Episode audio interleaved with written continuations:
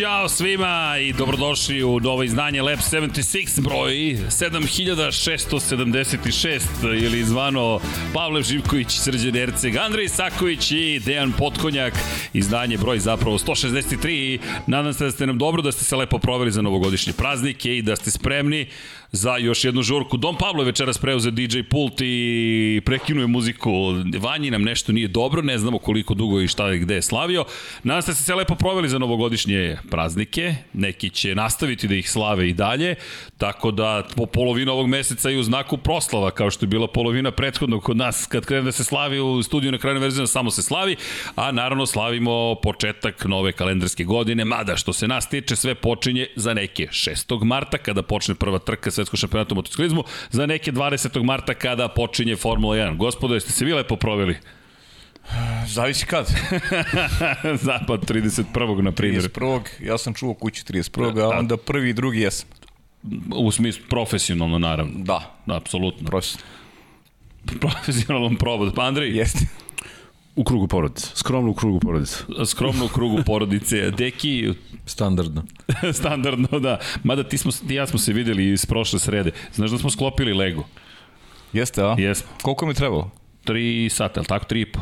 ne, pojem. Ne, ne, mnogo 3 i po sata, ali ne brinite. za, za one koji čekaju, Andri nam je slao neke informacije, ko oni koji ne znaju, sklopili smo Lego, Ducati, V4, tako da tu je negde, ja mislim da, eno ga gore, ali kada budemo sklopili onaj čuveni Benetton i ofarbali ga, onda ćemo se pohvaliti i onim što smo uradili kada je reč o Formuli 1. Nadam se inače da vam je lepo počela nova godina. Šaljemo puno ljubavi i lepih pozdrava iz studija na kraju univerzuma. Pričali smo i u prethodnom Lab 76 broj 162 o tome da je ljubav najvažnija i to i dalje poruka koju šaljemo odavde. Mazite se i pazite se i vozite i vodite računa jedni drugima. Neka bude lepa godina. Svima puna dobrog trkanja, da se družimo zajedno, da nam bude zabavno i da pamtimo i 2022. po nekim neverovatnim sezonama, kao što toliko pamtimo 2021. da smo posvetili dve emisije, pa čak završili prethodnu godinu, počeli novu pregledom sezone za onih koji nisu pogledali prethodni deo, pa od prve do 11. runde smo prošli pročešljali dosta toga, nikad ne možete sve da pročešljate, ali se nadam da smo se potrudili da prenesemo kako je izgledao prvi deo sezone, rekao bih standardni gotovo, ali ovaj drugi je bio kontroverzni deo sezone. No, pre nego što krenemo, 917 pošaljite, molim vas, na 3030 ili Human 917 na 455 ukoliko ste u Švajcarskoj. Volio bih da, da započnemo ovu godinu nekim lepim vestima. Nema baš samo lepih, ima nažalost i nekih koje nisu toliko lepe, ali da krenemo od lepših vesti, hajde, od nekih lepših stvari ili od nekih lepših momenta. Počela je sezona trkanja, mada je na dva točka krenuo je Paris Dakar, to je Dakar Rally je počeo, iako Danilo Petrući, naš as iz Moto Grand Prix, nije se baš proveo, činjenica da je počelo trkanje, pa eto, to je prva lepa stvar koja se desila u 2022. Što se tiče onih manje lepih, podsjetnik, iako je to lep moment, 3. januar juče bio je rođendan Mihaela Šumahera, tako da srećen rođendan čoveku koji se danas bori. Keep fighting Michael poruka iz ovog studija je jedna te ista. Nadamo se da će nekim čudom dobiti tu bitku koliko god da smo zabrinuti. I lepa stvar, u Sarajevu osvanuje mural ili za sada još nisam siguran da li je završen mural, kompletni jeste. Dakle, tako da pozdrav za ekipu koja je to uradila i Mihael Schumacher je dobio svoj mural u Sarajevu. Prenali su to i svetske, svetske novinske agencije, tako da eto, nešto se dešava pozitivno, šalju se neke dobre vibracije, pa smo im ih hteli da ih prenesemo, da ispoštujemo tu ekipu, tako da veliki pozdrav za ekipu iz Sarajeva koja je to uradila i Mihael Šumacher je eto dobio još jedan pozdrav sa ovih prostora, a što se nas tiče, naravno mi mu želimo oporavak. Ko voli Mihaela Šumahera, nije komercijalizacija, već samo da spomenem crveno i crno, Šumacher autorsko delo Dejana Potkonjaka, vam je na raspolaganju drugo izdanje i zaista lepa knjiga o čoveku koji obeležio jedan period Formule 1 i neko, iako ovo nije njegov bolid, kada god se spomene Ferrari, crvena boja je tu, deki, ja inače imamo majice, ovo je četvrta emisija za redom, u kojoj smo u istim bojama, a nismo planirali tako da bude, ali ok, ajde, baš me zanima sutra da li ćemo ponovo pogoditi jedan drugome boje, Paja i Andrej Mislim da bi se trebali ostaniti u tim crvenim, s obzirom da je Petrući vozi ovaj A ti ga još stavljaš u Ducati? Mm, Pa, da. zanimljivo. Sad je naranđast. Jednom, do, ali vidi, jednom Ducati, uvek Ducati izgleda. Kod Paje je slabost, rekao bih da postoji prema Ducatiju. Može se reći.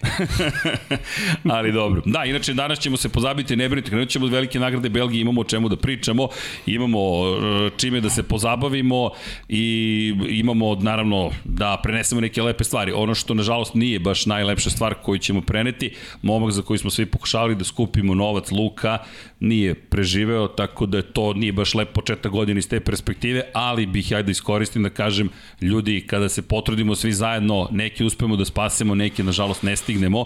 Nije to ono što bih volio da vam kažem da, da, da prenosimo od informacija, ali zato vas i ne pozivamo da šaljete poruke za Luku. Nažalost, nismo uspeli da, da, da mu makar na neki način pomognemo.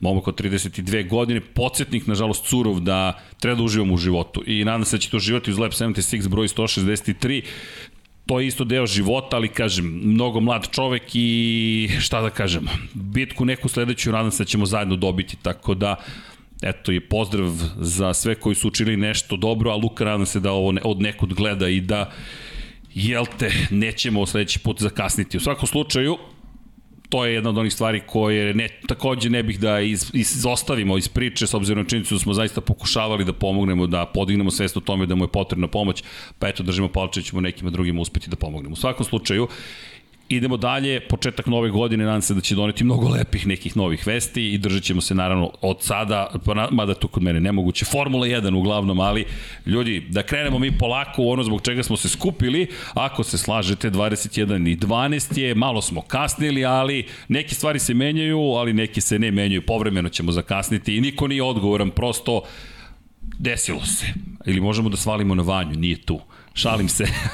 Vanja, pozdrav za Vanju, nek nam se oporavi brzo Vanja i Pozdrav Vanja, da. Da, bude ponovo sa nama. Samo neka, neka bude mudrije ovoga puta, već je ovo drugi put u dve nedelje. Nije vodio računa, iako smo mu govorili, obuci se, ali sa 24 godine nećeš poslušati nikada. Tako da, pozdrav za Vanju. U svakom slučaju, ljudi, nadam se da ste spremni, ovde je ekipa spremna. Sedam dana prođe, ljudi za tili čas, a mi i dalje smo pod utiskom, rekao bih, 2021. Ima puno vesti, šta nas čeka, koji tim je smislio šta, šta se dogodilo, Lewis Hamilton, gde je, kako je, kakva će biti situacija, koji su sponzori izostali sa spiska sponzora Mercedesa, koji nisu i tako dalje i tako bliže, ali pre nego što uđemo u 2022. da ispratimo 2021. Formule 1 i da krenemo od nečega što će vam opisati moj kolega Pavle Živković, zato što je on jedini ovde pozvan da komentariše veliku nagradu Belgije. Pajo, naredna tri minuta su tvoja, prilike toliko je trajala trka, tako da... Tri minuta. Ali ne i prenos. Dovolj, dovoljne su i dve sekunde. da, Ali čekaj, to, to je istorijska trka, to je najkraća Pa, trka u istoriji Formule 1. Jeste, to je jedna istorijska glupost koja Da, se dogodila. Skoro, koliko si prenosio? 4 sata? Četiri sata, da. 4, ja sam bio u kabini pored na Moto Grand Prix i pitao i, i bio sam raspoložen, ali ne, ne, ne. Pa to je još, Ne, ne. eto, još jedna od, od tih nekih, da kažem, mračnih strana uh, minule sezone. Trka koja i nije bila trka, a odlučili su da da je boduju, da eto, vozači dobiju poeni i čak se Maxu Verstappenu ta pobeda negde vrednuje i mogla je da napravi, pa možda i napravila onako bitnu razliku jer je on ušao opušteniji uh, u tu posljednju trku imao prednost te jedne trke te jedne pobede više na Luisa Hamiltona, pobede koju nije izvojevo na, na stazi, tako da eto, to je, to je jedna, jedna, kažem, mračna stranica e, minule sezone, gde su takođe e, shodno e, situaciji čak promenili pravilo u jednom momentu vezano za tajming trke, tako da eto, imamo, imamo koje kakvih e, ovaj, scena iz, iz minule sezone, a ta Belgija je e, oličenje tih svih gluposti koje je Michael Masi pravio prošle godine u, u saradnji sa, sa ljudima koji, koji, vode, koji vode takmičenje. Tako da, da se svi više neće ponoviti, to ono što smo pričali, mislim i, i odmah po završetku trke u podcastu, jednostavno tako nešto nije smelo da se dogodi, da citiram Da, zvanični rezultat, inače... Ba, da, to, ali dobro. A, ko, kolege, Deki je nasmijen, Liverpool igra večeras. Mislim da ne igra, ali... Snimio sam, ima neki jaki utakmic, igra neki Exeter, to sam, snimio sam. Verujem, verujem da to prati. Ali čisto zvaničnosti radi. Ova trka je klasifikovana posle jednog jedinog kruga. Pa da, Jedan krug zvanično od 44, trajala je 3 minuta 27 sekundi i 71 hiljaditinku. Polovina poena je podeljena, 12,5 za pobednika Maxa Verstappena. George Russell u Williamsu je bio drugi, 9 poena osvojio. Lewis Hamilton na pobedničkom postoju treći, 7,5 poena.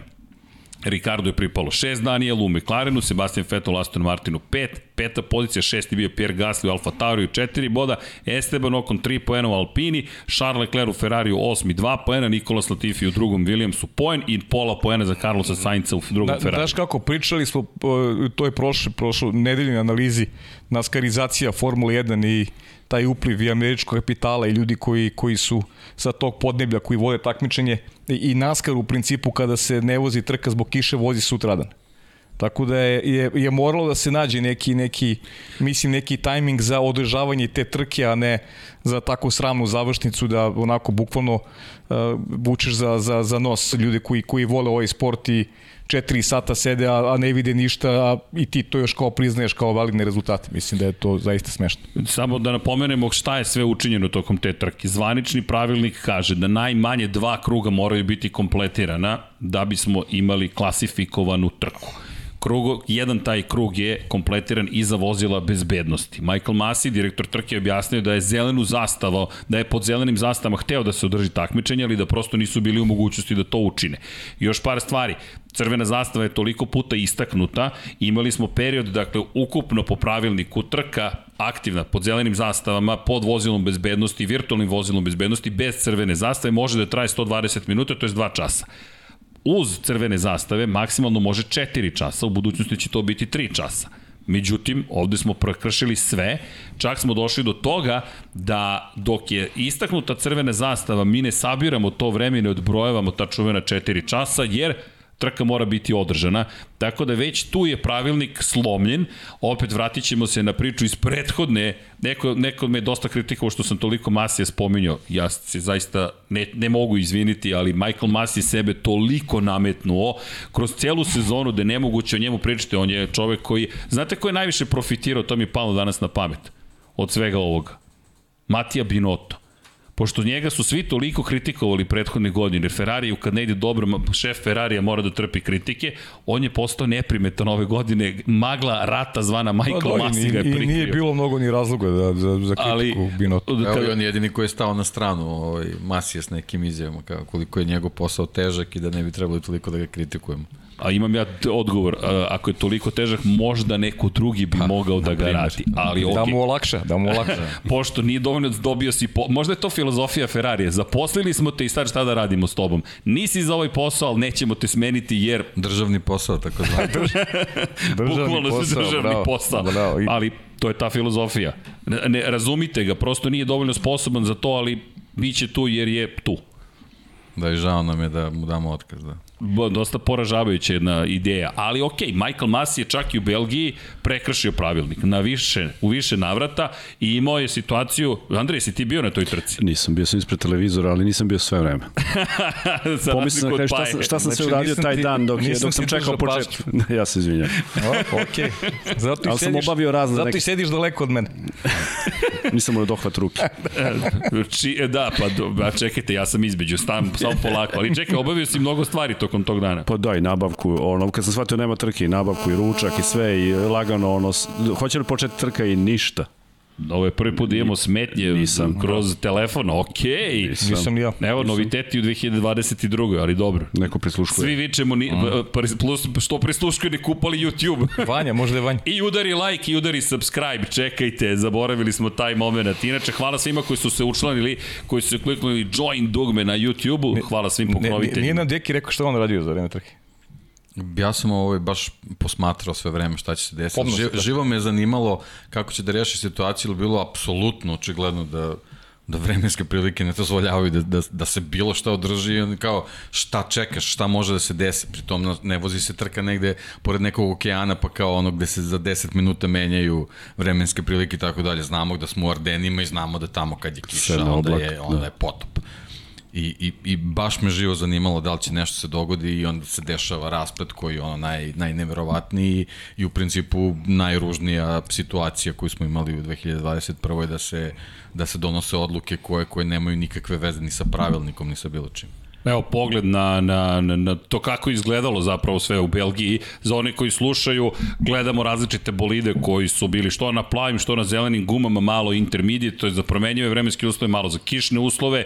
Međutim, kiša je neprekidno padala. Imali smo i veliki incident s Landom Norrisom u kvalifikacijama. Da, imali, Sebastian... smo, imali smo još veći u konkurenciji dama. Jeste, Formula W zastrašujuće je bila. Da, gde su dve devojke završile u bolnici, tako da su imali tu neki reper. Pa subota šta bi moglo da dogodi. reper da, da nedelja baš nije dan dan ako ostane tak, ako ostanu takve vremenske prilike da sad neko ovaj se kocka da li treba pustiti trku ili ne. Jeste. Da, hvala Pireliju za ove fotografije. Inače, kada gledamo ove fotografije, samo podsjetnih bukvalno to koliko je bilo nemoguće zapravo voziti. Ako pogledate u pozadini zid, to je isto velika diskusija u Formuli 1. Mnogo se spominje Formula od pre 30 godina, 25 godina i kako su vozili nekada, 99. 91. 3. 8. i tako dalje. Kako je tada bilo moguće voziti, vraćam se ponovo na dragog Dejana Potkonjaka. Ljudi, ovo su kamioni. 5,5 metara dugački bolidi, ogromni bolidi, ogromne su površine, ogromne su točkovi, sve je ogromno, mnogo veće nego što je ranije bilo. Da li je izgovor?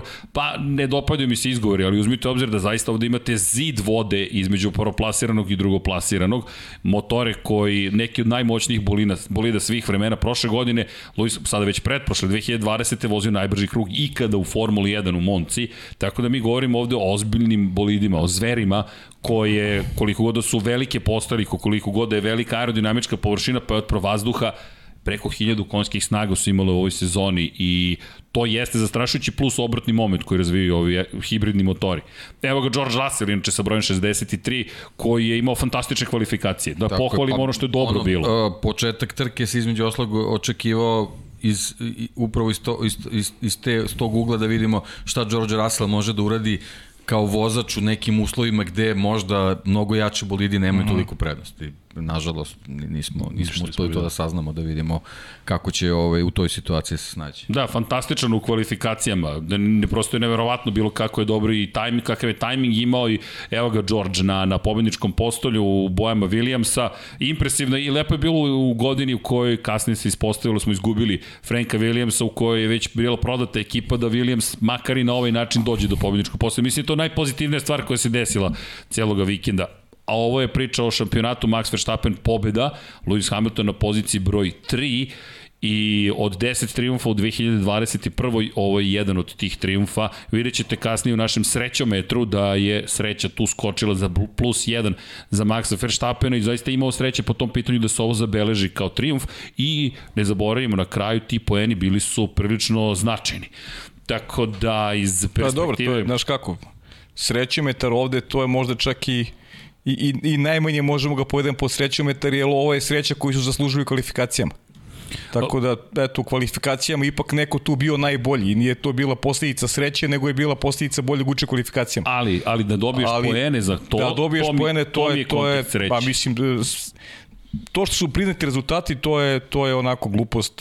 Mislim da se da nada se tako nešto više nikad neće ponoviti. Osvoji, osvojiš bodove, nisi se oznojio, samo si bio mokar. Da. da, i vozio si jedan krug izvanično Ma ne, to je, trku. to je ovaj, potpuno absurdno da pričamo o tome da je, da je to bilo nešto zašto trebaš da osvojiš bodove. Ma da, smešno. I pri čemu? U toj celoj situaciji je smanjio razliku na 3 poena. E, kada govorimo o kontekstu, širem kontekstu sezone, ta izjednačenost pred poslednju trku ne bi postojala opet da ova trka nije klasifikovana uopšte, jer to su ti poeni koje bi doveli do toga da zapravo Verstappen u završnici sezone ima manje poena čisto zašto sam stavio kao srećom metar, okay. uslovno rečeno, tu celu priču, ali ljudi, ovo je zaista bila jedna bizarna, bizarna trka. Sergio Perez pritom je imao on incident u kojem se slupao, ali ipak uspeo da se vrati nazad de facto na stazu i da bude klasifikovan kao činjenica 19. ali i dalje bio na kraju trke imao neku šansu da se pusti. tu je bilo da kontroverzi, da li može da nastavi. Mislim, stvarno, sada se posjećamo toga, mislim da, mislim da ne zavređuje uopšte uliku pažnju koliko smo dali uh, Belgiji s obzirom da nije bilo trke uopšte. Mislim da je, da je suma sumarum, da je najveće glupo što se uopšte priznali rezultati, to je to. Mislim I da mislim da je Paja zaokružio priču o velikoj pa, nagradi Belgije. Pa mislim da nema, stvarno nema šta, da, šta, šta, šta doleti novo, mislim. Pa, vidi, trka bez trke. Nešto, mislim. Ali ja mislim da je to suština, ali zašto sam, hajde, izabro negdje da posvetimo vreme? Baš zbog toga što, ljudi, to je takođe bio deo ove sezone, a toliko toga se izdegađalo da smo mi imali i vrlo kontroverznu trku. Zaista a, vrlo kontroverznu trku. To je debakl takmičenja. Jest u rangu onog debakla 2005. Indianapolis. Sa, sa, povlačenjem, sa povlačenjem ekipa koji su bili na Michelinima gde imaš trku sa šest automobila, ali imaš trku.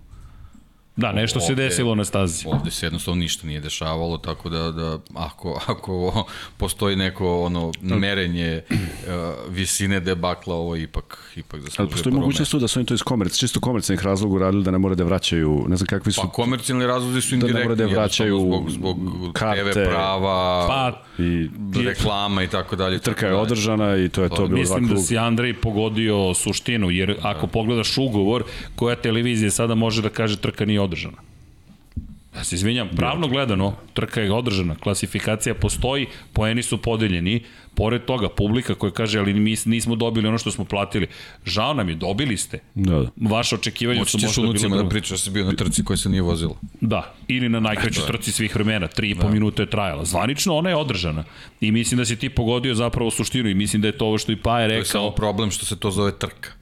Da. da. A ovo nije trka bila. Ne, ovo je bila da, parada, da citiramo Damona da. Hilla. Damon Hill je to najbolje opisao, parada zapravo. I ti si imao paradu zapravo bolida Formula 1 koji se vrte u krug. Ono što je tu tužno jeste da je to početak drugog dela sezone, da je to nastavak te bitke koju smo svi očekivali, željno iščekivali, čekali moment kada će nastaviti što Max Verstappen, što Lewis Hamilton da se bore, ali pre nego što nastavimo, samo bih napomenuo jednu stvar – a to su George Russell, Daniel Ricciardo, Sebastian Vettel, Pierre Gasly, Sergio Perez, Valtteri Bottas, Esteban Ocon, Lando Norris, Charles Leclerc, Nicolas Latifi, Carlos Sainz mlađi, Fernando Alonso, Lance Stroll, Antonio Giovinazzi, Yuki Tsunoda, Mick Schumacher, Kimi Raikkonen i Kita Mazepin toliko malo smo ih prošli put spomenuli da sam prosto osjećao potrebu da dok smo još na početku samo napomenemo ima i tih drugih vozača u šampionatu sveta Formula 1.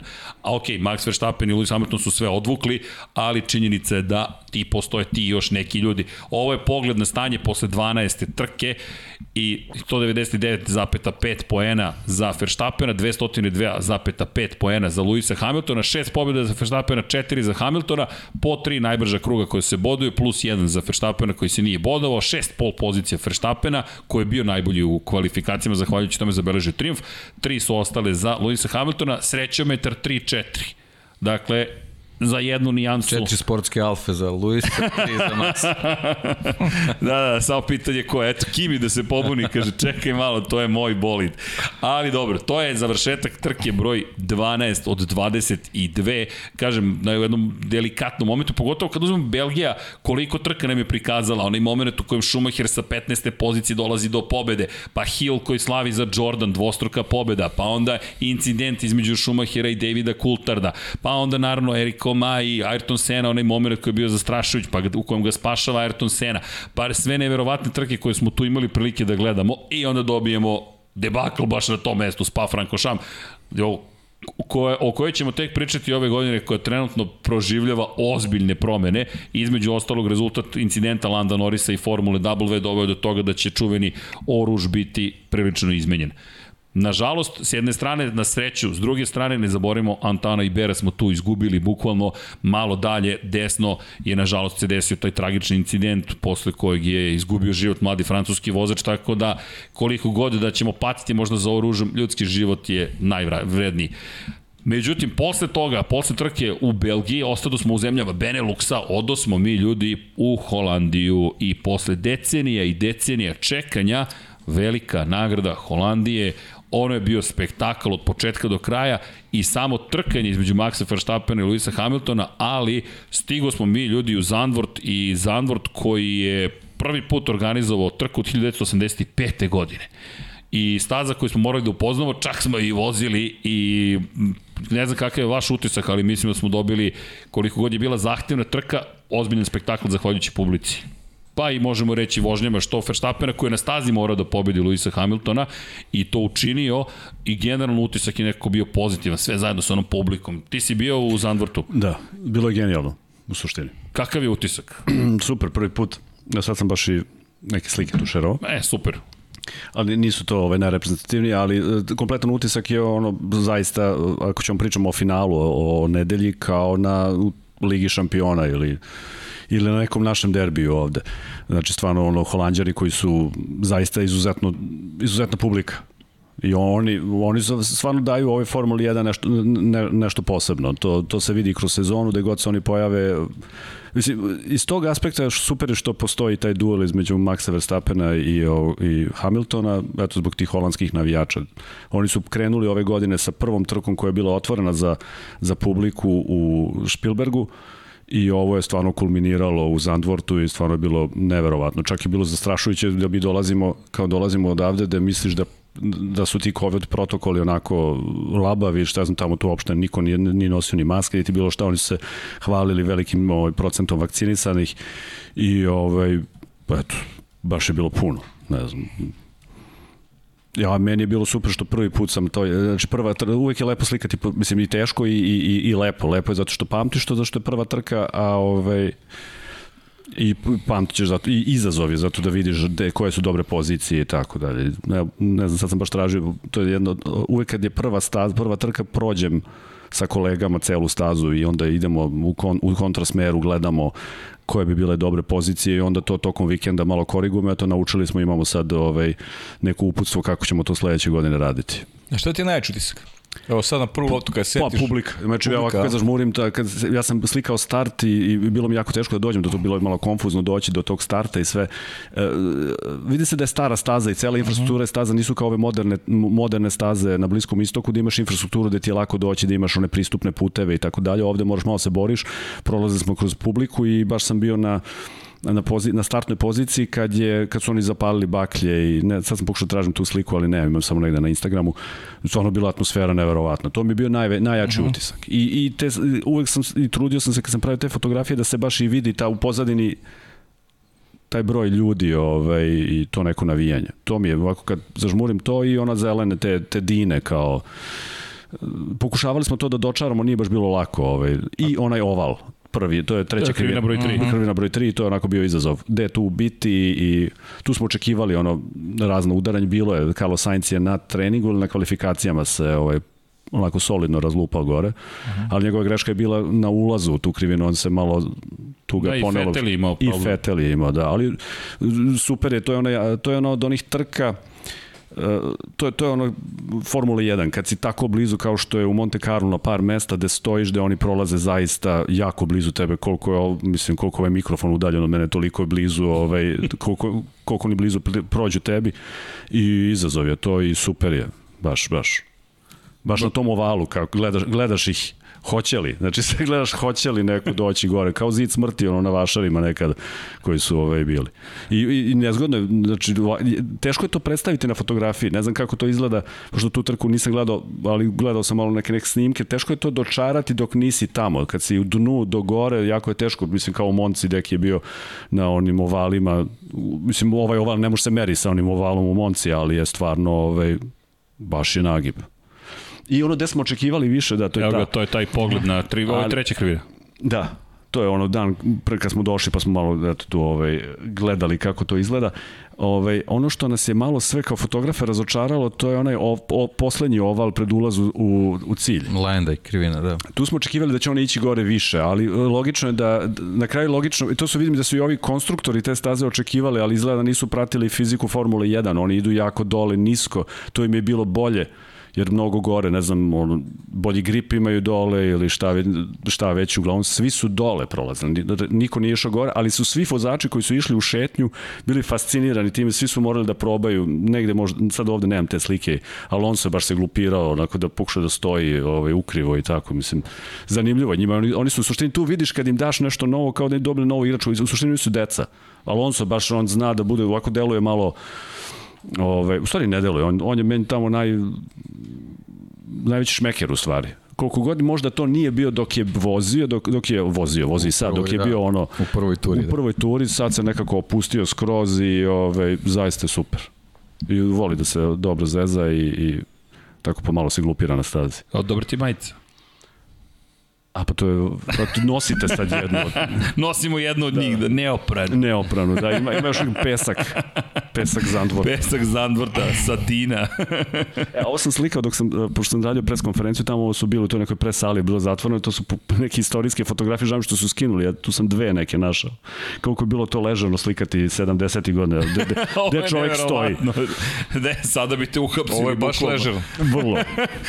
Ali čekaj, oni proleću pored njega i to je da, okej. Okay. On gleda publiku. Koliko ne znam, blizu su, mogu da Kakva su osiguranja bila tada? Pa, ne postoji. Možda je svesno tu stao. Ali čekajte, pitam Ne, ti potpišeš na sobstvenu odgovornost i to. Da, da, da, to stalno pričamo. Svi i sada u, u savremenoj Formuli 1, kada dođeš na bilo koju trku, piše, odrećeš svake odgovornosti i Mislim, sad te sprečavaju ovi maršals tamo i kako su bezbednjaci da ne ideš, da ne ugrožavaš sobstvenu bezbednost i tako dalje, ali ti si dao svojim potpisom saglasnost da znaš šta radiš. Čekaj, da možeš da priđeš ovoliko Da li bi prišao? Pa to da li bi ovako to te ponese, on, pa veruješ i tu te vozače, verovatno tu ne bi proleteli pravo, mislim, to verovatno ne bi. pa, da, ali kad pričam za Zandvortu generalno, mislim, ova staza je bila jako opasna. Da ovaj, dvojica ozbiljnih vozača, velikih talenata su poginuli na njoj Pierce Courage i Roger Williamson, to je onaj, ona čuvena tragedija kad su pokušavali da ga izvuku iz, iz zapaljenog bolida, to je upravo bilo u Zandvortu i tu se videla ovaj, velika neorganizacija na tadašnjim trkama Formule 1 gde, gde redari za, bukvalno nisu znali šta da rade u situacijama kad, kad se dese požari i, i tragedije na Zandvortu su između oslog bile zamaje da se neke stvari što se tiče mm -hmm. bezbednosti i poprave, tako da upravo ove, ove slike pokazuju kako se u to vreme malo, kako bih rekao, neozbiljno shvatilo. A, ali nije sve. samo tamo, bilo je to i na drugim mestima. Tako je, pa na, naravno, naravno, naravno. Stalno mi šeruju moji drugari, kao, vidi kako se slika u Monte Carlo, a ne proces, kao proces razvoja da. u, u Formuli 1 kažem, te baš tragedije u Zandvordu su doprinele da, da se neke stvari poprave. Nisi primetio da si dobio Monte Carlo, to je Dekijev poklon, 76. izdanje velike Aha, nagrade Monaka iza tebe. Zajednički poklon. Da, a zajednički, da, da, da. hvala. Hvala, to je, a tako da spomenju si Monako, mora da, mora da stoji Monako iza tebe ovoga puta. Ali Zandvort, što se tiče samog šampionata, veoma bitan, Max Verstappen sa pol pozicije krenuo, na stazi kad se rekao pobedio Hamiltona, moja greška, pobedio Bottasa. Hamiltona je uspeo da zadrži iza sebe, pri čemu je u tom periodu Red Bull bio i dalje mnogo bolji kada je reč o stanjima i nije napravio grešku u pit lane-u kao što jeste učinio kako tim Mercedesa, tako i tim Red Bulla na narednoj trci u Monci Ovoga puta je bio brži posle tog jednog stajanja, Hamilton je menjao prvi, odgovorio je na taj potez Max Verstappen, međutim, Valtteri Bottas koji je bio gotovo nevidljiv tokom većeg dela sezone se ovde prvi put pojavio i dosta je dobro usporavao, čisto podsjetnik da je Bottas bio prisutan u nekim momentima ove sezone radi ono što i prethodnih godina, radi ono što je Sergio Perez radio na poslednjoj trci. Zadržao je Maxa Verstappena dosta dugo i uspeo je da približi praktično Luis, da omogući Luisu Hamiltonu da dođe do DRS-a. Međutim, u poslednjem trenutku Verstappen u jednom uzbiljnivom, uzbiljnivom manevru iz poslednje krivine izlazi dovoljno blizu, DRS koristi i napada na ulazku u prvu krivinu i pretiče Valterija Bottasa, zatvorio je tu prolaz Hamilton, nije mogao odmah da ga propusti, Hamilton je već tu izgubio izgubio kontakt i na kraju trke ona zanimljiva razmena informacija između Valterija Bottasa i ekipe kada su Valteriju rekli da odustane od brzog kruga, jer u prva dva sektora pa i ja smo gledali, čekaj, da. Valteri dobio poruku, Valteri, ne brzi krug, ne najbrži krug. Valteri koji je išao ka najbržem krugu i ide ka najbržem krugu i na kraju kažeš češ, čekaj šta će se sad desiti, hoće Valteri Bottas stvarno da osvoji najbrži krug, uspeo je da postavi najbolje vreme, ali Lewis Hamilton u poslednjem krugu trke osvojio taj dodatni poen, tako da smo imali svega, na kraju 21 sekundu završio iza Maxa Verstappena, ali činjenica je da kada pogledamo kada pogledamo prosto kako izgledala ta trka, mnogo uzbuđenja iz perspektive ovoga što si ti rekao pre svega, to je na, naranđaste tribine, dolazak u Zandvort, inače prva krivina koja se zove Tarzan, pričali smo o tome, nama svima simpatičan naziv, niko ne zna istoriju pravu, da li je zaista čovek koji je prodao. Pa, tako, prosto, tako, kaže, da. tako kaže legenda, da. Bukvalno tako kaže legenda.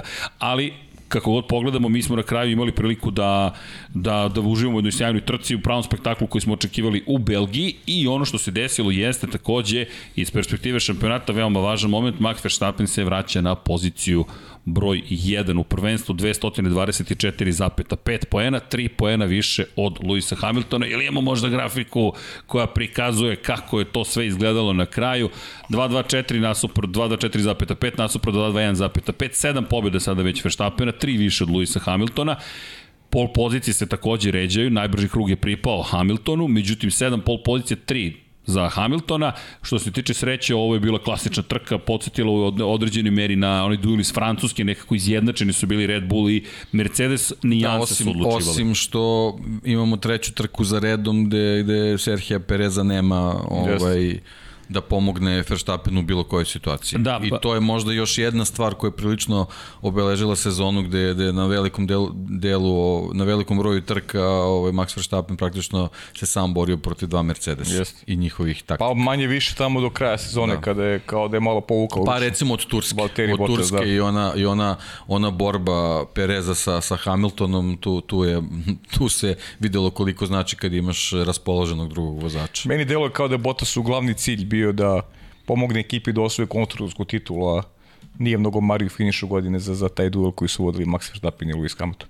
I slažem se, ovo je trka bilo onako jedna iz te kategorije e, trka u kojoj nije bilo tih nekih ekstremnih dešavanja gde je Max došao do zasluženog triumfa, opet Lewis Hamilton smanjio štetu na, na onako najmanji mogući način, ta druga pozicija i često se dešavalo ove godine da dvojice najboljih vozača budu na prvim i drugom mestu. Da, ovo su malo fotografije, prosto i atmosfera kakva je bila. Kada govorimo o ostalim vozačima, da ih ne zaboravimo, u Belgiji smo konstatovali plasman, ali kada govorimo o ostalima, Pierre Gasly je bio odličan u kvalifikacijama. Ponovo, inače, Sergio Perez je nestao u kvalifikacijama. Bio je 16. ispoje u Q1 delu takmičenja i tokom trke ima onu čuvenu izjavu, ajmo, ko je sledeći? Znam da smo, izja, da, da smo rekli, pa kao šta, šta, šta sledeće treba da uradim da je komentar bio pa da se kvalifikuješ bolje pošto je tu već postalo jasno da Sergio Perez izgubio onu formu s početka sezone, kao što si rekao, i da to postaje problem. Jeste on do kraja trke uspeo da, da zaista odveze sjajno došao do osme pozicije, ali to ne prosto ni dobro. Da, ovde na sreću Red Bulla nije, nije, nije ovaj, imao da. potrebu neko da I šta je bilo da interesantno, tog vikenda, recimo, tog vikenda u, Bel, u, u Zandvrtu je George Russell rekao da on zna da će voditi naredne godine, ali da ne sme da kaže. Da, tako, to je, da, to tako je... da je to jedan vrlo bitan moment kada govorimo o percepciji onoga što se dešavalo do kraja sezone. Pričali smo o tome, o tom motivu Valterija Botasa i e, momentu, tajmingu tačnije kada, kada je obelodanjeno definitivno da će George Russell naredne godine voditi za, za Mercedes, ali već tada su krenule spekulacije da, da, da, će, Russell, da će Russell 2022. godine voziti za nemački tim. A tada, tada zapravo moment kada je odlučio da postavi najbolje vreme je negde iz naše perspektive bio moment kada smo rekli ok, sada već svi mislim da možemo sa sigurnošću da kažemo da Valtteri Bottas neće biti u Mercedesu naredne godine, jer nije nam delovalo logično da ti čak i greškom oduzmeš najbrži krug Lewisu Hamiltonu u momentu kada svaki poen odlučuje, ali to je uradio tako da se činilo zapravo da je zaista sve rešeno iz perspektive da. toga ko će gde biti naredne godine. Da, i ona lepa priča vezana za ono ograničenje na prilazu u stazi 33 ograničenja. Yes. Sve su uradili holandjani da, da onako da se prosto Max osjeća lepo na,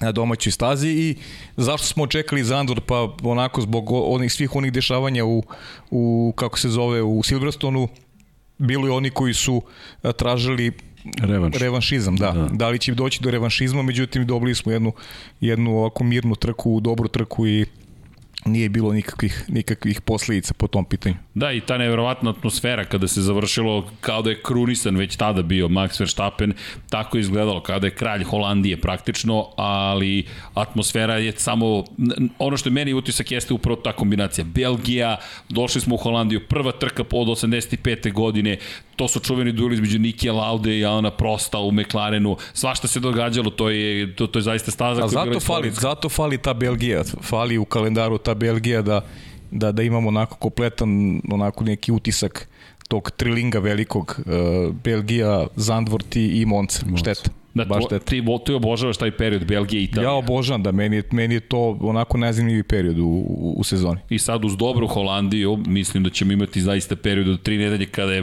mega uzbudljivo. Ali završila se trka u Holandiji i odosmo mi na kraljicu brzine, odosmo mi u Moncu. U Moncu gde smo imali drugu drugi sprint kvalifikacije. A, deki, uhvatio sam sebe u pola rečenice, da. poštujem tvoj zahtev.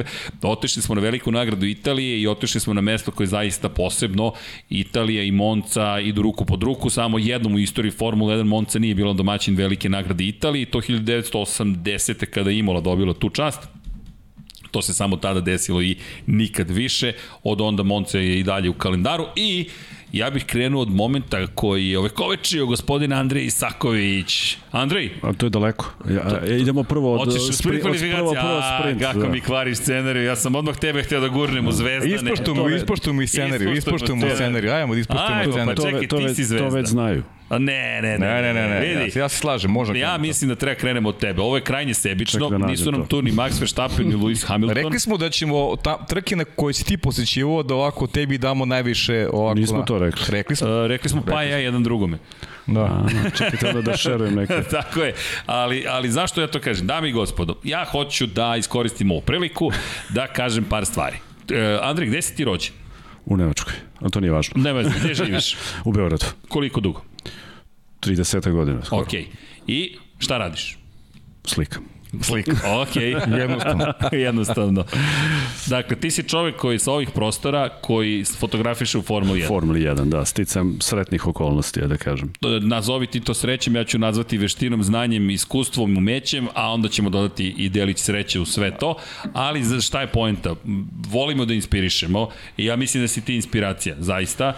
Zato Hvala. što, znaš, sresti tebe u kafiću u Beogradu, a znam da si bio sedam dana ranije na Formuli 1 ili da si par meseci pre toga fotografisao moment u kojem točak bolida Red Bull Maxa Verstappena stoji iznad glave Luisa Hamiltona u Mercedesu i to prenose sve novinske agencije, svi magazini, svi koji postoje na planeti Zemlji, timovi, FIA i tako dalje, i da si to ti ja mislim da je inspirativno. Ljudi, za sve vas koji želite se bavite fotografijom, naravno da je to dugačak put.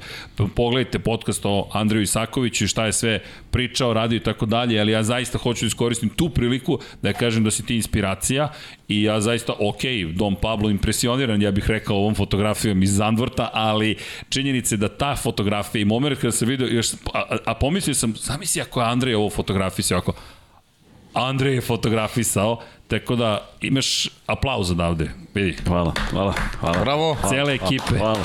I zaslužuješ da ti... Sad ću pocrvenim još više. pa dobro, u duhu, to je zbog blende, to je zbog Sony, pa, zato što on, to on pocrveni malo boju. Tu je moj ovaj, omiljeni tim, tako da... ali svaka ti čast, zaista. Do, doćemo do trenutka kako, šta, zašto, ponovit ćemo ga, ali samo hoću da kažem da, da je to inspiracija i inženjerima i vozačima i svima koji hoće da se bave automotosportom, možda je daleko ali nije nedostižno.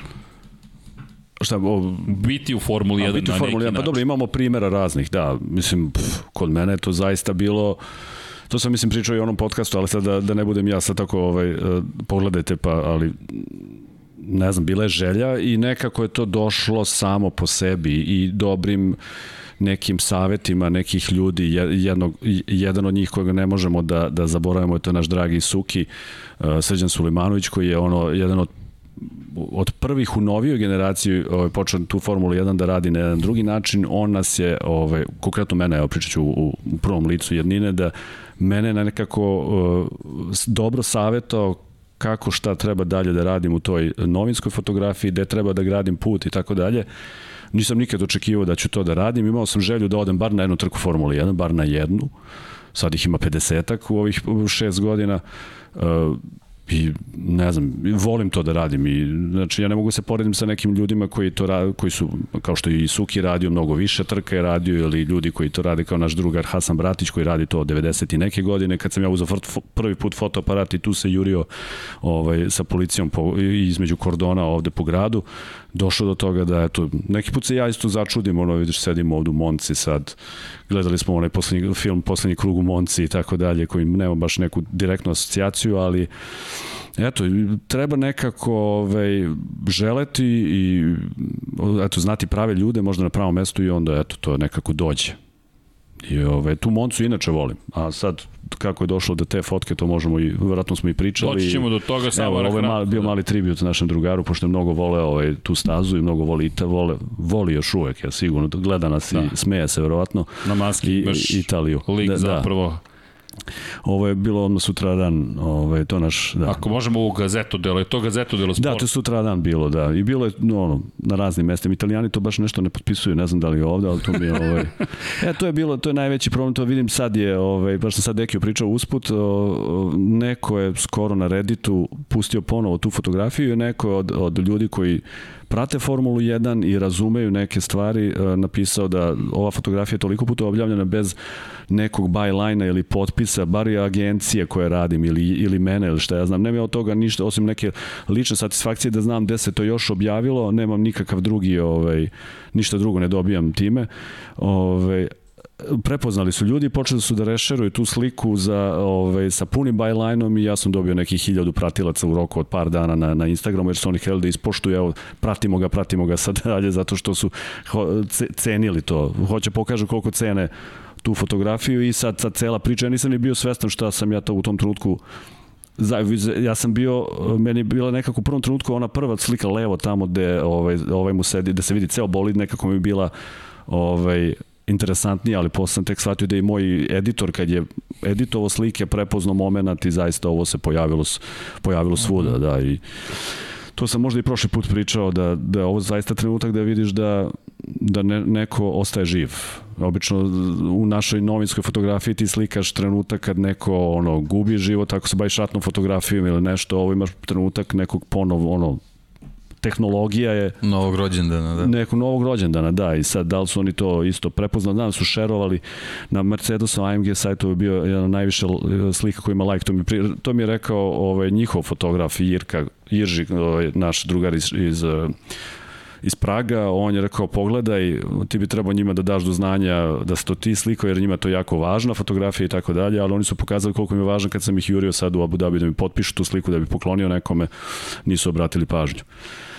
Šta da radimo? Ništa. Ali Jean Todt je, na primjer, tražio za svoju knjigu, tražio je tu fotografiju od naše agencije da mu ustupe i ustupili su mu da neće biti komercijalno, bit će ta knjiga, možda će dobiti potpisanu, možda neću, ko zna. Misliš editorial? Ali, ka, ali ka, da, pokazuje kao, da, kao editorial usage i kao da njegovo dostignuće u Formuli 1 je kao kruna njegovog dostignuća rada u Formuli je u FI je o, ovo.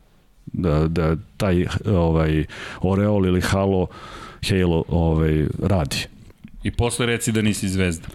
Pa nisam zvezda. Ja ću da kažem da si zvezda, zvezda nema ništa Nije, da ne, Zvezda nisi, to ne valja. To, meni je davno jedan moj od, od, urednik fotografije rekao dobar si koliko ti je dobra poslednja fotografija, ali mislim da to važi i za što god da radiš u životu, yes. tako da pa to ti ne možeš da se voziš. Na ovo, ove godine ću se vozim na ovoj fotografiji, to mi je odmah par drugara poslalo kao ti se spakuj, ajde kući. ti si završio za ovu godinu i to je to, ali nije to baš tako. Pa vidi, sad zvezda. Bićeš mega zvezda kad nastaviš ovako. Ne, zvezda, zvezda, zvezda Simonci, zvezda Simonci. Da, to je sad moj, to je moj omiljeni tu uh, ćošak, je prva krivina, ali to je i, iz lenjosti, zato Zamisli, što ti ne ideš dalje, ne ideš dalje. Sledeće godine koliko će ljudi da bude na tom mestu. Ne, ali vidi, ovo je isto pa, vremeno da. spektakularna fotografija i zastrašujuća fotografija. Ti kada pogledaš glava Luisa Hamiltona je pognuta. Da, da. da. Oreol je jedva izdržao sve ovo. Vidi se da delovi Oreola, Oreola su stradali, da, ali ne onaj, ne, ups, promeni nam se nešto. To, to, to, to, danas imamo gremline ponovo, čim Vanja. Vanja je nešto ubacio, ja mislim da on upada u softver kada nije to i klikće, ali činjenica je da kada pogledamo fotografiju, Oreal je svoju radio i Jean Todt mislim da je više nego u redu što je izabrao. Pa svi su to, da, i na, ne znam, na, na, na sajtu, na, na Instagram akauntu Formule F1 u stvari, dva je nešto miliona je bilo u nekom trenutku lajkova, znaš, tako da malo li je. Da, dobro. Ali dobro ti nisi zvezda, tako da je sve u redu. Da. Ali naša si zvezda. Dobro, zvezda, da, da, Lab 76. U svakom slučaju, da, morao sam odatle da krenem zato što si to ti i fenomenalno je znati čoveka koji radi ovo, ovako nešto i samo toliko. A sad ćemo da se vratimo da, na samu Mislim, iskreno posle te fotografije ne, nekih kolega koji nisu nešto, ovaj, ovih, da ne spominjem za koga rade i to nisu, ne, znaš, promenili su malo stav i drugačije te malo gledaju kad se, ovaj, iako si pet godina tu i tako. Počeli uh -huh. se mhm. javljaju malo više i, znaš, tako da Pa vidiš, ima efekta, da. Ima efekta. Pa ima efekta. Pa dobro, korak po korak. Mislim, to je, kad me pita neko kako to nastane, to je ono kao mnogo godina iskustva i čista sreća. To je zaista, a cela, cela priča je bila tu da sa jednim kolegom, e, Lukom Brunom koji radi za AP, e, vod, vodili smo se ono jedan drugog, kude, gde ćemo da idemo, tu smo počeli i ja sam prvo tu slikao taj start, ništa se posebno ni desilo i nešto je meni govorilo da će se nešto mora se desiti, ali sam očekivao zaista has, da će da se oni slupaju, jer tako da, to, to i spominjao. spominjao. I onda sam tu malo, što mi kažemo, razmazivao, malo sam dugom ekspozicijom slikao i onda se spustio do ajde, rekao još malo da slikam. Ti nemaš ni uvid šta se dešava baš na stazi i gledam da ulazi Norris i pojavljuju se ovi dvojice, ne verujem šta se dešava. Znaš, to je, to je delo meni sa kao večnost, a to je bilo sve nešto dve sekunde. Da, ali meni je dramatičnije u stvari u onom trenutku kad sam ja, ja sam ovo odslikao ovaj trenutak, bacio fotoaparat, uzeo drugi širi objektiv jer se ispred mene dešava ono što sam pričao prošli put, ovaj pokušava da se izvuče, pršti kamenje, uh, Verstappen izlazi. Sve, sve, tu je ceo jedan film cela nastao, priča, cela da. priča je tu nastala. I te slike su isto korišćene dosta. Ima uh, Lewis Hamilton na svom profilu isto ima nekoliko mojih fotografija gde to kako on izlazi, keep on fighting, mislim ne, ne baš taj Da, ovo je samo malo čudno ovde. Uh, Ispolo da, malo čudno, čudno nema ali, ali ovo su, svi, ovo su svi kadrovi koji su ovaj, nastale, ovo su, kao što vidite, crop, ovo su originalni fajlovi, da, otprilike, i to je crop. Da, i čak nije loša ni ova slika da se i vidi i, evo, već, nisam, evo sam bacio sa drugi fotoaparat, uzeo i slika. Kad kažeš bacio, ti si dobro, te bukvalno, tu, bukvalno si bacio Bukvalno zato što vidiš da je to, to, je, to je vest tu, znaš, to je, to je vrednije, to je, to je, to je vrednije od ovog što sam bacio, ali to, to može da, da, da preživi, znaš. Tako da, da, ovo se sad događa i to je to. To je to, da. Tako I, da, inače... Preživalo je sve to. I nije lošo da se oni vidi u ovom, to sad ima raznih varijanti tog, eh, tih fotografija. Da, ovaj moment koji je važan kada je prešao. Da, da, da, to sam, zato sam to i slao. I ovde njega je stvarno kao zupčanik podigao ovaj Luisov zadnji točak. Uh mhm. -huh. Da, da, da. Bukvalno ga je podigao gore i Eto, ali... Ovo je nesrećan slučaj, agresivno vožnje svakako, ali to da je planirao Verstappen da se popne na bolid i slične pa, ne, zamisli ne, su nemoguće. Ne. Ovo je splet okolnosti, ali, ali Orel srećom... Bilo je drugih, ono, u prošle smo imali da neko se popne, ali to je bilo ono preletanje pa padanje, Jeste. ali ovaj ga baš podigao gore. I... Čemu toliko niska brzina da nema poletanja, nego se penješ? Da, da, da. To oni ne idu nešto mnogo brzo, da. Da, ovo zaista izgleda dramatično. Sve zajedno da, izgleda da. mnogo dramatično. Ovo, ovo što pršti ovaj, ovaj karbon, to baš dodaje ovaj, daje malo na tome, da. Da, ali dobro, Hamilton je izašao manje više nepovređen, imao da. određene probleme s vratom, ali ništa toliko dramatično. Hans je uradio svoj deo posla, Real svoj deo posla, Kaciga svoj deo posla i obojce su nastavila takmičenje u, u 2021. I jeste ovo nekako finale bilo njihovog duela, a vratit ćemo se na početak samog vikenda koji, kao što smo rekli, bio obeležen i drugom sprint trkom, to je sprint kvalifikacijama. Izvinjam se, DNA, izvinjam se, sprint kvalifikacijama. Naučit ću, ajde. Do... Pošto je baš u, u, u Monci Dominikalir najavio da će naredne godine, to jest ove godine, ove godine, to... ove godine biti i više sprint trk, tako da... Da, na, na radost publike. Na radost publike, da. I pa, na, e, naš, na da naše oduševljenje. Ali vidjet ćemo ove godine, ako će stvarno zaista biti sedam trka ili koliko već... Pa rekao je između 6 i 8 sad. Pa da. To je možda, pa, sedam, možda je 7 idealna brojka, da. Da, da. da, meni zvuči da će biti 7, ali saznaćemo. Na u svakom slučaju sprint kvalifikacije da se vratimo na početak programa, petak Dakle, petak, ovo je staza inače koja nekako očekivali smo će odgovarati, Mercedesu. Kao što smo rekli, Hamilton je godinu ranije postavio najbrži krug ikad vožen po prosečnoj brzini. Valtteri Bottas pozicija broj 1 u kvalifikacijama u petak veče, Lewis Hamilton pozicija broj 2, Max Verstappen pozicija broj 3 i za njih Lando Norris, Daniel Ricardo, veoma bitan moment će se ispostaviti kasnije. Pierre Gasly ponovo tradicionalno dobar u kvalifikacijama 6. pa Carlos Sainz i Charles Leclerc u Ferrarima 7. i 8. Sergio Perez pristojno 9 devetom mestu u Red Bullu, Alfa Romeo Racing Ferrari, Antonio Giovinazzi, pohvale ušao u Q3 deo kvalifikacija i ispred Sebastiana Vettel Lensa Strolla, Alpine nisu bile dobre, 13. 14. Alonso i Ocon, Russell Latifi u Williamsima, opet Russell ušao u Q3 i za njih Yuki Tsunoda, Mick Schumacher, Robert Kubica, ne zaboravimo, nije nastupao ove godine u dve trke Kimi Rikonen, nažalost COVID-19 COVID je uticao na njega, Nažalost za Moncu, s obzirom na činjenicu da smo očekivali da će ga Tifozi ispratiti na neki način u penziju, međutim to se nije dogodilo i Nikita Mazepin je bio poslednji. I dolazimo do subote popodne, sprint kvalifikacije, opet zanimljiva situacija između Maxa Verstappena i Lewisa Hamiltona, samo da konstatujemo, Valtteri Bottas je pobedio u tim kvalifikacijama, prvi prošao kroz cilj, osvojio tri poena i pol poziciju, zauzeo prvo startno mesto, mada nije dobio pol poziciju jer je bio kažnjen pa je pomeren na 19. startno mesto, a Max Verstappen je po pobedom u sprint kvalifikacijama izbio ispred Lewisa Hamiltona i poredak za start trke je bio Verstappen, zapravo, ne, oprostite, Ricardo koji je bio sjajan u tim sprint kvalifikacijama, probio se na poziciju 3, a Hamilton koji je napravio mnogo grešaka, izgubio i protiv Norisa i protiv Ricarda, bio na kraju četvrto plasirani ispod Leclerca i Sainca. Bitan veoma moment, s obzirom na činjenicu da kasnije to dobilo i do ovog trenutka u kombinaciji sa greškama o kojima ćemo pričati, ali Verstappen u tom momentu ima čist put ka pobedi, iako su dva Mercedesa bila dobra, bolje od njega u kvalifikacijama, rezultat konačni je da je on na prvom mestu iza njega Ricardo, pa onda Norris, pa Hamilton i Ricardo koji je rekao ja mogu i da pobedim. Da, da, Ricardo on posle kvalifikacije rekao i Ricardo koji imao to i bolji ulazak u prvu krivinu i to je iskoristio i na kraju i i pobedio u trci. I mislim da bi pobedio i nevezano za taj incident, to je ono što smo pričali takođe i, Tako i tokom trke i u podcastu, mislim da, da jednostavno Ricardo je bio nepobediv tog dana i McLaren izgledao fantastično prva i druga pozicija na kraju zaista jedna jedna predivna trka za za ekipu McLaren. Da, pa kao što nevezano uz incident, ali mislim da i treba da, da onako stavimo akcenat pre svega na, na, na taj triumf Ricarda i, i, i Landa Norris. Dvostruka pobjeda McLarena, jedini tim koji je zabeležio na kraju godine dvostruku pobedu, ali taj moment preticanja Ricarda koji je rekao, znao sam da mogu da napadnem, napao je, Hamilton je pretekao odmah Norrisa i opet Verstappen i Hamilton zajedno. Pa najbolju šansu kima ove sezone Ricardo iskoristio. Da, najbolju, najveću, možda i jedinu. Da. Norris imao neke prilike takođe sad kad pričamo o McLarenu, pošto tu se negde sa, sa Moncom i završava taj, taj period izvanrednih. U stvari, ok, idemo i u Rusiju i da je Norris imao veliku šansu, ali manje više od Rusije o McLarenu ne moramo ni da pričamo u, u ovoj analizi sezona. Suprotno svemu što smo očekivali u tom trenutku. Inače, samo da napomenem, u ovom momentu se dešavala i promocija James Bond filma, gde ne. Haha, bum.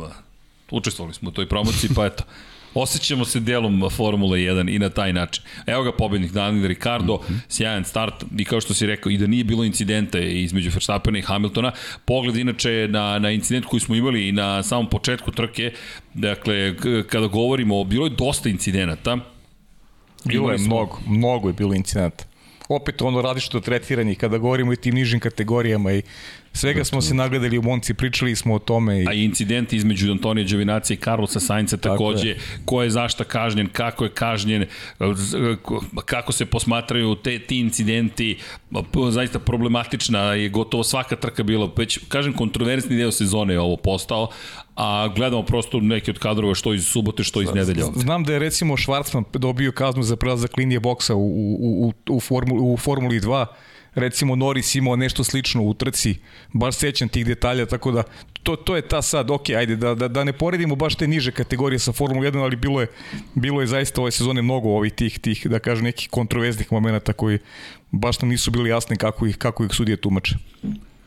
Inače, kako je došlo do incidenta na kraju, timovi su zapravo doveli do toga da je nevjerojatno splet okolnosti nastavljen bukvalno i u ovo je pogled inače na, na gume koje su imali na, za samu trku i kako su stvari izgledale, ko je bio najbrži. Ovo je strategija koju smo negde računali, na kraju toga ništa nije bilo.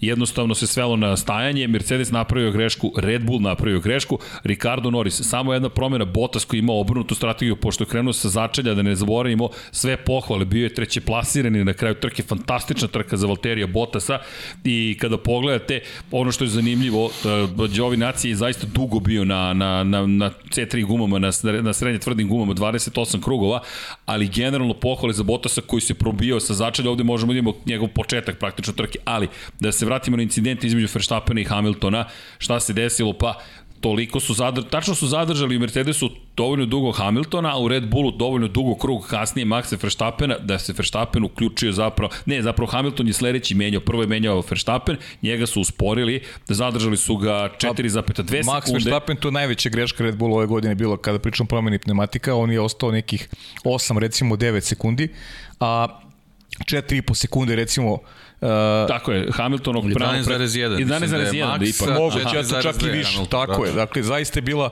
ali, ali jedni i drugi su pogrešili. Jedni i drugi su pogrešili. Više Red Bull i kakav spet okolnosti doveo toga da oni nalaze se jedan po drugu na stazi u tom momentu kada se, kada se Max vraća na, da li je moglo da bude drugačije. I ti ja koji posmatramo mapu, mini mapu, gledamo i, i gledamo da li je moguće da dobiješ kadar gde vidiš kako dolazi Hamilton, gde gledaš kako Verstappen čuva svoju poziciju sa spoljne strane kasno kočenje ima i razmišljaš, ne, njih dvojica gotovo sigurno, već tu već možeš da osetiš magnetnu privlačnost između njih dvojice, bukvalno, ali bukvalno vidiš magnet kako dolazi i skretanje Verstappena prelazi preko banana takozvanih, skok, ono što si i prikazao, i penje se na Hamiltona i onda ta cela priča koju si ispričao, Hamilton ko ostaje u bolidu pokušava da doda gaz, da se izvuče nekako, leti šljunak na sve strane, Verstappen koji onako nonšalantno izlazi i ne gleda ka Hamiltonu i komentarisao je kasnije, znao sam da je dobro kad pokušava da se iskobelja. A publika je u tom trenutku, to što je bilo publike, zviždalo Hamiltonu. Zveždalo je Hamiltonu.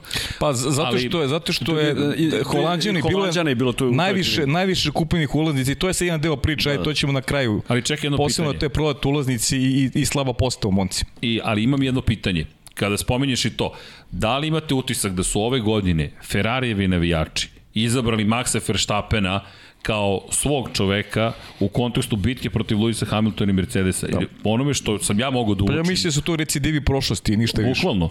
I to je ne bitka mislim... sa Alonsom, bitka sa bitka Hamiltona, bitka kasnije i sa Fetelom, mislim da su samo recidivi prošlosti i ništa više. A pritom, mislim da je najviše na post uticalo to što su ulaznice bile skupi za 30% u odnosu na, na prošlu godinu, što zaista nije, nije, nije mala. Navodno su te neke, naj, 600 evra su koštale te neke ulaznice koje su bi trebale da budu mnogo pristupačnije i to je neka priča koja ove godine je onako, mislim da je, da, da je ta slava postaje zadali jedan udarac Monci. Monca kao je onako jedna kultna nije staza. onako da izgleda. Nije smelo da izgleda onako. Baš je izgledalo kao da nema bitke za, za, za šampionsku titul. Ali dupli problem posle onakve Holandije ti dobiješ takvu moncu. Ali su oni imali neke druge strože pravila što se tiče COVID-a, mislim da nije da su oni ograničeni u startu. I to je tačno, ali, ali, ali, ali i novac, i, da. i novac sigurno igra veliku. Navodno i u Holandiji isto bio ograničen kapacitet. Pa da, da, da videlo se. Da. Na, na šta je da. bio ograničen? šta, ne smiju da se proširi na, kapacitet? Na broj ljudi koji smeju preko TV-a da gledaju to. pa bukvalno. Ali ono što je bilo lepo u Holandiji, kad smo završili trkat, došli su ovaj, u press centar, podelili su svakom po flašu piva. Da ne imenujem ko je. Okej. Okay. Dobro. I nije 0-0, nego je Pošteno. pravo. pravo, a? Da, da. Ovo je krivo. da. Ali dobro, u svakom slučaju Monca dramatična, od početka do kraja dramatična i još jedan incident, sada posle Silverstona, posle Mađarske, posle Belgije kakva je takva kakva da. je bila, jedne uobičajene trke u Holandiji, mi se vraćamo kontroverzama i opet kontaktu i kazni Maxa Verstappena po to, posle tog incidenta koji je dobio kaznu koja se prenosi na sledeću trku, pošto nije u trci, ne mogu da ga kazne vremenski, prebacuju zapravo kaznu na pomeranje na startu naredne trke na velike nagrade Rusije. A u tom momentu mi smo, to ne smemo da zaboravimo, deki, u kojoj fazi se šampionata? U završnoj tri pogonske jedinice imate na raspolaganju, tri motora sa unutrašnjim sagorevanjem tokom jedne sezone. Posle onog incidenta u Silverstonu, jedan je motor bio uništen i, i menjač i dolazimo u situaciju da se pitamo kada će Max Verstappen i Red Bull izabrati da promene motor i da li će to do kraja sezone morati da, im, da učini i Lewis Hamilton idemo u Soči, idemo u Rusiju i pitamo se, ako ne u Rusiji, da li ćeš da čekaš da to radiš u Americi, u Americi koja očekujemo da će biti zapravo na neki način, zapravo Turska ide pre Amerike, da li Turska je dobar izbor, da li će tu Mercedes imati prednost ili čekaš Ameriku gde opet se očekuje Mercedes da ima prednost ili čekaš Mexico City gde možda na onom na, na nadmorskoj visini koja ti više odgovara imaš neku šansu. Tako da je ovde bilo baš dramatično kada smo stigli u Soči, šta će se desiti. Ali prego što odemo u Soči, da se zaustavimo na trenutak da pogledamo dve stvari. Jedna, kakav je bio odnos snaga između Maxa Verstappena i Luisa Hamiltona. Dodatna dva poena osvojio Verstappen, zahvaljujući završetku sprint kvalifikacije na poziciji 2, 221,5 ostalo je kod Luisa Hamiltona, manje više sve ostalo je gotovo bilo identično, osim što je zvanično u celoj ovoj priči jedna još pol pozicija zapravo bila za Maxa Verstappena, pošto je posle pomeranja Valterija Bottasa dobio pol poziciju i umanjio sam svima sreću za po jedan poen. Zašto? Pa nijedan i drugi nisu imali sreće kada je reč o pit stopu. Pa cenim da i možemo negativne brojke ovde da dodajemo. Jedna ekipa pogrešila, druga pogrešila. Da im skineš sa detali na jedan. da. pa ne znam da bi ostalo, žalim se, ostalo bi, ali eto 2-3 u ovom momentu i, i dalje dosta izjednačeni po tom pitanju. Elem, idemo u Soči, Soči koji tradicionalno baš i ne pruža mnogo preticanja i obično se pripremiš za Soči i kažeš pa dobro, ovde neće biti tih, te, te vrste uzbuđenja. Da smo samo znali kako će ova trka da izgleda i koliko će biti neizvesno zahvaljujući vremenskim uslovima, stigo smo u Soči i Max Verstappen jeste izabrao da promeni sve na svom motoru, dakle da promeni motor sa unutrašnjom strane, elektroniku, MGUK, MGUH, turbo, turbinu, sve su menjali. Zaista oni su rekli, ok, pravimo praktično celu novu Hondu, sad ciljem da je koristimo praktično do kraja sezone, nije ni postavio vreme u kvalifikacijama, Lando Norris je međutim osvojio pol poziciju, kakav dan za McLaren. I to pošto su uspeli da dođu do dvostruke pobede, odlazi se u Rusiju I odjednom imamo Landa Norisa ispred Carlosa Sainca i Georgia Russella u kvalifikacijama na prve tri pozicije. Lewis Hamilton je bio četvrti, Daniel Ricardo peti, pa Alonso, Bottas, Stroll, Perez i Ocon u vodećih deset. Norris, Sainz, Russell – opet promenjivi vremenski uslovi, kako se situacije otvore, kako odjedno mogu da se pojave neki drugi timovi, koliko je lepo kada imaš tu vrstu situacije gde kažeš, ej čekaj, ovo možda će biti drugačija trka nego što smo očekivali i Norris koji je rekao posle pobede Daniela Ricardo, to je bila prva pobeda za McLaren još od 2012. godine Jensona Batona u Brazilu, da je on želeo da bude taj koji vraća ekipu na pobedničko, na, ne na pobedničko postoje, na pobednički put trase, jer da se vratimo na još jednu stvar, to ne smemo opet da zaboravimo, 2019. je McLaren posle 7 godina doživeo, posle ne 7, posle 5 godina prvo pobedničko postolje, zahvaljujući Saincovom plasmanu. A pobeda je još od Batona 2012. Tako je, a u Brazilu 2019. su došli do prvog pobedničkog postolja. To Sainz kada, kada je zapravo diskvalifikovan Hamilton. I to toga je pomerilo. A sada imamo pobedu, Norris želi pobedu i na pol poziciji. Pff, kakav uvod u trku. Kakav fantastičan uvod u trku. Jedna od možemo reći najzabavnijih trka koje smo imali prilike da vidimo, pri čemu pa, ako ne, Sainz... ako ne i najzabavnije. Ako... Možda i najzabavnije. Pa da, mislim, po, po onome što se dešavalo na stazi, toliko nepredviđenih dešavanja okolnosti koje su uticale na promenu poredku, ne, ja, ja bih glasao za, za Rusiju da, da je bila najzabavnije. Deki, šta ti kažeš? Pa slažem se posebno sa onom, sa onom završnicom koja je potpuno da. ono, da haotična bila i veoma interesantna. Mislim, sad ne ulazim u ishod i tako dalje, ali da, stvarno da, da, da. je bilo ravno Monako 82. godine. Yes. Pa to, to, je, to je bio test i, i za timove i za vozače, da. odabir strategije, kako se ponašati, to je, to je nešto što i svi volimo da vidimo od trkanja. I, I stota pobjeda za Luisa Hamiltona. I stota pobjeda za Luisa stota Hamiltona. pobjeda, da. vek pobjeda, istorijska, nevjerojatno, ovaj moment kada je osvojio pol poziciju Lando Norris, ali šta smo sve mogli da vidimo, nasmejani Lando, što ti kažeš deki zvezda budućnosti. Andre, koji je tvoj utisak? Ti si bio na ovoj trci? Nisam nažalost, sad gledam nažalost, prvo nisam hteo da idem pošto mi malo bilo, imao sam drugih nekih ove razloga što ostajemo ovde, ali sad mi je ovaj, žao s obzirom kako se ra, ra, razvijala.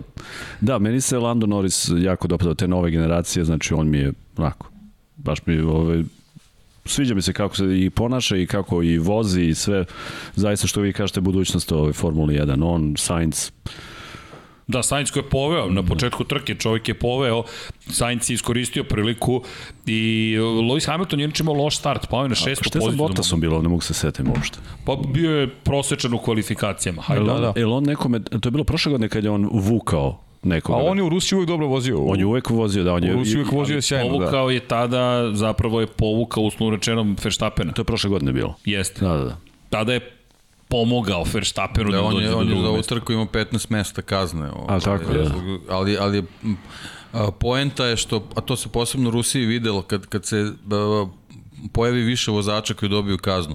Uvek neki drugi bolje od njega napreduju kad krene trka i ovoga puta Max Verstappen je ka, kao raketa bio, yes, da sa druge strane yes. Bottas je bio prilično konzervativan on je u tom nekom Bottas odmah na startu, da. Da, da, da, da, da. Ma nema ko nije, ko nije da, kažnjen. tad se kalkulisalo da će Bottas možda malo da koči Verstappena tako i tako, bravo, ne, ne, znam da nešto bilo. Bukvalno, da. bukvalno se ga ništa. pomerio kao da zostaje za čitav krug. Da. To je, to je počela da priča, da, Valtteri menja, menja motor Bottas. Da, da, da. Da, da Valtteri menja motor Bottas, to je to. Da. da. Zato što su neočekivano ponovo promenili kod Bottas, iako su to uradili u Monci, i onda da. smo se pitali koliko desetina motora će imati na kraju sezone. Ideja jeste bila da će navodno držati za sebe Verstappen, ali u skladu sa onim što smo videli u Holandiji, Valtteri nije se pomerio defanzivno i upravo u ovoj krivini ga je sustigao i pretekao Max Verstappen, izgledalo je mnogo lakše nego što i kod nas očekivao, ali opet negde u duhu svega onoga što smo tada već mogli da naslutimo, to da Valtteri će uraditi koliko mora za ekipu, ali da je to otprilike to. I ovako izgledalo pobedničko postolje. Hamilton koji je pobedio, Verstappen bio drugi, treći Sainz, ali, ali, to je mnogo posle cele priče koju smo inače, inače Latifi je bio kažnjen, Charles Leclerc je menjao motor, bitan moment za Ferrari koji je upotrebio novi motor, Antonio Giovinazzi takođe bio kažnjen, Max Verstappen je kažnjen i to je to. Pet vozača koji su imali kazne, na kraju smo došli do toga da gledamo Landa Norris u jednoj neverovatnoj završnici protiv Luisa Hamiltona i u tom momentu, inače, u tom momentu Max Verstappen je u ozbiljnim problemima. Max Verstappen se probio među osvajače poena, Ali, ali dalje nije mogao, realno. Tako je. Dalje nije mogao. Šesta, sedma pozicija je bio neki maksimum koji smo očekivali da će, da će postići, a Hamilton da ima šansu da pobedi Norisa ili ako ostane na drugom mestu i dalje povećava I to je veliko pitanje. Prednost. Čim misli da je u trci imao nekog ispred sebe ko je takođe bio na novim gumama i postavilo si pitanje da li može da napreduje. Da, da, šesti, I, sedmi i to, maksimum. I to neko, ja ne mogu sad setim, to je sad već onako prošlost zaboravio sam baš detalje, ali, ali mislim da, da, da, da je baš bila taka situacija tokom trke. Pa, ali o, onih, pre te kiše. Ali ono što su uradili pre te kiše, dakle kada je počela kiša, to je bio moment da li ideš na gume za promenjive vremenske uslove, da li ideš na gume za, za kišu. Pa tu dolazi ili... do izražaja taj, ne. taj timski rad, koliko je, koliko je to za Maxa bio važan moment na sezoni. Kao što je Luis imao jedan, jedan blista moment, kasnije pričamo o tome, ali ovo je bila jedna trka koja, koja je njega, koja je njega onako uh, lansirala ponovo kao Verstappen je među glavnog kandidata menjao. za osvajanje titula. Ja, ja, ja, sam, ja sam negde počeo menjam i negde i moj stav vezan za, za to ko će biti šampion nakon te trke u Rusiji. Do tada sam Luisa Hamiltona video kao većeg da, favorita, posle, da. posle, posle Rusije sam delimično promenio stav e, ti si bukvalno bio čovjek koji je rekao na početku drugog dela sezone Hamilton ipak osvaja titulu da. i sećam se kada si rekao ok, sada sam na 50-50. Da, od Rusije, i, to je bilo od Rusije baš. I onda moment kada prelaziš na to da bi da će Verstappen zapravo biti taj koji, koji osvaja titulu. Inače, kada govorimo o šansama, svi su ovde imali šansu. Ovo je bio i rizik istovremeno. Neki timovi su govorili kiša dolazi, neki su govorili kiša ne dolazi. Međutim... Ali ja Norisa recimo razumem, ja popuno razumem Da, Norris koji nije želeo da menja. Potpuno razumem Norris.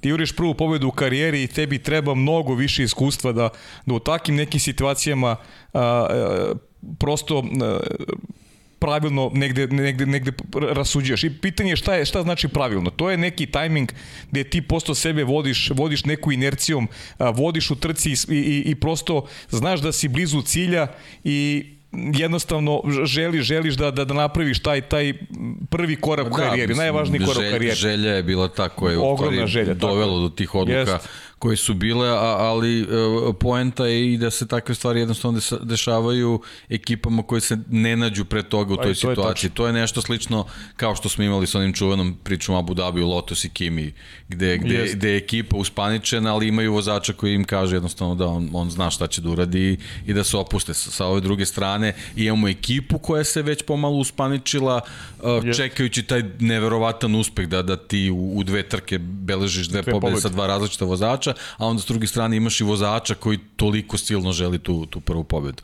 Tako da, eto, zbog tog nekog, nekog, nekog spleta okolnosti i, i, i te kiše koje se stvarno onako. Da. drastično pojačale, jednostavno, eto, nismo imali to još jedno vrhunsko iznenađenje vezano za, za, za McLaren, ali ima to ovo sad stvarno ozbiljno iskustvo koje zaista verujem, pošto je McLaren i ozbiljna ekipa, u sledećoj situaciji mislim da će vrlo dobro znati kako da se ponašaju i kako da u svoju korist okrenu situaciju. A, zapravo kada pričaš o McLarenu, McLaren je rekao, Andre Zajdlo, šef ekipe, je rekao da će promeniti procedure koje imaju u McLarenu. Zašto? Lando Norris je izjavio da je bio spreman da ode na, da bi bio spreman da ode na zamenu guma, da je dobio jasne informacije o tome kakvo je zapravo stanje i da li kiša pada i koliko jako pada. Andrej, jedno pitanje za tebe. Malo pre si rekao, kada si na stazi ti ni ne znaš šta se događa. Dakle, to je pa- bukvalno, jednostavno nemate tu količinu informacija koju mi imamo u komentatorskoj kabini ili gledalci koji imaju kod kuće. Baš tako, to što vi imate kao komentator to nema šansa. Mislim, mogao bi da pratiš kroz ovu F1 aplikaciju, ali prosto ne možeš to da radiš, da gledaš na stazu i da pratiš. Ovaj, gde postoji mogućnost, mi se pozicioniramo negde gde su ovi veliki ovi, ekrani. To, to, to, mislim, znači mnogo, da, bar da negde imaš ovaj, pogled ka tome da bi znao šta se dešava i da li treba da menjaš poziciju, da li treba da, pogotovo kad je finish trke, gledaš koliko kruga ostalo kraja da ideš na, ono, na finish liniju, na, na, na finish liniju prema podijumu i tako, ali nemaš, nemaš jasne, ove, niti znaš ko je sad, jako je teško, toliko je to informacije, vas koncentrisan si i na posao, te, mislim na fotografisanje, teško da možeš da pokušavali su ni nama pre par godina da, da, da pro, pro iznajme prvo da pokažemo, posle da iznajme male TV ekrane koje ćemo, da videli se tu mogu da nešto profitiraju, da nam iznajme male TV ekrane koje ćemo nositi sa sobom, ali to je sve komplikovano kad nosiš tri aparata, još navučeš i to, tako da eventualno da slušaš, ali neki put sam pokušavao da se ukačem na vas dvojicu, ali ne možeš ono da, ovaj, da nema pristup taj kanal u tim regionima. U Doningtonu postoji dobra fora kad odeš na, na festival brzine, svako ko je akreditovan dobije male slušalice, kao ni neke što su bile na tranzistori. Ti možeš to da kupiš da slušaš ove, I, ove komentatore. Da, slušaš bukvalno ove, komentatore da znaš gde se šta da, dešava, da, da, tako da, da, da to, to je dobra, dobra stvar. I to se prilično dobro čuje zaista, onako kad, čak i kad je buka automobila oko tebe, to se baš... To u Monci je super, ja to volim da, da neki put da. da snimim kad italijani počnu da pričaju, da, one sta, da. vidiš pa sta, stare zvučnike da, da, i oni da, pričaju, da. to znači stvarno ono, super je. Da. Ali zašto to pitam? Zamislite sada vozača u celoj toj priči koji juri svoju prvu pobedu u karijeri, on je novi novi, jedan od predsednika nove generacije vozača, i Britanac, i za njega je najuspešniji vozač svih vremena koji juri svoju stotu pobedu, sedmostroki šampion sveta u Mercedesu, ti imaš nekoliko krugova do kraja i izbor je sledeći, rizike.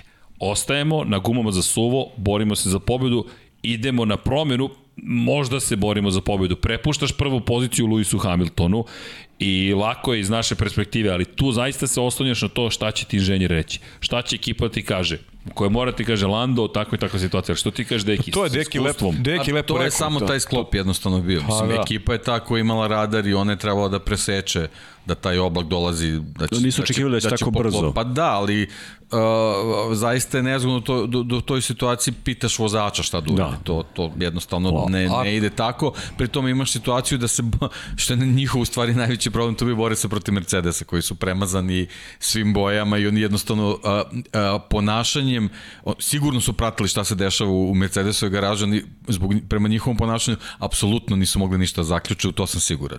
I onda se samo u jednom trenutku dešava da Mercedes da radi, pa i, radi zamenu i, i taj I jedan krug Red Bull, to je, je to. završene priče bila. To, to je jednostavno taj splet okolnosti kojom trenutku... oni su baš onako trkački, de, dečački su nekako reagovali na pa, celo, ajde dobro, pokušaj, da, jednostavno da. kažem, nedostaje to, to iskustvo, ipak, ipak treba ovaj, treba više puta imati takvu situaciju da možeš da, da budeš spreman, da šta će sve da se desi, ali... Ali, e, izvini, šta je meni fenomenalno? Kada pričaš o Mercedesu, kako su uvili Luisa Hamiltona?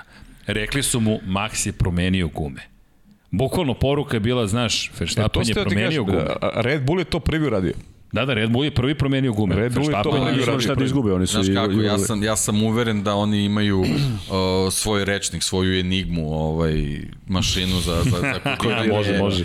Tako da jednostavno ovaj, oni ništa ne prepuštaju slučaju. I, i, I to je ono, ono što i pričamo i za sledeće sezone, koje dolaze, ako McLaren, Ferrari, još neke ekipe, ako mogu da se priključe vrhu, to je isto jedan segment na kojem će morati ozbiljno da porade ako misle da, da, da budu ovaj, u rangu Mercedesa i Red Bulla. Ne, nije reč samo o talentu vozača, o brzini, o kvalitetu automobila, bukvalno rad čitave ekipe, šifrovane poruke, to sve, jednostavno sve će morati da... Pa da, neko im radi analize tokom trke. Apsolutno, morat ću sve da se uključa. Ova sezona nam je e, bila ozbiljena ovaj, dokaz kako Mercedes radi kad su te krizne situacije, šifrovane poruke sa, sa kamerom na bolidu, koje dugme pritiska Lewis Hamilton, koje gume želi, rečenice koje gde mi ono, jednostavno u trenutku kada čuješ primaš zdravo za gotovo da je to u stvari to, ta rečenica ko zna šta sve znači. To su igre gde moraju da se uključa ako misle da, da uhvate korak s njim. Da, i Carlos Sainz koji i takođe pohvala i za Ferrari. Ferrari je tu dobar, dobar imao rečenicu i seća se da smo pričali tokom trke da je ta promena, pravovremena promena omogućila Carlos Sainz da se boli Jeste. za za, za, za visoki domet i na kraju, je do na kraju došao do trećeg, do trećeg mesta. Da, čak i Tako da je Ferrari u suštini je samo McLaren promašio temu u završci kada gledamo, u, ali opet kažem, ono što je i rekao Deki, pritom e, drugačije pozicije bila. Pitanje kako bi Carlos Sainz reagovao da se nalazi na prvom mestu tada. Jer ti, ti imaš priliku da dođeš do prve pobede, do prve pobede u karijeri. I to je ogroman ulog i iskreno, ja apsolutno razumem tu vrstu rizika. Apsolutno razumem tu vrstu rizika, pogotovo momka koji je napravio već e, te stvari u karijeri, da bude drugi, da bude treći, da se ponavlja na podijumu, njemu treba iskorak, treba mu pobeda. Već poziciju. Već, već imao sve. Njemu sad samo treba pobeda, to je nešto što je sledeći level u njegove karijeri. I, kažem, taj, taj neki rizik apsolutno mogu da razumem. Čak, ima, čak mislim da je da, da više je to ima ludela nego, nego sama pogrešna procena McLarena. Pitanje, pitanje je kako bi bilo da je Ricardo bio na poziciji Landa da, da. Norris. To je, to je makar moj utisak. To je moj utisak. Misliš da je to bila želja prosto da Lando dođe me, do... Me, meni tako deluje da je to bila želja da Lando dođe, da Lando dođe do pobede. I ono što, je, ono što je interesantno po svestom cele priče da mi do kraja sezone više McLaren nemamo. Znači možemo da, apsolutno da stavimo ovde tačku na priču o McLarenu, do kraja godine nisu nikakav uh, faktor kada govorimo o, o, o, kreaciji, o kreaciji trka koje smo gledali do kraja godine. Da, kada je reč o McLarenu, bukvalno kao da se završila sezona u ovom momentu. Yes. Kao da su svi fondovi potrošeni yes. i da su se prebacili na 22. Pa da. Da, e, da li ti to utisak? Daj da Bože, rekli, daj Bože da je tako. E, okej, okay, nismo ovde uspeli, idemo dalje. Gotovo, jer ovo je moment kada sečemo. Mi govorimo o 15. kako, trci. Verovatno u finišu sezone nisu sve ekipe, nisu svi budžeti otvoreni, nije svuda blanko. Verovatno moraš da postaneš racionalan u nekom trenutku. Znaš koliko motora imaš na, na, na raspolaganju, da li ćeš ti kao Mercedes da, da ostaviš uh, od prilike Bottasu da, da na svakoj trci do kraja sezone ima novi motor. Pitanje je da li, da li Mercedes to može, da li McLaren to može, on, on mora da kupuje te motore. Tako da veliko je pitanje ovaj, kažem ka, ka, kakva je bila situacija sa, sa budžetom u tom trenutku i, i generalno ovaj, koliko su imali želju da, da, da nastave u tom tempu. I, Ili da se orijentišu na 2022. I još jedna stvar koju mislim da moramo da istaknemo, toliko smo već navikli da se takve stvari dešavaju, da nekako kao da je podrazumevano stanje stvari. Ali ljudi, stota pobjeda Luisa Hamiltona. Ja zaista mislim da zaslužuje samo na sekund da se zaustavimo tu i kažemo stota pobjeda. Prvi vozač u istoriji sporta pa, koji je zabeležio stotu pobjeda. Aj samo broj do stoji. Bukvalno. Samo da pa brojiš do sto. Bukvalno 1, 2, 3 itd. I u to u sezoni u kojoj nije imao mnogo pobjeda. Vidjet ćemo, možemo i da bacimo pogled na grafiku, da vidimo kakvo je stanje bilo po pitanju broja pobjeda.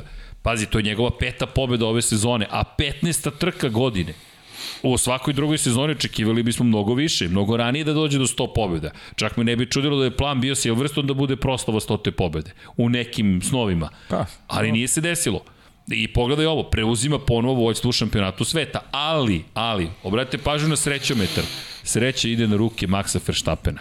Jer, da je Lewis Hamilton završio drugi, a Max Verstappen sedmi, mnogo veća razlika bi bila u korist Luisa. Hamiltona nego ovako. I tad smo izgovorili Ovo je poklon zapravo Maxu Verstappenu, koji, iako je delovalo da je Lewis Hamilton srećnije ruke, jer Norris pravi grešku i beleži pobedu, sreće je zapravo bilo na strani Maxa ja Verstappena. Ja moram ti kažem da mislim da je, ovo, da je ovo, ova trka pravi poklon Maxu Verstappenu. Ovo je najveći poklon koji je dobio u sezoni da iz jedne pozicije koja je bila Matini izgubljena, kažem, ja Ukolno. stvarno se sećam, mislim da nije mogao mnogo, mnogo da napreduje kroz poredak. Ne, čak, ne, ne, čak nije. nije šesto mesto plafon, rekao bih da nije mogao dalje, sve mogao, ali to sad, to, nije, to. to sad nije toliko važno uopšte. Ovo je baš onako bio dar sa neba. Prosto se nebo otvorilo, dobra taktika Red Bulla i sve ostalo sada je već istorija eto ta ta trka je nekako Maxa Verstappena rekao bih održala u pravoj konkurenciji sa, sa Lewisom Hamiltonom, čak negde nagovestila s obzirom na konfiguraciju staza na koje smo išli posle Rusije, da ima čak i blagu prednost s obzirom da je zamenio agregat, da je lepo profitirao i, i da ide sa, sa mnogo samopouzdanja ono što, što se zove nastavak sezona. U svakom slučaju, pobjeda Luisa Hamiltona, broj 100 u momentu kada mu je potrebna, preuzima ponovo vođstvo šampionatu sveta, a mi idemo na poslednju stanicu koja je, iako je na azijskom delu Istambula staza, poslednja stanica de facto na neki način u Evropi, posle toga na dalek put se ide i više se ne vraća u sedište. To je ogroman napor za timovi, to smo rekli da će takođe biti veliki, veliki test, ali idemo prvo u Istanbul koji se vratio ponovo u kalendar drugu godinu za redom. Prethodne godine ponovo po mnogo problema s bitumenom, sa kasnim asfaltiranjem staze, sa dramom koju smo imali preko noći, taksisti koji voze po pisti ne bili utrljali taj bitumen, pretvorili tu stazu u potrebljivu pistu za Formulu 1. Toga nije bilo ove godine. Mogli smo da se vratimo na, na divljenje krivinama, ja se makar divim nekim od krivinama u Istanbulu i dođemo do toga da se nastavlja bitka u Rusiji. Nismo imali kontroverze, imali smo zaista pravo uzbuđenja i na šta se me podsjetilo? Pa pre par godina kada smo pričali o Mađarskoj, ja ne, opet će da, biti da. Mađarska, a onda odjedno Mađarska postade jedna od glavnih stanica koje posećujemo nekako već godinama za redom, nadam se da će tako ostati u 2022. mnogo uzbuđenja. Elem, stigo smo mi u Istanbul i Mercedes koji deluje kao da se vraća na zaista ozbiljan način da, da dolazi u, u igru.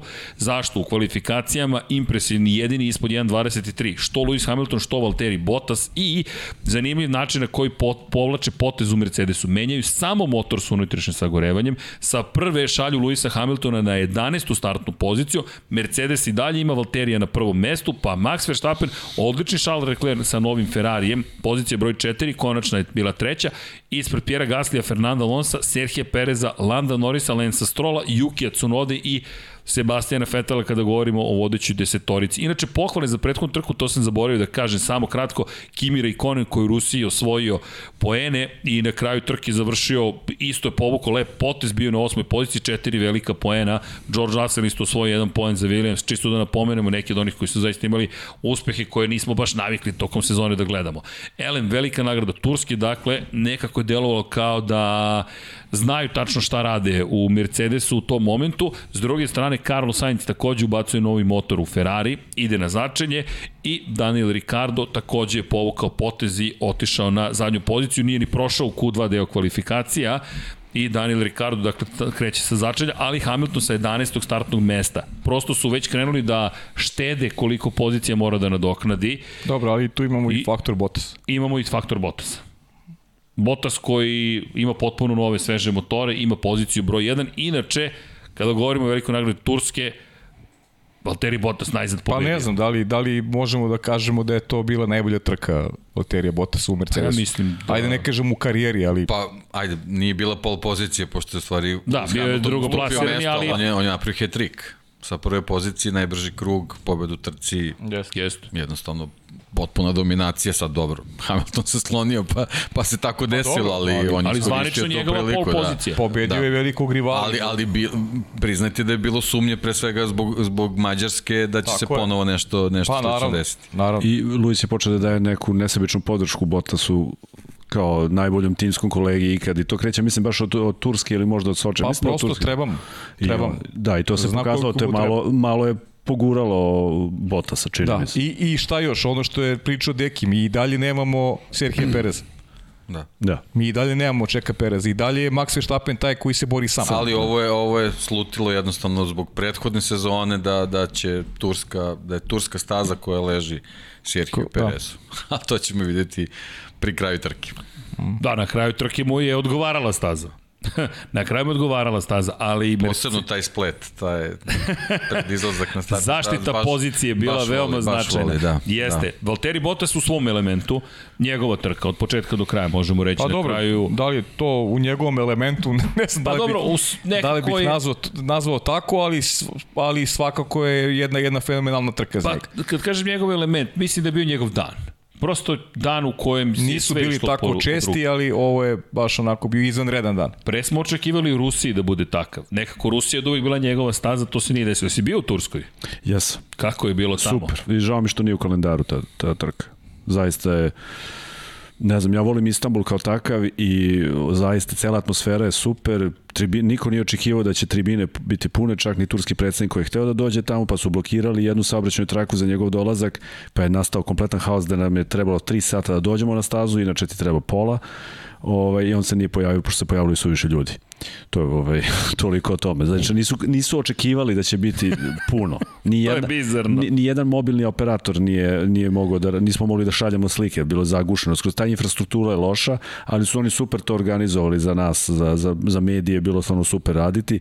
Ta staza jeste malo dosadna za slikanje, ima nekih pozicija, ali kiša nam je malo pomogla da imamo par lepih slika, na primjer, i ovo je, tu smo očekivali sve i svašta na startu, to je bilo tokom kvalifikacija. E, da. I super lepe boje su imali Red, Red Bull, Bull da, posebnim bojama. I trebalo bi da, da uvek imaju te boje, da. Da, Red Bull, a to je bio omaž zapravo Hondi. Da. I ovo je trebalo da bude velika nagrada Japana, ali nisu odustali od farbanja bolida u To je bilo malo bizarno što su sve, e, to je bilo, e, da, sad kad si spomenuo Japan, znači dešava se u Turskoj, ali sve je nešto bilo tribut Japanu, kao da se dešava sve kao da smo svi ponovo... Pa, sve je naručeno, bilo sve napravljeno. Pa da, da, da. pa moralo da se potroši. Čak su, ja mislim, i Tabardi bili, jedan kontingent je bio pisalo Japan, ono... Da, mislim da Zoki Živkov da je... Da nešto je, nešto je bilo, da. da. Imao... Ili su oni stikeri za kamere, nešto, se, da. nešto je bilo Stikeri Japan. za kamere, mislim da je to... za kamere. Nešto je bilo, da. Nešto je bilo Japan. Neko, da, da li si ti, da li on, Nisam ja, ja sam, slika, da, onda je Zoki slika. Akreditacije čak možda. Da, da, da. Ili pa oni su oštampane pre početka godine. Da, nešto je bilo tako, da. To se štedi, štampaš odmah sve i na veliko plaćaš i gotovo jedva sastavio kraj s krajem, pa, pa da. stvarno teško promeniti. Da. Tu se štedi, verujem. E, da, da, dobro. Da. Ima smisla, valjda, pretpostavljam, ne znam. Ali kako god, Turska, činjenica je da... Bilo bi super da ostane u kalendaru. I, ja moram priznati, to, to, je, to je lep izlet, ljudi. Odete do Istanbula, Samo strpljenje. Vratan grad. Strpljenje, ako, ako si kao ja napravio grešku pa boraviš u, u, u ovom evropskom delu Istanbula... Na taksimu. A, ne, nisam na taksimu, ne, ja sam na, našao sam super. Ali ti je lepo bilo. našao sam lep, uh, mislim, lep pozicioniran hotel, kolega mi je isto iz Istambula, kojim sam ja bio usput da me pokupio, ali lepo ti prelaziš svako jutro preko Bosfora, lepo, lepe ceo utisak i onda dođeš u... A meni stižu notifikacije na telefon, neviđena gužva u Beogradu pada kišu. Kao važi. ne znate šta je gužva. Znači, da, i taj vikend išto Turska igrala kvalifikacije za zašto beše, sa šta su zašto se kvalifikovali? A za svetsko, Inače, Za, da, da, igrali su žalni, da, fudbal nisu prošli, da, ali u bistvu i to, to se isto dešavalo i taj. A ne, to je bilo prošle godine, Pa Tako, dvih, ne, ne, 2000 i... Sad, koja ti je prošla, pa jo? Na 2020. Pa, 2021. ili... Igrali su kvalifikacije, sa, ali nisu imali... Za svetsko. Da, za svetsko, da. Ali nisu to nešto prošli, ali bilo bi super ako ispadne Australija, ne nam se neko da sluša, ako ispadne Australija iz kalendara, može da bude lepo ovaj, u, kad, to je kraj marta, ali tako, ove, ove godine da upadne Turska. Da.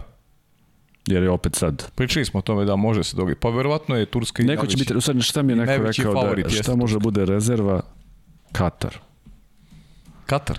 da će možda da uguraju Katar. Sad ako ispa, ako ako ispa, ako ispadne Australija, ako ispadne Australija. Da što je malo sumanuto jer oni se vraćaju iz Majami ili idu za Majami, tako ne, ne znam kad pada, sad sam možda ja malo pobrkao. Ovaj. E, ne, ne, ali pa neko, počinju... neko logičnije, logičnije deluje ovaj Istanbul. Sad da su oni isto zainteresovani koliko pa, njih to koštalo i tako dalje. Ne, ne, ne, ne, ne, ne, ali ima smisla Katar, ljudi, zašto? Zato što je to bukvalno obrnuto onome što smo imali eh, ovako, Bahrein je prva trka sezone, ide Saudijska Arabija Aha, pa i potom ide Australija. Dakle, umesto da, da odeš u Australiju, ti ostaneš na Bliskom da, istoku ima, i Saudijski pa, Arabiji odeš u Katar. Katar samo u tom terminu i može, oni posle, da, posle se ne može, da, sve, sve, sve. Da, da, da, da. I A, i oni su, to, oni su ne, zato ne, odjavili znači, decembar. Posle svetskog prvenstva u futbolu to zaboravite. Znači, samo pre može ne, ne, da bude, zato što je ta, ako, ako ostajemo na, na Moto Grand Prix stazi, Da, da, mislim da, da će ostati još onda, onda, onda, onda je to moguće pojavi. samo pre svetskog prvenstva. Ne, ne, ima, ima smisla. Ne, ne, ne, neće. Da, oni su zato odjavili. Ja mislim baš, da... baš naš drugar Hasan Bratić da je on to ne, da mi on tu informaciju podeli. Miami dolazi posle, posle Imola. Svega. Dakle, on je A. peti. E, Miami, ukoliko se bude dešavalo, ne znamo, Miami stoji trenutno kao 8. maj, to je datum za veliku nagradu Miami.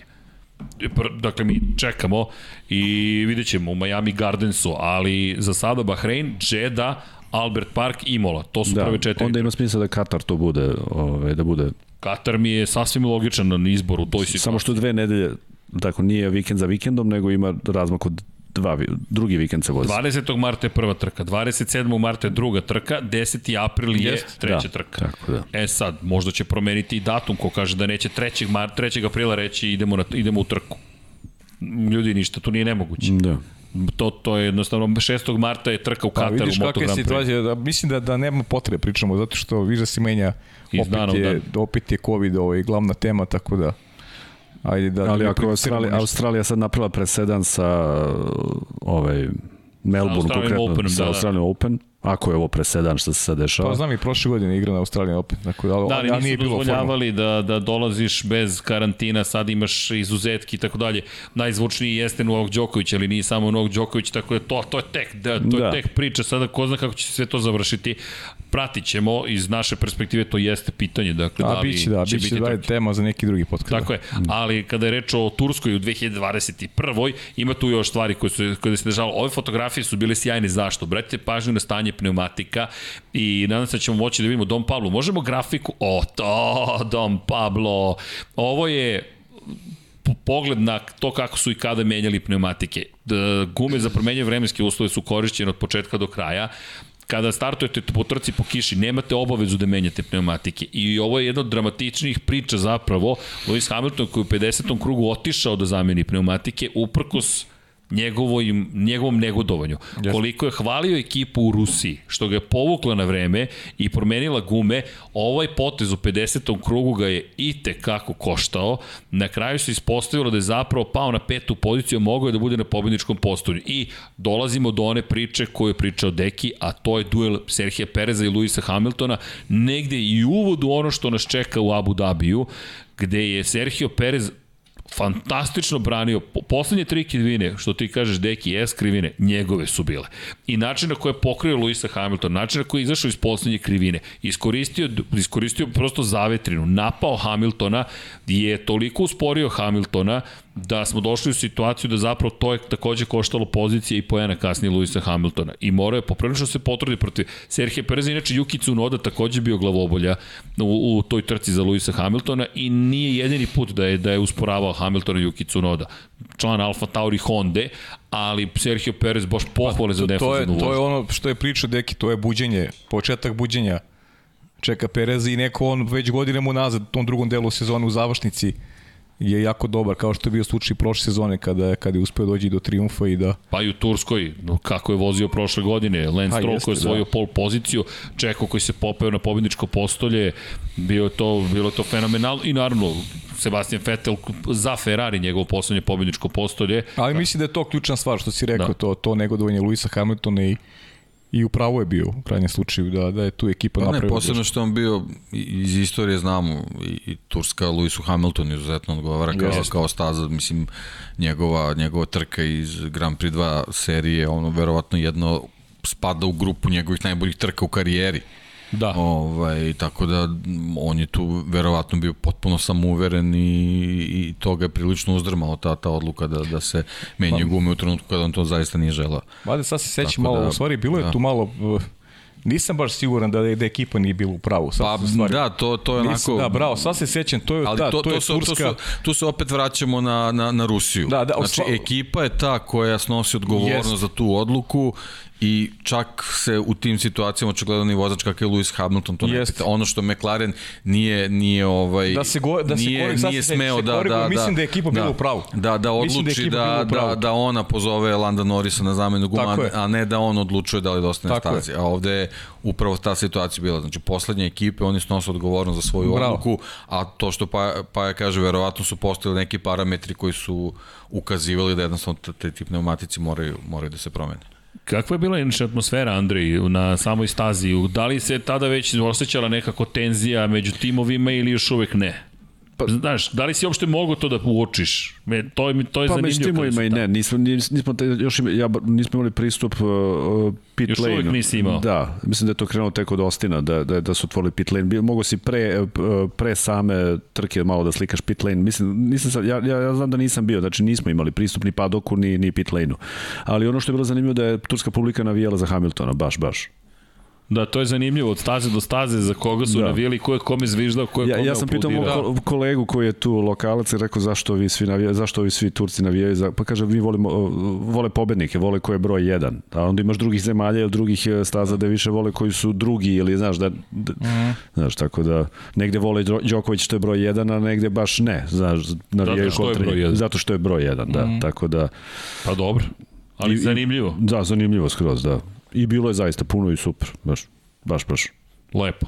U svakom slučaju Turska koja nas dovodi do toga kakav je bio rezultat između Verstappena i Hamiltona kada sve saberemo oduzmemo nije se promenio njihov konto, ali eto Valtteri Bottas najzad zabeležio pobedu.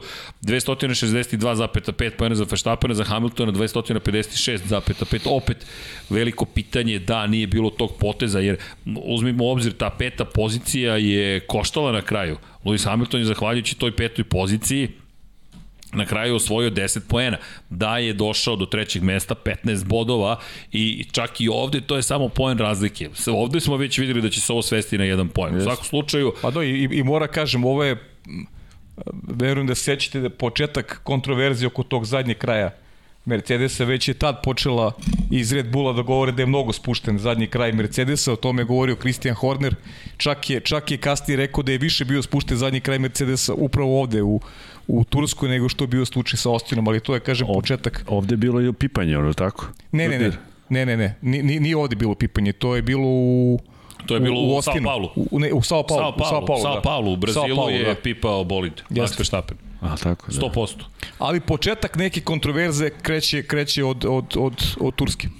Zato što sad se prisjećam kraja te trke da je bio čudan Park Fermer, nekako su ih, pošto nije bilo, nije bilo mesta, po, poređa, Paulo, jeste. poređali su ih kako ulaze, u ulazu pit lane su ih poređali uz bankinu.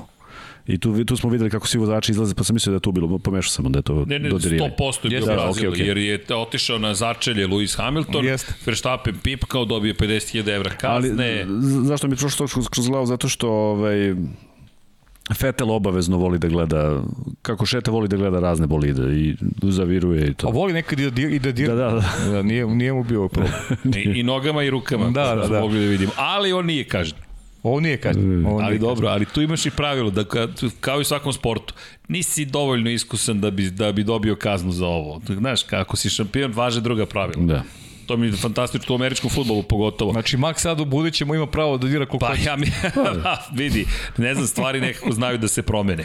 No. Elem, posle ove trke, uradit ću nešto što, iako sam rekao da ostaje u prethodnoj godini, ali ne zamerite, nova je godina, ja mislim neki da treba to da, da ispoštujemo neke drage ljude, a to je vama intermeco, pauza, zašto? Pa, zato što sada imamo, ne, obećanje smo dali i ekipe koja, se, koja je postala deo Infinity Lighthouse na jedan drugi način, a to je ljudi koji su kliknuli join i sada su deo celog tima. Ljudi, hvala, Ja ću sada pročitam, nemamo još izdvojeno kao, kao grafikon, dok se igra Andrej sa bolidom Nikola Smit, Ivan Božanić, Vlada Ivanović, Oliver Nikolić, Marko Bogavac, Nemanja Krstović, Miloš Babin, Andrija Todorović, Jelena Jeremić, Resničanin, Kalabi Jao, Aleksandar Nikolić, Lukas Kok, Petar Bjelić, Milorad, Milorad, Milorad Reljić, oprostite, Fatalac 1, Nemanja, Bojan Markov, Danilo Petrović, Najsus 2014, Almi Rokić i Nenad Simić.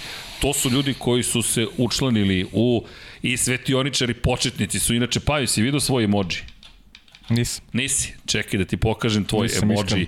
Morate da iskoristite, ovo je prilika za Lab 76 postoji, ali bit će tu još emojija. Evo, izvoli da vidiš. Imaš ćao svima i imaš, imaš Paju. Ti si cool. Paja, Paja cool. Paja, Paja cool. Ovo si ti, ovo je Deki. Deki cool. A meni su dali ovo. Samo da vidim. A ne, ja sam Erceg, tako su me potpisali. Ja sam dobio srciće na očima. Dobro, ti si... Volite se Ti si emotivac. Tako je, ja sam emotivac i imate naravno čao svima. Tako da, da, inače Ivan Panajotović, pozdrav za ekipu s Patreona, pročitat ćemo i Patreone, pa ipak da nova godina, ljudi, da ispoštujemo. Nisam stigao da snimim pesmicu, mislim da je uh, ipak pročitamo. Sledeće nedelje ponići na oči, ja ću čitam. Jel hoćeš? Jedin ja nisam čitao. A, Sledeće nedelje ljudi, moj red. Ja mislim da je sada idealan trenutak da odete na patreon.com kroz Infinity Lighthouse. Ne sad, sad nemam na oči. Ne, ne, ne, ali da bi stigli da se učlane, Tako je. do sledeće nedelje Paja Živković će čitati vaša imena. Ja mislim da to Tako treba je. da sačuvamo. Duže nego što je bila trka u spa. Pa, E, ako pa na vidi- našu sreću. Pazi, Na našu sreću. tako naravno. je. Tako Ako je. bude duže, nemam problem. Čitaš onda i YouTube i Patreon. Može. Oh, Može. O, čitam. to je četiri lagana minuta. To je, vidi, to je drugi krug započeo uveliko. Ali, ja bih da pozdravim. Ljudi, prvo svega hvala. Hvala svima koji ste i sada sa nama, koji provodite 4. januar u zabavi sa Lab 76. Mi Pa se nadamo ćeš da bolju ste- zabavu? Pa 4. nema januar. bolje zabave. Evo, recite mi koja je bolje zabava, pogotovo za automoto sport. Ja ne znam za bolju zabavu. Generalno nema bolje zabave. Ali to si upravo pa je.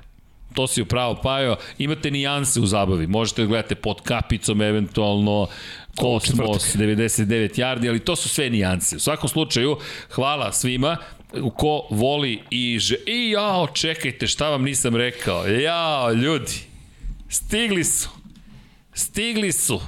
St- Čitavih 100 kačketa od juna najzad su stigli. Andrej, šta kažeš? Odlično. Ja mislim da a? beli sendvič, pa jesam sad kad smo ih dobili. E, mislim na Andrija Neti. A, Andrej, Ja bih volio da su crveno-beli, ali sad to je moj izbor. evo ovako da ti kažem. Da li možeš da nam pomogneš da uvezemo crveni keper? Evo, neka se javi neko ko može da nam pomogne da uvezemo crveni keper. Odgovor kada smo naručili crveni... Ljudi, lep, lepše je crno-belo, šta vam je? To boje dokazuju ovde u studiju, da.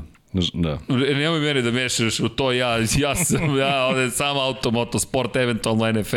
Ali, Da, to zbog Ferrarija, smo- da se razumemo. Ferrarija, pa zbog Ferrarija, da. Se razumemo. A Srđan čekaj, je zbog ti zašto crven, crno-belo? Zbog Mercedesa, šta? Ne, ja zbog Partizana. Aha, okej, okay, dobro. A samo da, samo da znate, ko, ako neko može da pomogne da uvezemo crveni keper, javite se. To nam je bio odgovor. A pa nema crvenih boja. Moraš da uvezeš crveni keper. Ovo je keper, to ti je način na koji se plete pamuk i onda dobiješ uh, materijal za kačkete. Sve smo naučili. To ima u Istanbulu sigurno. E, Da, iz Turske smo uvezli žute majice za Valentina Rosija i za Brazil specijal majice. Bukvalno, uvezli smo, iz Turske smo uvezli pamuk. Pošto to niko ne uvozi u Srbiji, onda smo mi uvezli da bismo mogli da imamo i to.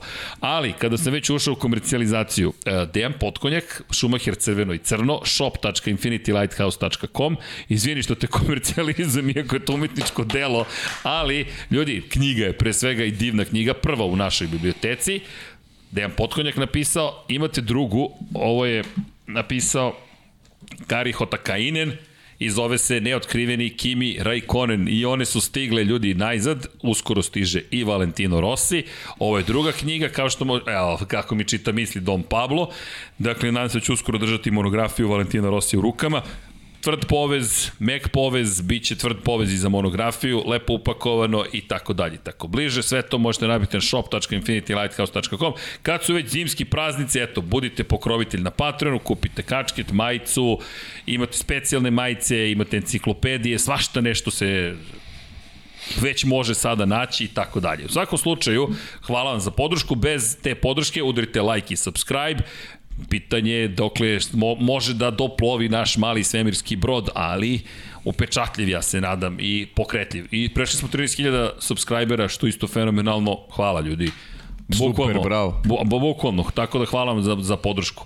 E, Elem, hoćete Patreon možda da ostavimo sada ili kada pređemo još dve trke? Možda kasnije. Ajmo još dve trke, ipak smo se zaneo, da, da, sam da se ne nisam ni stigao do pokrovitelja. Ajde. Ali, odo smo mi u Texas, odo smo mi u Austin i odo smo mi gde? Odo smo mi zapravo na teritoriju Sjedinjenih američkih država gde smo očekivali bukvalno kako Imperija uzvraća udarac. Kao, kako tim koji ima sedam titula za redom u šampionatu konstruktora, zajedno sa sedmostrukim šampionom sveta, dolazi do mesta na kojem zna kako da pobedi. Ali rekli smo, ova sezona je toliko čudna, ukoliko Red Bull ovde odnese pobedu, možda će to biti kritični triumf u ovoj sezoni. Odo smo u Austin, u Teksasu i desilo se ono što smo pretpostavljali da je moguće. Mercedes zapravo u kvalifikacijama nije zauzeo prvu poziciju, neverovatne kvalifikacije za Maxa Verstappena. Jedini je vozio ispod 1.33, 1.32.910, Lewis Hamilton bio drugi, Sergio Perez bio na poziciji broj 3, to je ono što ste rekli, renesansa u ove sezone Sergio Mogu Pereza. da bude i bolji. Mogu da bude i bolji i Valtteri Bottas četvrti ispred dva Ferrarija, Charles Leclerc, Carlosa Sainca, koji polako li sigurno počinje da stavlja do znanja McLarenu da novi motor i te kako funkcioniše. I neka pozitivna najava za 2022. Ricardo Norris 7. i 8. Gasly Tsunoda koji je sve bolji, zaokružuju vodećih 10 u Alfa Taurima. To je bio startni poredak za trku koja je završena pobedom Verstappena ispred Hamiltona, a Perez bio na poziciji broj 3. I trka meni je ostala zaista jedna od upečatljivijih trka. Zašto? Baš zbog ovoga. Da li ste očekivali da će i pol poziciju i pobedu odneti Max. Verstappen? Ja ne, ja sam i tipovao na, na, na Luisu toj trci, tako da nisam to očekivao definitivno. I on, ali ono što je moj utisak, to je posjet, definitivno. Da, 400.000 To je, ljudi to je oboreni svetski dana. rekord. Dakle, za tri dana oboreni Silverstone, najveća posjeta u istoriji Formule 1 i, i baš je bila predivna atmosfera. Nešto što, što je ostavilo, baš kao Zandvort, tako i nama, eto, iz komentatorske kabine, kad vidiš da, je, da su tri dana puna, samo 120.000 ljudi bilo prvog dana, dakle, u petak 120.000 ljudi, pa to je, to je ozbiljna cifra. Ozbiljna cifra i naravno da su da su momci koji se bore za titulu to apsolutno zaslužili. Jer onda tom spektaklu, onome što gledamo na stazi, daje onako još veći, veći značaj i njih naravno tera da budu da budu možda i bolji nego što trenutno jesu. Tako da smo dobili nešto što što se zove i pravo trkanje i, i, i spektakl. Kombinacija svega i zaista sam bio onako kao gledalac presrećen što mogu da prisustvujem eh, jednom takvom vikendu prisustvujem iz komentatorske kabine, ali prosto si svedok nečega što je, što je najlepše moguće u sportu. Da, mi smo imali strah da će možda staza biti Pa suviše da, oštećena. posebno da to što se nije desilo. pre toga smo imali trku Moto Grand Prix gde se svašta dešavalo, ali jedna od bojazni bi bila i da će staza biti ovaj, neupotreblja za Formula 1, što se ovaj, ispostavilo da, Netrčnim. da otprilike da nisu baš ta dva sporta ovaj, Uporediva u po tom nekim zahtevima, da, Da. da. ovaj, uporediva. Ali generalno ok, ali ono, tu se nastavila ta čitava priča, to je možda nešto što, što mi generalno i smeta u toj modernoj Formuli 1 nekih, ne znam sad već nekoliko godina nazad, te zamene motora, te kazne, jednostavno ono, gubi se neki smisao, znaš, Formula 1 kao, kao perjanice automobilizma gde sve treba da bude na, na, na nekom limitu i sad već dolaze situacije koje više ne možemo ni da pratimo, to jest moramo da imamo neke tabele ispred sebe da vidimo ko koliko, kakvih jedinica ima, koliko će dobiti uh, mesta kazna ako zameni motor, menjač, MGUH, ne, ne znam više šta se, šta se sve tamo, Da, Bottas je ponovo tamo bio menja, menjao da, i motor. tako da u principu znaš, postave se neki rezultati na kvalifikacijama, onda sad više ne znaš, tu, tu bukvalno jed- jedna grupa vozača menja ovaj Alonso, delove i Russell. onda onda se taj poredak potpuno remeti, jer ti već imaš neka očekivanja šta taj vozač može da uradi i onda onda malo malo se gubi tu na na nekoj nekoj draži, al jednostavno na, na to smo osuđeni i samo mogu da izrazim nadu da ću u nekom predstojećem periodu sa nekim, ne, nekim smanjenjem troškova ili kako god to budu zvali, da ćemo moći da dođemo do toga da, da, da, da jednostavno ne budemo više imali te kazne vezane za, za, za zamenu, reparaciju, šta god tih, tih pogonskih jedinica, već da uvek imamo vozače na maksimumu i da se da ulaze u, tr, da ulaze u trke na način one kako su se, se pozicionirali u kvalifikacijama. Eto, to, to bi voleo. To je jedna od mojih želja za novu godinu. Ne, okej, okay, to je lepa želja. Lepo, da. Lepa želja, pa pazi, stižu novi bolidi, ko zna šta ćemo da vidimo kada reč o novim bolidima, dosta se sada pri, priča o novim bolidima, ali još smo na, na starim, uslovno rečeno, bolidima, neverovatne scene, zaista, i kao što si rekao, spektakularna atmosfera i jet set američki se pojavio, međutim, ta i Akura koja je promovisana, to takođe da ne zaboravimo. Dobro, to je tradicionalno. Da, da, ali to je lepo bilo Americi, videti da, u da. poslednjoj sezoni Honda zvanično u Formuli 1. Honda u Americi vezano za Civic, tako da A kura je neka druga priča. Da, da, ali, ali Hamilton je, Hamilton je vozio dobru trku i bilo je ovde drame, bilo je ovde i važnih strategija i preticanja, bilo je bitaka i, ne, i ono što je na kraju bilo presudno gotovo jeste moment kada sustiže Max Verstappen bolide za, to jest vozače koji zostaju po ceo krug i koristi njihov DRS da bi se zaštitio od Luisa Hamiltona. Tu su Hasovi zapravo vozači odigrali u verovatno nevolj, ne nevoljno, nego neplanski važnu ulogu i ovo je fenomenalno kada pogledaš fotografije, Andrej, ti nisi bio na ovoj... Nažalost ne. Ali nadam se, nadam se da ćeš u Majami ubiti. Nadam se iskreno, da. To, to, to ne bi bilo... Ja samo znam da ide u Ameriku sledeće godine ekskluzivno. Da. Opa, u to Austin. Eugene. Ju, Sad ste me izbacili potpuno iz šina, okej. Okay. Ovo nije bilo u redu, ovo je bio nizak udarac, ali okej. Okay. Čista, čista ljudska snaga će biti u pitanju. Okej. Okay. E, Is, ispretnost. Dobro, lepo, nadam se da ćete, dobro, ako ne, ne možete da otkrijete, bit će moment. Pa možemo, svetsko atletsko prvenstvo, okay. da, tako da. Ne, ne, nisam, nažalost, u toku dovoljno, ali to je predivno. To je jedna od najlepših stvari koje čovjek, ja mislim, može da... da A, to je koleka da atletike. atletike Bukno svetsko da. prvenstvo će biti u kolekciji atletike. Predivno. Da. Track and field, da. Da. da. Tako da to je super iskustvo. Ja, pored, pored digresija, jel? malo digresija, osim Formule 1, koji pratim poslednjih šest godina, poslednje četiri godine isto velika atletska takmičenja. Evropska, ovaj, evropsko, svetsko dva puta, olimpijada sada, dva indoor, tako evo sad sledi nam u Beogradu ovde i onda, eto, to je priprema za, da, to je baš onako jedna lepa, ovaj, lep miks sa, sa Formulu 1 da imaš savršenu tehn, tehnologiju i, i hrabre vozače i sportiste u tim bolidima i onda imaš čistu ljudsku snagu. Dobro, i Mercedes je igrao svoju igru, deki, sa atletikom, pričali smo o Mercedesu. Da, da, da. Dobili smo priliku da budemo u virtualnoj turi zapravo Mercedesove fabrike. Da, za vreme pauze. Za da. vreme pauze da. i deki mi kaže, Srki, znaš da su atletici, rekao, nemam pojma. Pa napravili su saradnje sa Pumom specijalne sprinterice. A, pričao si mi, da, da. Da, da, da. da. I čovjek je borio svetski rekord u njima. Tako da, Tako Mercedes AMG To je Foršprudih tehnika, ali to je audio reklama, tako da, ali je definitivno... Mogu bi da kupiš te spriterice, da imaš da, da trčiš sa jednog borilišta na drugi. sve na, sta, sve na, na travi, na zelenom. da. Ali treba definitivno dobro obuće. I za, ovu, i za formulu isto potrebno, jer se menja se konfiguracija zaista staze do staze. A dobro, za kad formulu da možeš da Kad dođemo do, do, dođemo do džede, pričat ćemo o tome kako je bila konfiguracija e, oko staze. Ova podloga je neravna bila, mislim na samo pistu ovde u Ostinu, pa... A, da, i to. tu bi ti trebalo, trebalo bi ti baš dure patike. Da, i kada je reč o ovoj trci, videli smo jednu sjajnu fotografiju gde se bore zapravo Hamilton i Verstappen. Mm. Da, da, da, da spomenemo i taj moment. Imali smo onaj duel između Fernanda Alonso, mm. Kimi Raikkonena, pa Vettel je takođe, sve stari šampioni, vrlo agresivne duele su imali i imamo momenti koje nije zgore zapamtiti s obzirom na činjenicu da je i tu, mogli, tu smo mogli da vidimo kako direkcija trke reaguje u kojim situacijama, kada kažnjeva, kada ne kažnjeva, da. kako se možda osvaja pozicija van staze ili brani pozicija van staze, ali opet ono pa što si ti spominjao, ako nije bitka za prvo mesto kao da Pa da, je potpuno drugo pravilo. Imali smo onu priču Tota Wolfa da su zbog neravnina morali da podišavaju visinu bolida i da je to navodno uticalo na performanse Luisa Hamiltona i, i, i Valterija Bottas u trci, ali a ono što je bilo očigledno i tada da, da, da Mercedes zaista ima ima brzinu i i da ćemo gledati do kraja veliku bitku između između dva. Izvini, Deki ruši inventar, pa ali, pa dobro, ali dobro. dobro, ovo nije stalni. U prazničnom je, raspoloženju. Da. Ali ovo je važan moment koji spomenješ za Red Bull takođe, što smo počeli da vidimo polako li sigurno u Meksiku. I pričat ćemo o tom zadnjem krilu koje se raspadalo da. trku za trkom zapravo na Red Bullu.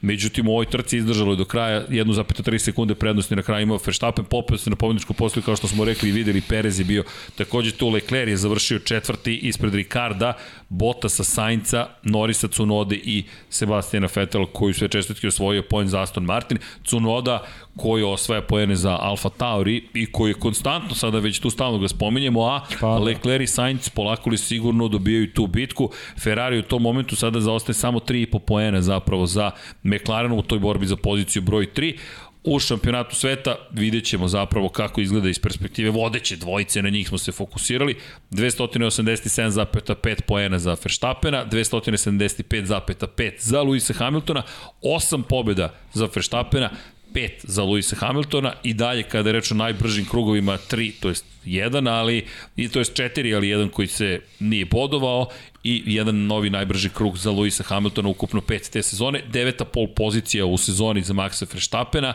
treća i tri dalje ima Lewis Hamilton. Što se tiče sreće, tu su na 3-3. Tako stoji situacija posle 17. od 22 trke.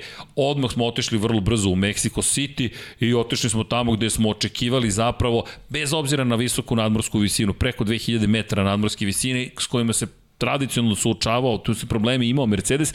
Kada pogledamo trku u Meksiku, nekako ipak izgledalo da bi Meksiko trebalo da bude mesto na kojem uslovno rečeno uz, uzvraćaju udarac. Samo bih napomenuo da se ove sezone ta velika nagrada nije zvala velika nagrada Meksika, zvala se velika nagrada Mexico City-a.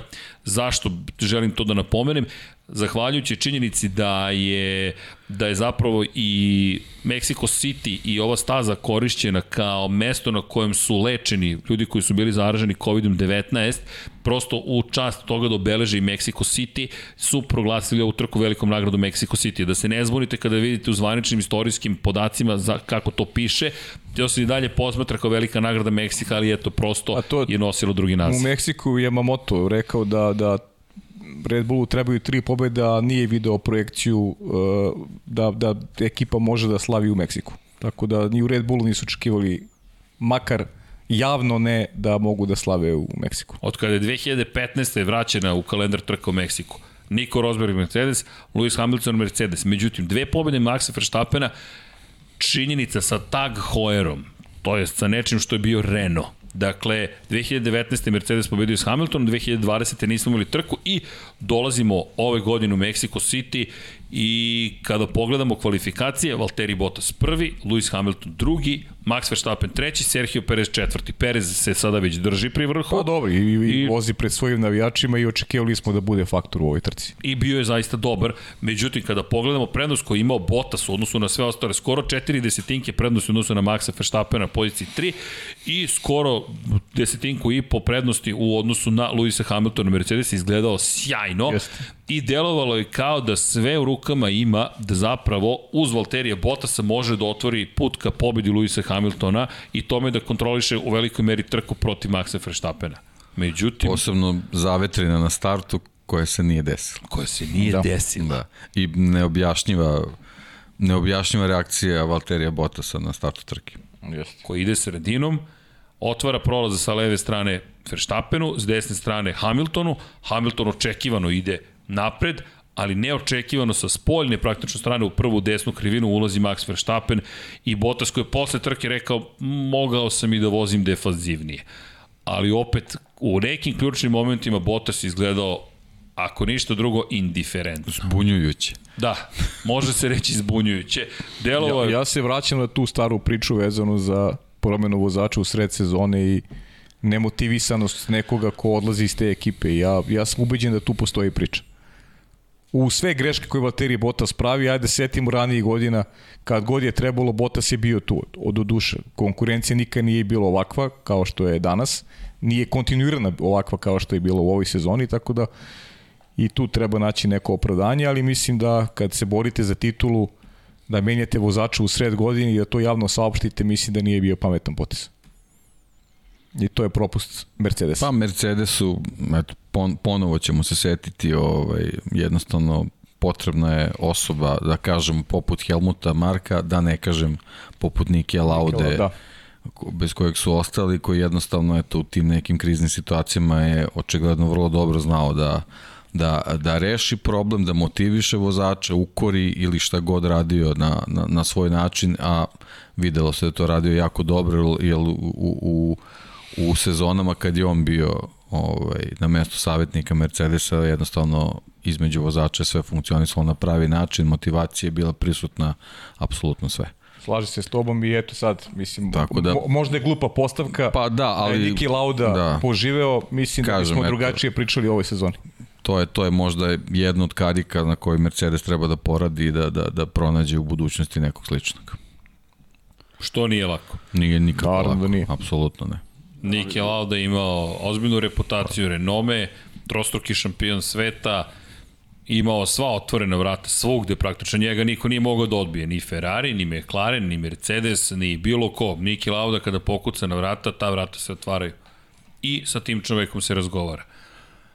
To nije jednostavno, ali eto Ferrari vraća neke stara, neka stara lica, Jean Todt će verovatno ponovo biti, gotovo sigurno. Pa tu je. to je definitivno. član Pa Ferrari. ako, ako bude neka slična uloga, to će biti apsolutno dovoljno Ferrariju da za neki procenat napreduje. a u igri nijansi taj procenat je veoma velik. U svakom slučaju u ovoj trci na početku samo da ne spomenem, da spomenem i to, Valtteri Bottas imao kontakt s Danielom Ricardom, nije bilo istrage tog incidenta, prosto trkački incident, ali... Ajde, Ricardo, izvini. Ricardo je jako dobro delovao u tom trenutku i možda mogo da bude mnogo Jest. bitniji faktor ovaj, u, u čitavoj priči Jest. da, da nije bilo tog kontakta. Međutim, i on i Bottas na kraju daleko od pojena 12. to jest 16. 15. zapravo Valtteri Bottas, a Verstappen i Hamilton ne mogu da kažem da nije bilo bitke, u jednom trenutku delovalo Pa. kada bi nešto moglo se desi, ali zaista je stvari držao pod kontrolom Jest, Max Verstappen. apsolutno. I Red Bull je delovao impresivno. Ključnu stvar je uradio na početku trke. Da, sa treći skočio na prvu Treći na prvo mesto i kasnije onako u velikom stilu odbranio odbranio to prvo mesto i došao do devetog triumfa u sezoni. Da, najbrži krug inače pripao Volteriju Bottasu, ali nije bodovan, s obzirom činjenicu da je bio 15. na kraju, tako da ni Verstappen ni Hamilton nisu dobili dodatni poen. Nije ni Perez dobio dodatni poen, ali Perez nije ni jurio dodatni poen. A, Perez, Perez je, Perez je jurio istoriju. Meksikanac, Meksikanac na podijumu, to je, to Prvi je bila put priča. u Prvi put. istoriji na, na stazi u Meksiku. I tako su i proslavili, kao da je i titula osvojena i tako su se ponašali čini mi se u Red Bullu i mislim pa, da su se opustili malo prerano. O, e, olakšanje na njihovim licima i proslava u onom stadionu, impresivnom stadionu, uz Ameriku koja je bila samo od nedelju dana ranije, ti dođeš u Meksiku i gledaš još jedan spektakl tog tipa, da. Baš je izgledalo dobro. Baš je izgledalo, dobro, a znali smo da idemo u Brazil gde uvijek imamo sjajnu publiku i impresivna jednostavno atmosfera, u, u, jednostavno to što smo mogli da vidimo u Mexico City, to što je Perez na pobjedičkom postoju i kao što si rekao Andrej, u nekim državama navijaju za Hamiltonu, nekima za Verstappena. Verstappen ovde zahvaljujući Perezu, on je rekao, hvala Serhiju za ovo što sam ja dobio i što je Red Bull dobio, jer mi smo ovu podršku dobili zahvaljujući Perezu. Mislim da je to bio jedan od uticaja tržišta pre svega kada su birali Pereza kao vozača Red Bulla. Pa mislim da je to područje tako u Meksiko da oni ipak više preferiraju ove koji su i slabiji generalno, tako da. Outsideri, Pa uslovno da, rečeno. da, pa outsideri da. Uslovno, uslovno, Uslovno rečeno. Vidjet ćemo kakav će odnos snaga biti naredne godine, ko će za koga navijeti. Da, pa dobro, vidjet ćemo, vidjet ćemo, za- mislim da zavisi mnogo od Ferrari. Si bio, Andrej, nisi? Nisam, nisam, nažalost preko, preko Atlantika nisam ovaj radio Formulu 1. Da. Još. Vidjet ću. Samo kažem još. Ti znaš da sam ja onaj što je dosadan, naporan, ali navijam. da Lobirat ćemo za. Miami ove, ove, ove godine. Ma, Miami, ljudi. Miami, da. To ja mislim da je super. Zato što je blizu let, ne znam ni zbog čega drugog. Da, Neki, imaš ti šta- još neki utisak Istočna obala. vezan za, za Meksiko ili... Pa kažem, eto, meni je taj, taj start bio glavni utisak i, i ta, ta, ta neodlučnost Botasa, a s druge strane, sam, samo da zaokružimo ovu priču, publika je na određenim stazama u stvari bila utisak utisak Yes. sezone ili imali smo imali smo super Austriju, Holandiju, imali smo super ovaj priču u Meksiku, u Ostinu, tako da eto to to je ono onaj pokazatelj da da da ovakva sezona Formula 1 zaista je je zaslužila veliku gledanost na samoj stazi i šteta eto što što zbog što zbog ove da nismo imali priliku da da da ovakvu jednu istorijsku sezonu ovaj zaokružimo sa gledocima, to je sa punim kapacitetom na svim stazama, tako da eto možda to neka dobra najava za, za, za sledeću sezonu, za, za ljude koji su u mogućnosti da doživu prisus- prisustvuju trkama, ali evo, evo nažalost već imamo te neke najave da, da ne znamo ni kako će, kako će se sezona kompletirati, ali eto ja bih zaista voleo da, da ovaj, imamo na ovaj način publiku na, na, na svim stazama, jer to je jednostavno ono što, što, što i čini Formulu 1, što je u stvari izgradilo Form- Formulu 1 da, da, da, da je danas imamo ovaj, popularno na način kako jeste upravo ta publika koja imala mogućnost da uživo, da uživo prati te, te, te spektakularne trke i da u stvari se uživo uveri u, u snagu tih bolida i u, i u umešnost vozača i tako dalje i tako dalje. Tako, jednostavno Formulu 1 treba, treba pratiti uživo kogod može da, da Da, inače trci. počelo je prodaje karata, tako da ukoliko želite da idete u Mađarsku ili neku drugu blisku lokaciju ili daleku lokaciju, sad je prilika. Bukvalno sad je prilika da to učinite, s obzirom činjenicu da su obično sada niže cene karata ili da ih uopšte ima. Tako da, ako već niste, požurite. f1.com kao prva stanica ima dosta dobrih sajtova, da ne reklamiramo nikoga, to je jedini zvanični web sajt i da bacimo pogled na to kako je izgledala situacija u šampionatu sveta između vodeće dvojice. Max Verstappen, deveta pobjeda te sezone, 312,5 poena, 293,5 poena za Luisa Hamiltona. Ovo je već delovalo Da, ozbiljno. delovalo ozbiljno. Išli smo polako ka celoj pobedi prednosti, pre čemu pol pozicija broj 9, pobede se nižu, pol pozicije se nižu. Hamilton, A samo četiri trke do kraja. Samo četiri trke do kraja, a Hamilton u tom momentu niti ima pol pozicije, niti ima najbrže krugove, niti ima pobede sreća im je negde konstantna, recimo od velike nagrade Italije, svodi se uglavnom na trkanje, ali tad smo već znali, očekivali smo zaista sada Mercedes već da uzvrati, zašto?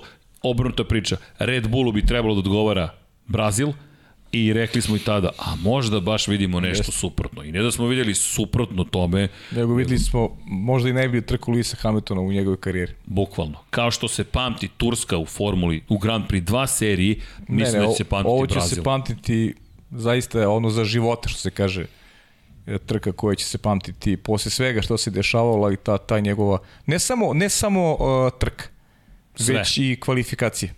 Ceo vikend.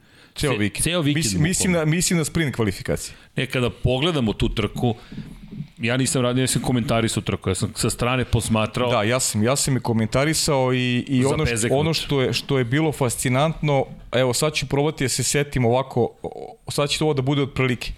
Uh, dakle, kvalifikacije koje su trajale koliko? Uh, koliko je krugova su bile sprint kvalifikacije? Sad ću ti reći, tačno. Nekih 15 krugova recimo. Samo sprint kvalifikacije? Da. 24 kruga. 24, 24 kruga. kruga. E, dobro. 24 kruga. Dakle, Lewis Hamilton je za nekih e, sve zajedno nekih recimo 30 krugova je nadoknadio nek, otprilike 19 pozicija, čak i jače.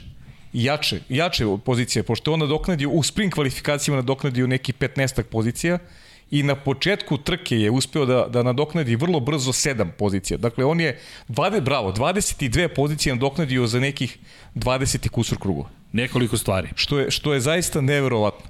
Ne, evo, samo, ne, samo par stvari. U kvalifikacijama je bio na poziciji broj 1. Dakle, bio je beljivo najbrži u kvalifikacijama.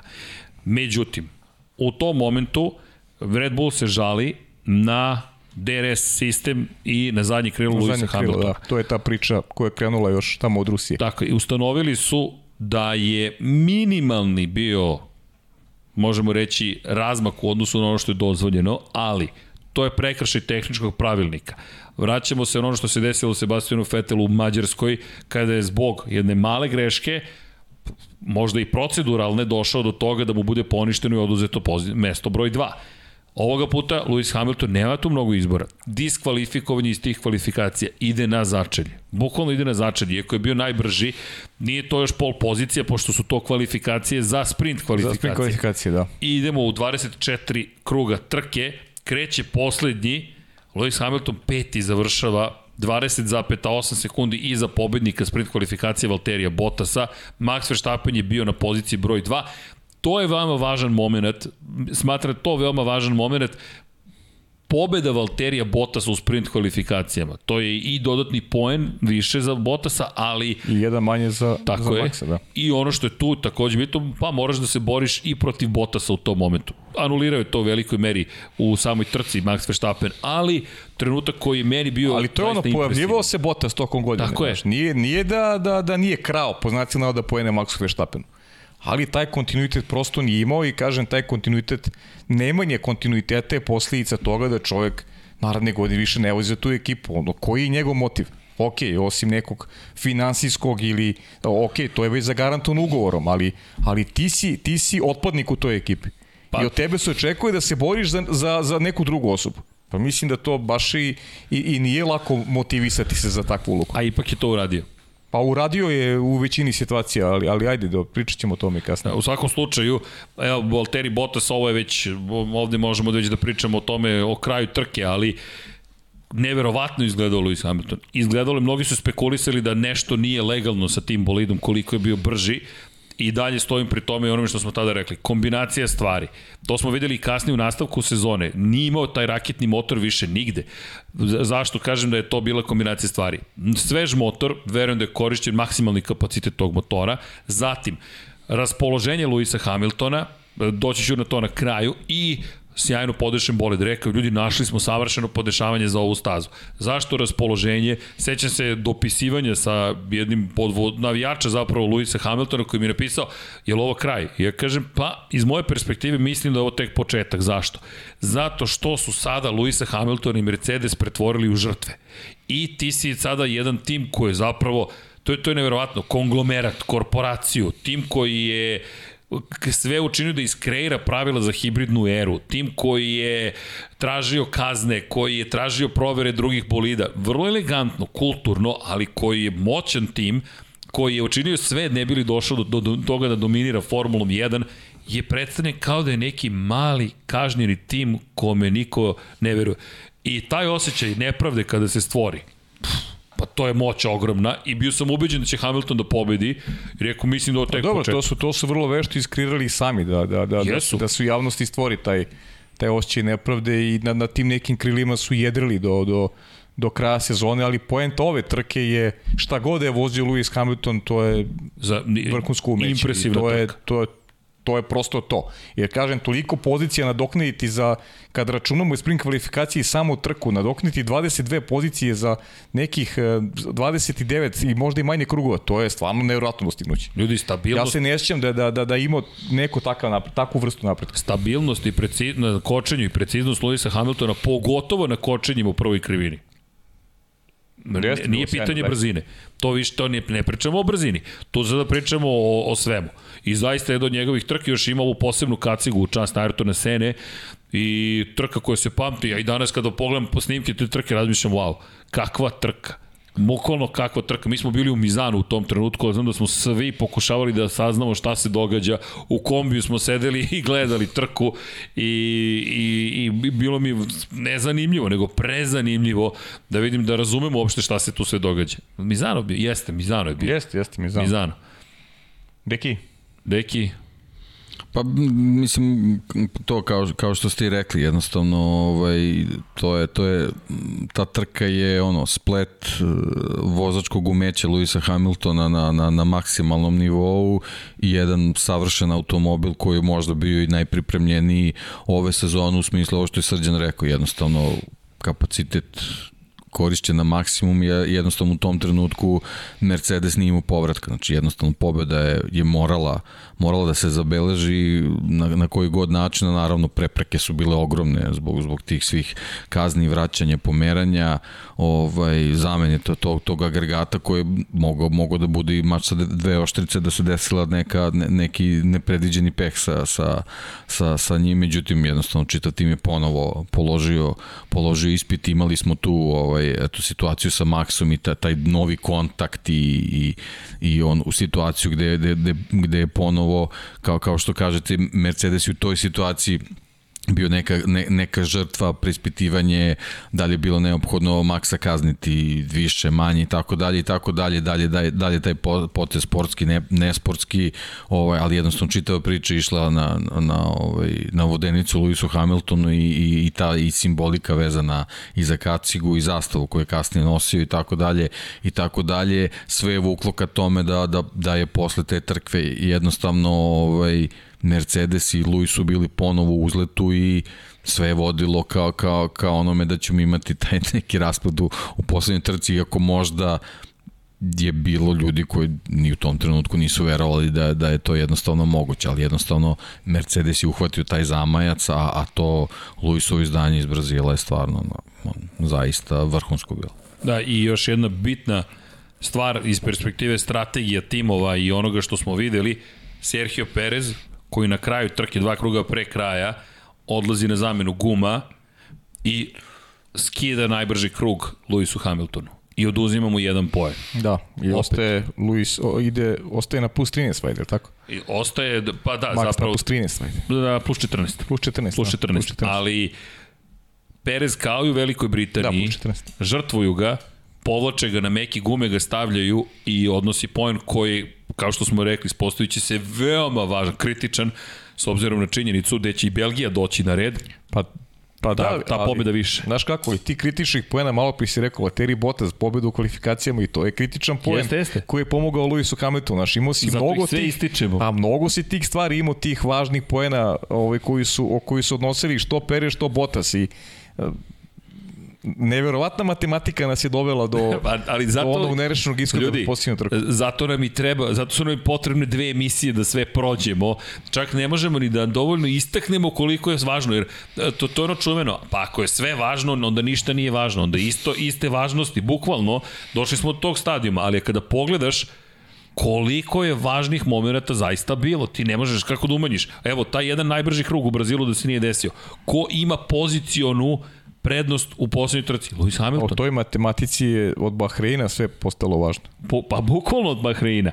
Ali mi je fascinantno, kažem ti koliko, jer obično kažem ti, obično kažem, pa dobro, ništa nije važno. Jer nemoguće da sve bude važno. Moguće je. Ova sezona pokazuje koliko je moguće zapravo da sve bude važno. Jer kažem, da ovde nije uzeo taj poen, Sergio Perez, Da, Botas, ok, da nije uzeo u kvalifikacijama. Dakle, to ti je ta priča. I jedan i drugi koliko veliku ugru za, iglu zapravo igraju u svemu ovome, a od toga je zavisilo ko u podsjednoj trci može stratešku poziciju da ima bolju i, čekaj, i ko sme da žrtvuje čak i trku. Me, mislim da, da je Luis e, imao još jednu kaznu. Uh, On je bio, Jeste, on je menjao, bio peti, on je menjao još nešto pred, ne, pred ovu trku. Prvo je diskvalifikovan, pa Tako je onda je. menjao motor, motor, motor i onda menjao. su ga pomerili zapravo 10 pozicija unazad. Da.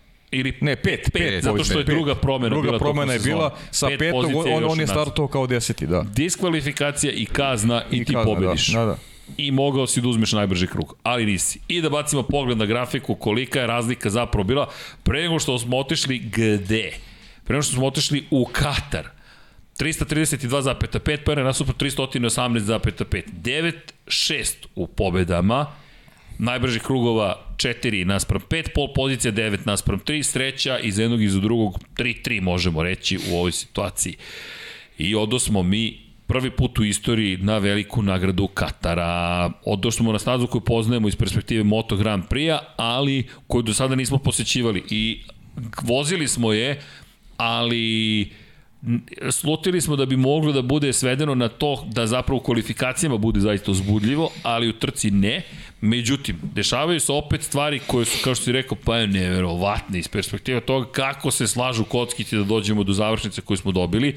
Zašto? Kvalifikacije. Lewis Hamilton odnosi poziciju broj 1. Max Verstappen je drugi. Ali, prolazi kroz dvostruke žute zastave i vraća nas na početak sezone kada su kaznili Sebastijana Fetela Ista kazna je bila, prošao si kroz dvostruke žute zastaje, pet pozicija ideš unazad. Ideš pet pozicija unazad i zapravo sedmi startuje Max Verstappen, Bottas je drugi, Gasly treći, Fernando Alonso, bitno je napomenuti Alonso, Lando Norris, Carlos Sainz, Yuki Tsunoda, Esteban Ocon i Sebastian Vettel i inače dobio je kaznu pomeranja tri pozicije unazad Valtteri Bottas, zato što je jedna bila žuta zastava, nisu bile dve, tako da je on zapravo na kraju došao na šestu startnu ili petu poziciju, ali je bio ispred, ispred, ispred da. Maxa Verstappena. Što smo isto gledali, aha, opet može da utiče ko je nestao u celoj priči, Sergio Perez nije se probio u Q3 deo kvalifikacija. U momentu kada to ne sme da učini, Sergio Perez je napravio grešku na kraju je to pomoglo pre svega Fernando Alonso da dođe do pobjedičkog postavlja, međutim iz perspektive Verstappena i Hamiltona, pogotovo posle one impresivne trke u, u Brazilu, delovalo je da ukoliko neko čudo ne izvede Verstappen, ovo je prosto Hamiltonova pa, trka. Mislim, tako se ispostavilo. Trka koja je malte, manje više rešena na startu za Luisa Hamilton, jedna od onih njegovih tipičnih trka kada povede i pritom ima Maxa u blizini, Maxu je trebalo malo vremena i to ne mnogo vremena, Max je vrlo brzo došao do, do pozicije 2, uspeo da prestigne startu Vaterija Botasa i gledali smo u suštinu jednu onako trku koja koja sad nešto i ne zahteva neku preveliku analizu, makar iz mog ugla možda, možda vi pamtite neke, neke detalje. Meni, meni, je, meni je onako taj segment bio najvažniji. U stvari gledali smo kako će Max startovati u trci gde kreće sa pozicije 7. Ja mislim da on već posle nekog 10. 11. kruga već bio na drugom mestu ali je već Lewis Hamilton napravio jednu razliku koja je, koja je bila kritična i Lewis je samo održavao, tako da mislim da mislim da da, da je trka onako bila bila vrlo vrlo predvidiva kada govorimo o dvojici najboljih vozača. Pa veću zabavu smo imali zapravo u tome što je bilo moguće preticati u prvoj krivini i što smo imali dosta zapravo preticanja i napada i što je Andrej bio na stazi. Pa da, i opet taj loš start Valterija Bottas, eto, opet da. možemo da kažemo, opet Valterija Bottas, poziciju. pa odmah izgubio od Maxa poziciju, da. Andrej, kako je bilo u Kataru? Prašnjavo. Vrlo, da. Bilo je dosta prašina na ovaj, peska na stazi, to, to koliko se sećam. Baš, baš za prvi trening i baš je bilo ovaj, prašnjima na, ovo, je, ovo je u stvari slika sa, sa samog starta, isto bilo onako te prašine u vazduhu. I to je bila improvizacija što je zanimljivo, pošto se ovde vozi MotoGP. Izvini, Lab 76? Sluč, našao sam tamo, da, da. neko bio pre. I prašnjave gume vidiš. Ove, da, da. I inače jako dobrih profila ima tamo. Da, to sam teo da primetim, ovo, ovo nije uopšte loše. ovo može se vozi solidno. Ove, onaj, što, da, zašto, što je zanimljivo za nas, za slikanje, znači kad staneš, obično startnu poziciju staneš na, on, gde je bila ona prva fotka sa onim, uh, da se vidi objektiv ovaj, u prvom planu, uh, ti kad stojiš dole, da su oni predvideli, ti ne vidiš jer ova staza ide dolu, ide u rupu, prva krivina ide dole, ti ne možeš da vidiš ništa. To, I za MotoGP se slika valjda iznutra i tako, mislim, nije, sli, nije staza za slikanje Formule 1 baš. I eto, ta preš, to je bio kuriozitet, pa su onda jedan od tih koji su tamo dešavali i da, pošto smo insistirali da moramo da imamo te, tu startnu sliku, onda su doneli one improvizor sa onim makazama, pa smo nas podigli ovaj, kao na na neku visinu gde je duo onaj vetar, malo bilo to onako čudno, ali ovaj, sve u svemu. Uh, Ovo nije fotomontaža. Ovo delo ko sa igrice. Sa, ovo delo, ovo da nije ne piše dole AFP, da. misli bi da neki intro. da, to, to. Valteri Bottas, šta radi Valteri? I tad smo, imali, tad smo konačno bar ja sam tad prvi put po, o, posle eto, dve godine bio u, u, u pit lane-u i to onda već malo drugačije imaš i utisak i fo, ono, uopšte Formula 1, vidiš neke ljude, vidiš mehaničare, vidiš i ovo kad, lep, kad ulaze ovaj, u, u, u boks.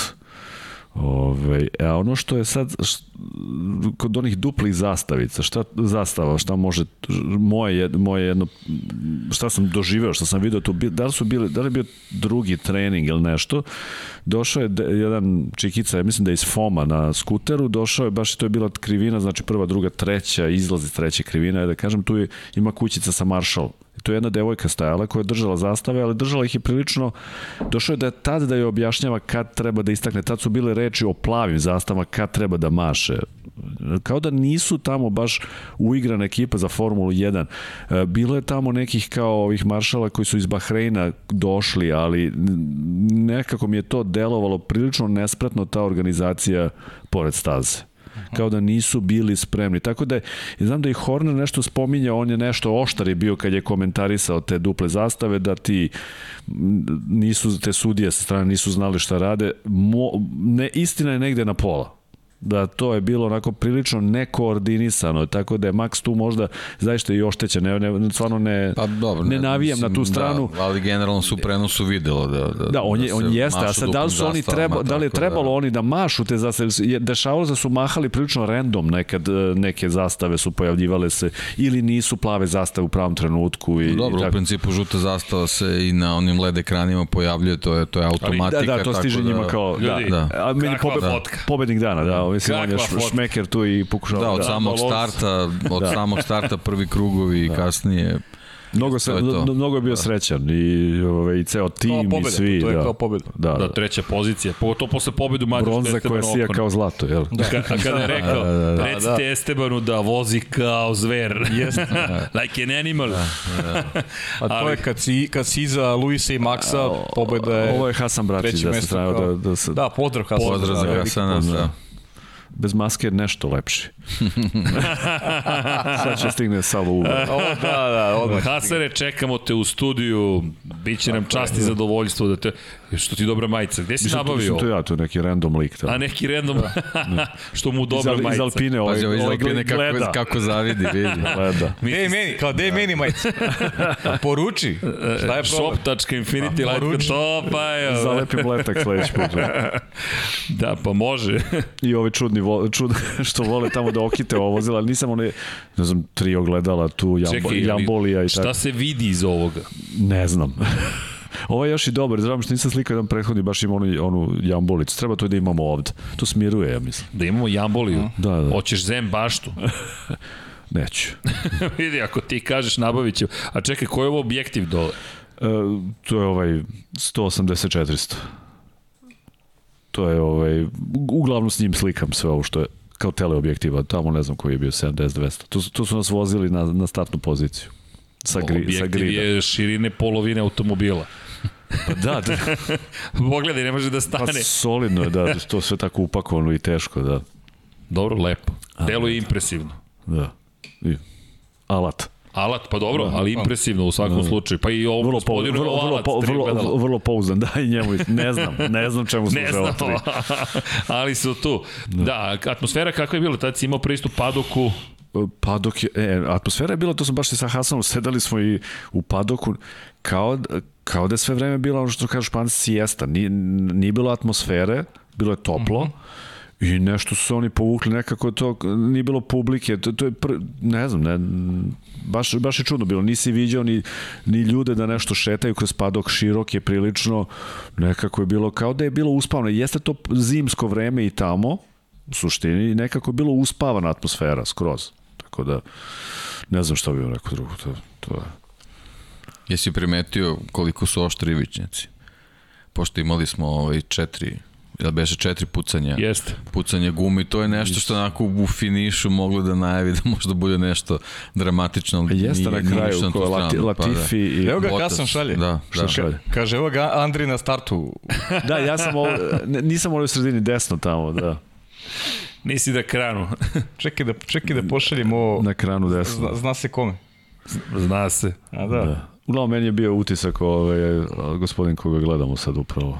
Da, baš deluje. Poslao sam ti na, na, na radosno. Infinity. Instagram. Na Infinity Instagram. Da. Da li pratite Pavla Živkovića na Instagramu? Ako ne pratite, ovo je idealan trenutak da ga Ovog zapratite. trenutka ga zapratite. Pavle Živković, 28, je li tako? Tako to je, je. zbog godina. Zbog godina, pa da. Da, shvatio sam zapravo u čemu je što sam. Ali, velika pobjeda za Luisa Hamiltona. 102. u karijeri. Je li tako? Nisam mu oduzeo pobedu. Nisi, nisi. Teško ne. ispratiti nisi, koliko nisi. pobjeda čovjek ima. Zaista je neverovatan. 102. delovalo je školski gotovo sve što su učinili, ali ono što je bilo bitno jeste da je uspeo nekako da, da nastavi da pokreće točkovi. Rekli smo pre Brazila, ukoliko bi mogao da zabeleži četiri pobjede za redom, ne, ne vidim diskusiju bilo kako više o tome ko je i šta je u panteonu šampiona zapravo Lewis Hamilton i koliko bi to bilo neverovatno Međutim, bilo je to još posla za Luisa Hamiltona. U svakom slučaju stigli smo u pustinju, stigli smo na Bliski istok, stigli smo na noćne trke i iako je ovo bila prva u nizu trka na Bliskom istoku bila je istovremeno i prva u nizu novih staza. Svidela se većini vozača, oduševljeni su bili samom stazom, ne toliko možda e, inicijalno za onim što se dešavalo u trci, mada radost je bila u tom kontekstu što je taj startno ciljni pravac zaista dovoljno dugačak bio da možemo da vedimo veliki je. broj preticanja.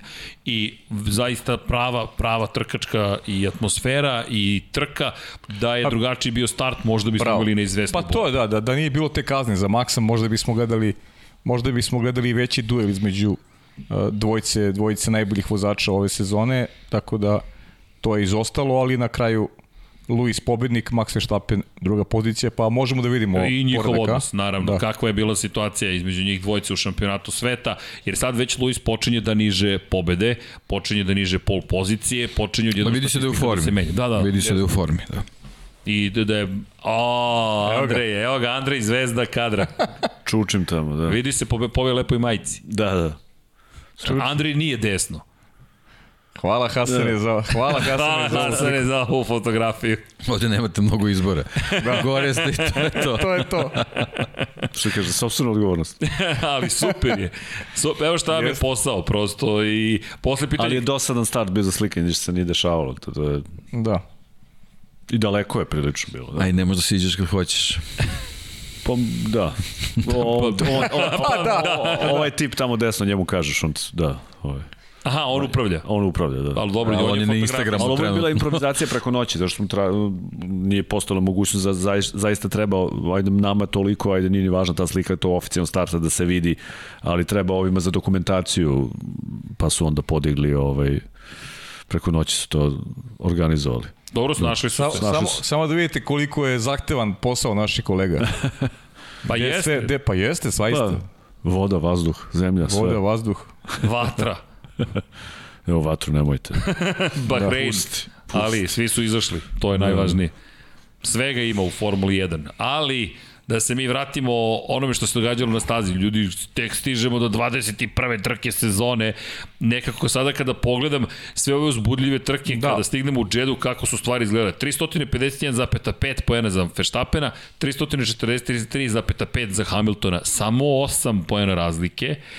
9 pobjeda naspram 7, međutim najbrži krug je Imao uspeo. Max. Tako je, Verstappen da, Da, zato, osvoji. zato je plus 8. Tako je, peta, po, pet je ih imao i dalje u sezoni Lewis Hamilton, 9 pol pozicija za Verstappena, 4 za Hamiltona, dve trke pre kraja, sreća ujednačena i stižemo u Saudijsku Arabiju prvi put u istoriji idemo u Džedu i vozili smo ovde simulaciju, znali smo da će biti Hoćeš, mega brza staza. Hoćeš da, ajde Patreon sada, pa, Hoćeš, pa ćemo Ja, onda posljednje Bajo, dve trke dostavimo za ajmo. kraj emisije. Mislim da je to, da je, da je red prema ljudima koji nas podržavaju nesebično.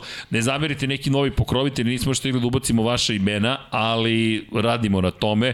Ipak je deo, ma, malo smo ipak i mi na nekom kao odmoru, bez obzira što smo zapravo konstantno tu, ali nazovemo to odmorom. Može Dom Pablo spisak pokrovitelja u novogodišnjim prazničnoj atmosferi. Ko želi da bude patreon.com kroz Infinity Lighthouse Sava, Toni Ruščić, Mario Vidović, Ivan Toškov, Stefan Dulić, Marko Bogovac, Ozren Prpić, Marko Mostarac, čisto da znate da nije snimljeno, ovo je epizoda broj 163, Nikola Grujičić, Aleksa Vučić, Zoltan Bezej, Zoran Šalamun, Miloš Banduka, Laslo Boroš, Đorđe Radović, Ivan Simeunović, Mihajlo Krgović, Nenad Ivić, Nikola Božinović, Monika Erceg, Omer Kovačević, Filip Banovački, Miroslav Vučinić, Predrag Simić, Žorž, Stefan Vidić, Mlađan Antić, Jelena Mak, Mladen Krstić, Marko Ćurčić, Milan Nešković, Ivan Maksimović, Bojan Mijatović, Petar Relić, Stefan Prijević, Nenad Simić, Luka Savović, Andrej Božo, Boris Gvozden, Boris Golubar, Zorana Vidić, Luka Manitašević, Ljubo Đurović, Borko Božunović, Đorđe Andrić, Aleksandar Gošić, Mirjana Živković, Nemanja Miloradović, Miloš Vuletić,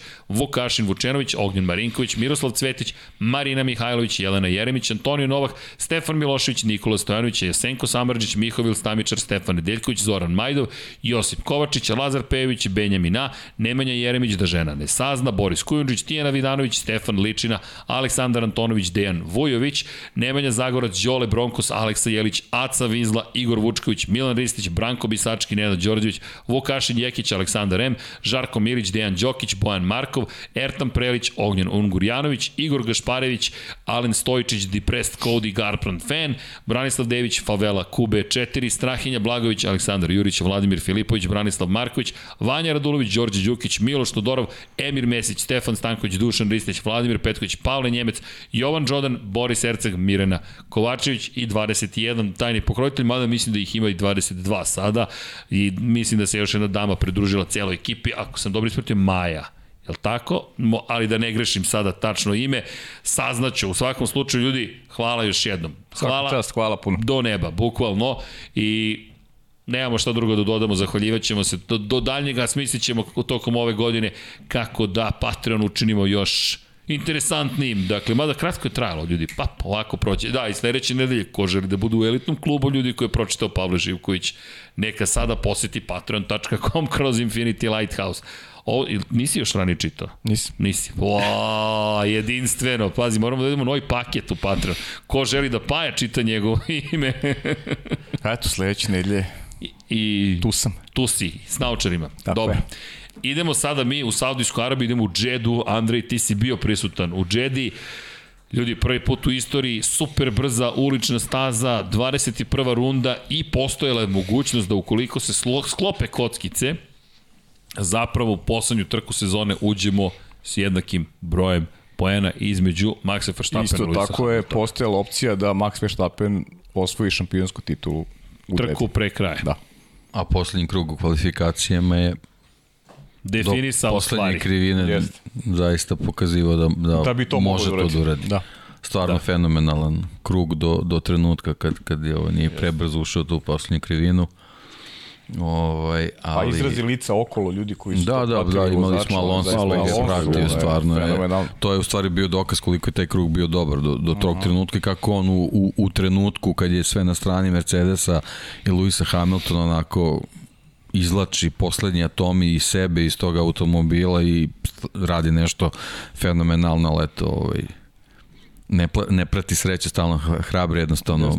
blokirao je točak nije se uspeo da se izvući udario zadnjim delom ovaj, jednostavno taj krug je propao ali, ali da je to uradio mislim da bi da bismo tu možda ovaj, imali rešenog šampiona da Jer, jer taj trenutak je posle povukao čitava ta neka dešavanja na stazi zbog, zbog slabije pozicije na startu i tako dalje i tako dalje, ali pa ja će više o tome, o tom drugom delu ovaj, trke u Jedi.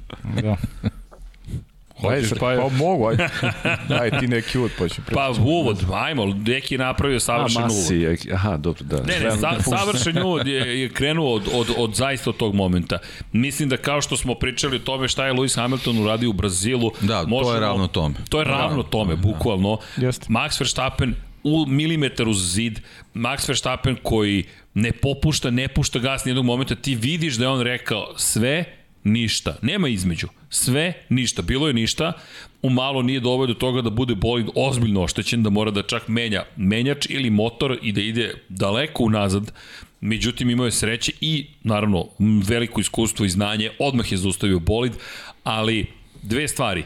M moj utisak. Jedan je taj krug gde, gde vidiš, to je meni na nivou onoga, ne, porediti ga sa Senom nije prikladno samo zato što ne postoji drugi Ayrton Sena. Prerano je i ne postoji drugi Max Verstappen. Svaki ima svoju priču. Ali ako bih poredio sa nečim Brazil ove godine sa Hamiltonom i Monte Carlo Ayrton Senna 88. Možete da kažemo i u samoj trci kada je preterao, kada je za ceo krug mogao da pretekne Alana prosto i rekao idem do kraja, završio u zidu, Verstappen je tako završio u zidu, I to nije kritika, to je konstatacija i još jedan utisak. Toliko smo vozili zapravo Saudijsku Arabiju deki, toliko puta smo prošli taj krug.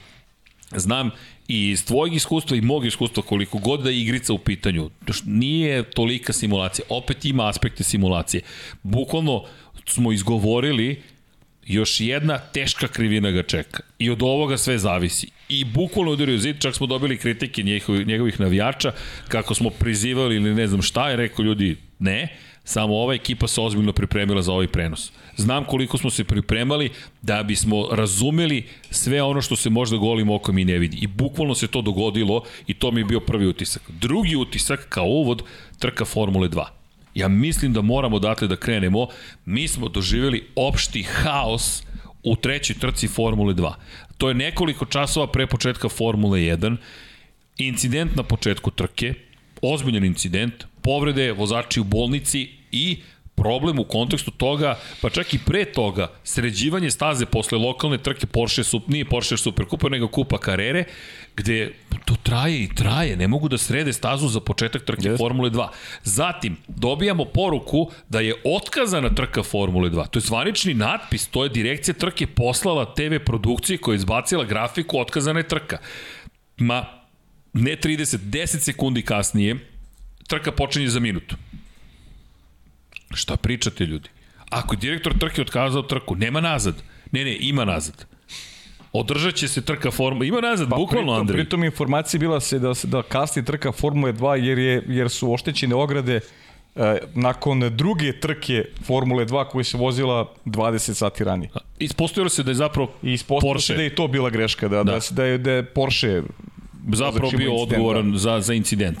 A onda dolazimo do toga da ćemo ipak imati trku Formule 2, pa ona kreće sa haosom, pa nju ipak odlučuju da nastave, a onda Michael Masi, direktor trke, silazi da bi pokazao ljudima koji četkaju startno ciljni pravac kako da četkaju startno ciljni pravac. Katastrofa. Klasičan potez Za mene to je potez tiranina. Zašto? Hoću da se vidim u kadru. Ne, ne, tvoj posao je da organizuješ da neko ode da to završi. Ne ti da siđeš dole. Da, ali to je, ono, pričali smo ranije, to je generalno čitava priča vezana oko organizacije Formula 1 koja je ono, multimilijarde zarađuje u čitovi priči gde, gde se e, neke jako bitne stvari oko organizacije trka posebno vezano za, za uličke, ulične staze ovaj prepuštaju volonterima, nekim lokalnim organizacijama i tako dalje, tako dalje, a opet odličan primjer imamo ako već pričamo o nekoj amerikanizaciji, ovoj Formula 1 kako se rešimo tak, recimo takve stvari dešavaju na ovalima u, u Indikaru gde postoje uigrane ekipe koje bukvalno putuju trke do trke i, i, i u svega nekoliko minuta rešavaju sve probleme vezane za, za održavanje staze posle nekih udesa.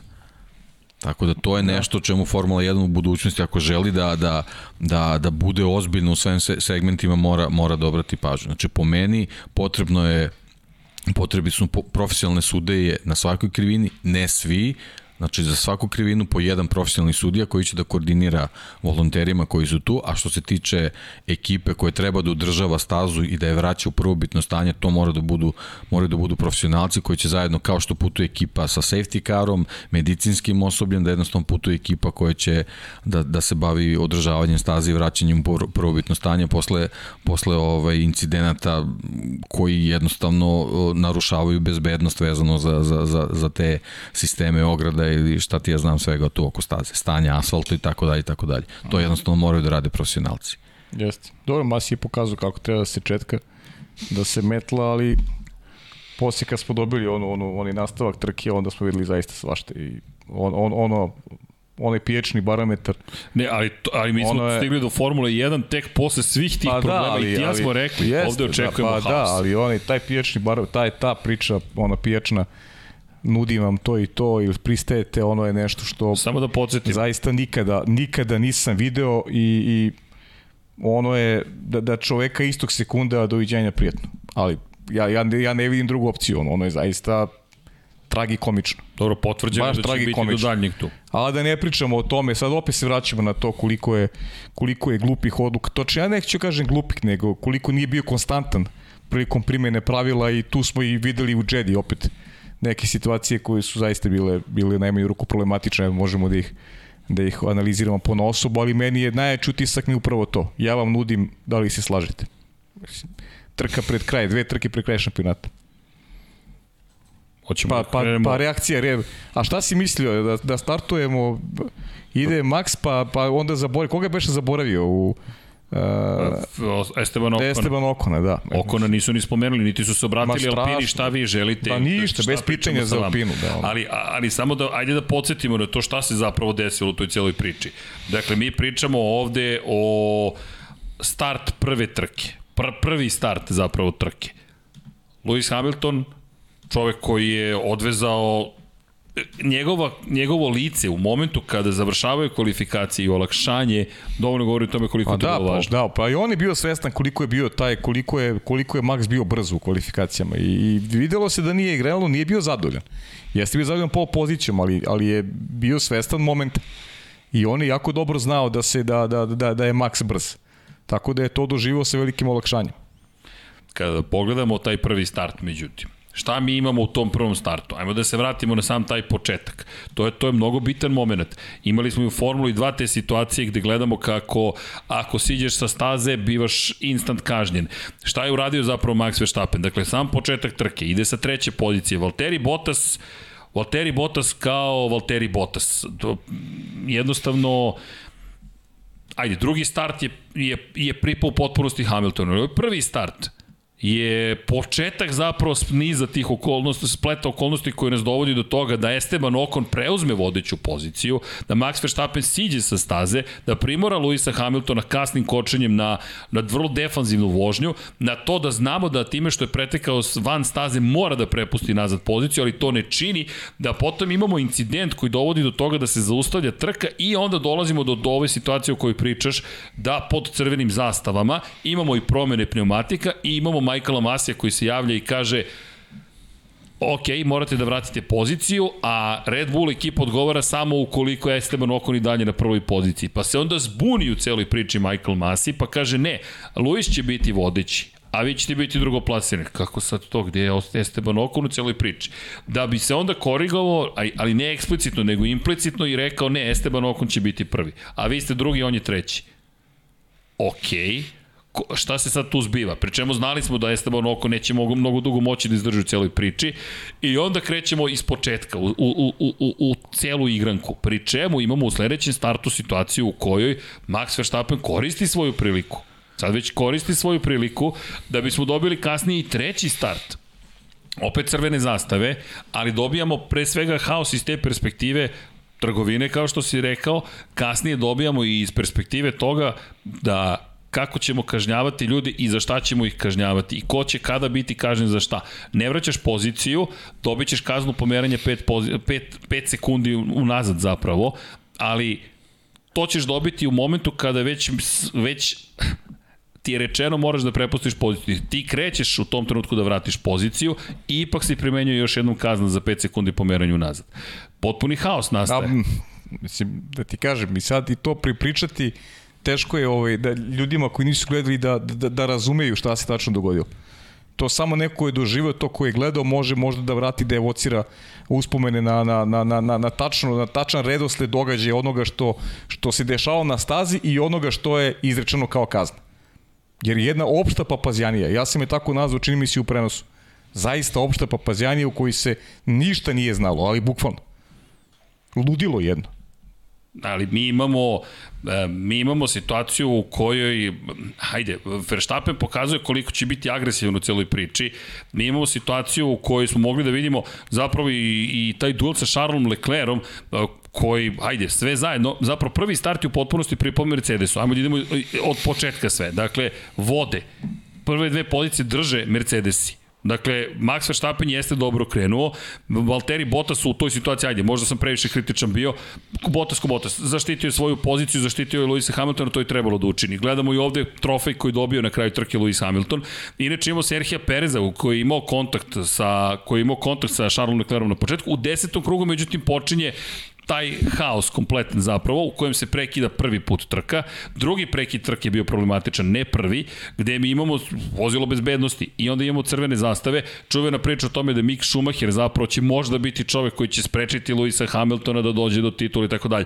Gde postoji problem? Postoji problem u izboru guma zapravo. U tom momentu se pitaju i u Red Bullu i u Mercedesu koje gume izabrati, šta, šta staviti sada? A ne, problem je što, zapravo. je što su Mercedesu i vozači već menjali pneumatike, a Max Verstappen je ostao Nije, na stazi. I je. to je problem zato što je Max Verstappen tako nadoknadio dve pozicije. On je dobio besplatnu dobio promenu guma. promenu guma, pritom je, pritom je prešao na prvo mesto. I tu su krenule već onda naravno priče, pritisak od strane Mercedesa, zašto crvene zastave, zašto ulazak i to je tu je već ono, krenula ono ponašanje Toto Wolfa koje je totalno Pa dobro, Toto Wolf je Toto Wolf i ponašanje to je onako baš jedno ovako Zanimljivo, ja, ja sam, zanimljiva teorija. Ja sam tu sreću, nesreću da sam tu trku pratio sa pit vola. Znači, je totalni haos kad gleda, ne znaš šta se dešava. Jedan put se mešaju karte da, znaš, ono, ti ih imaš poređene na izlazu dok je, kad je bio prekid, imaš ih podređene u, u pit lane-u celom dužinom i ti vidiš ono što kažeš je Sebastian Ocon je bio drugi u, jednom, u tom poredku,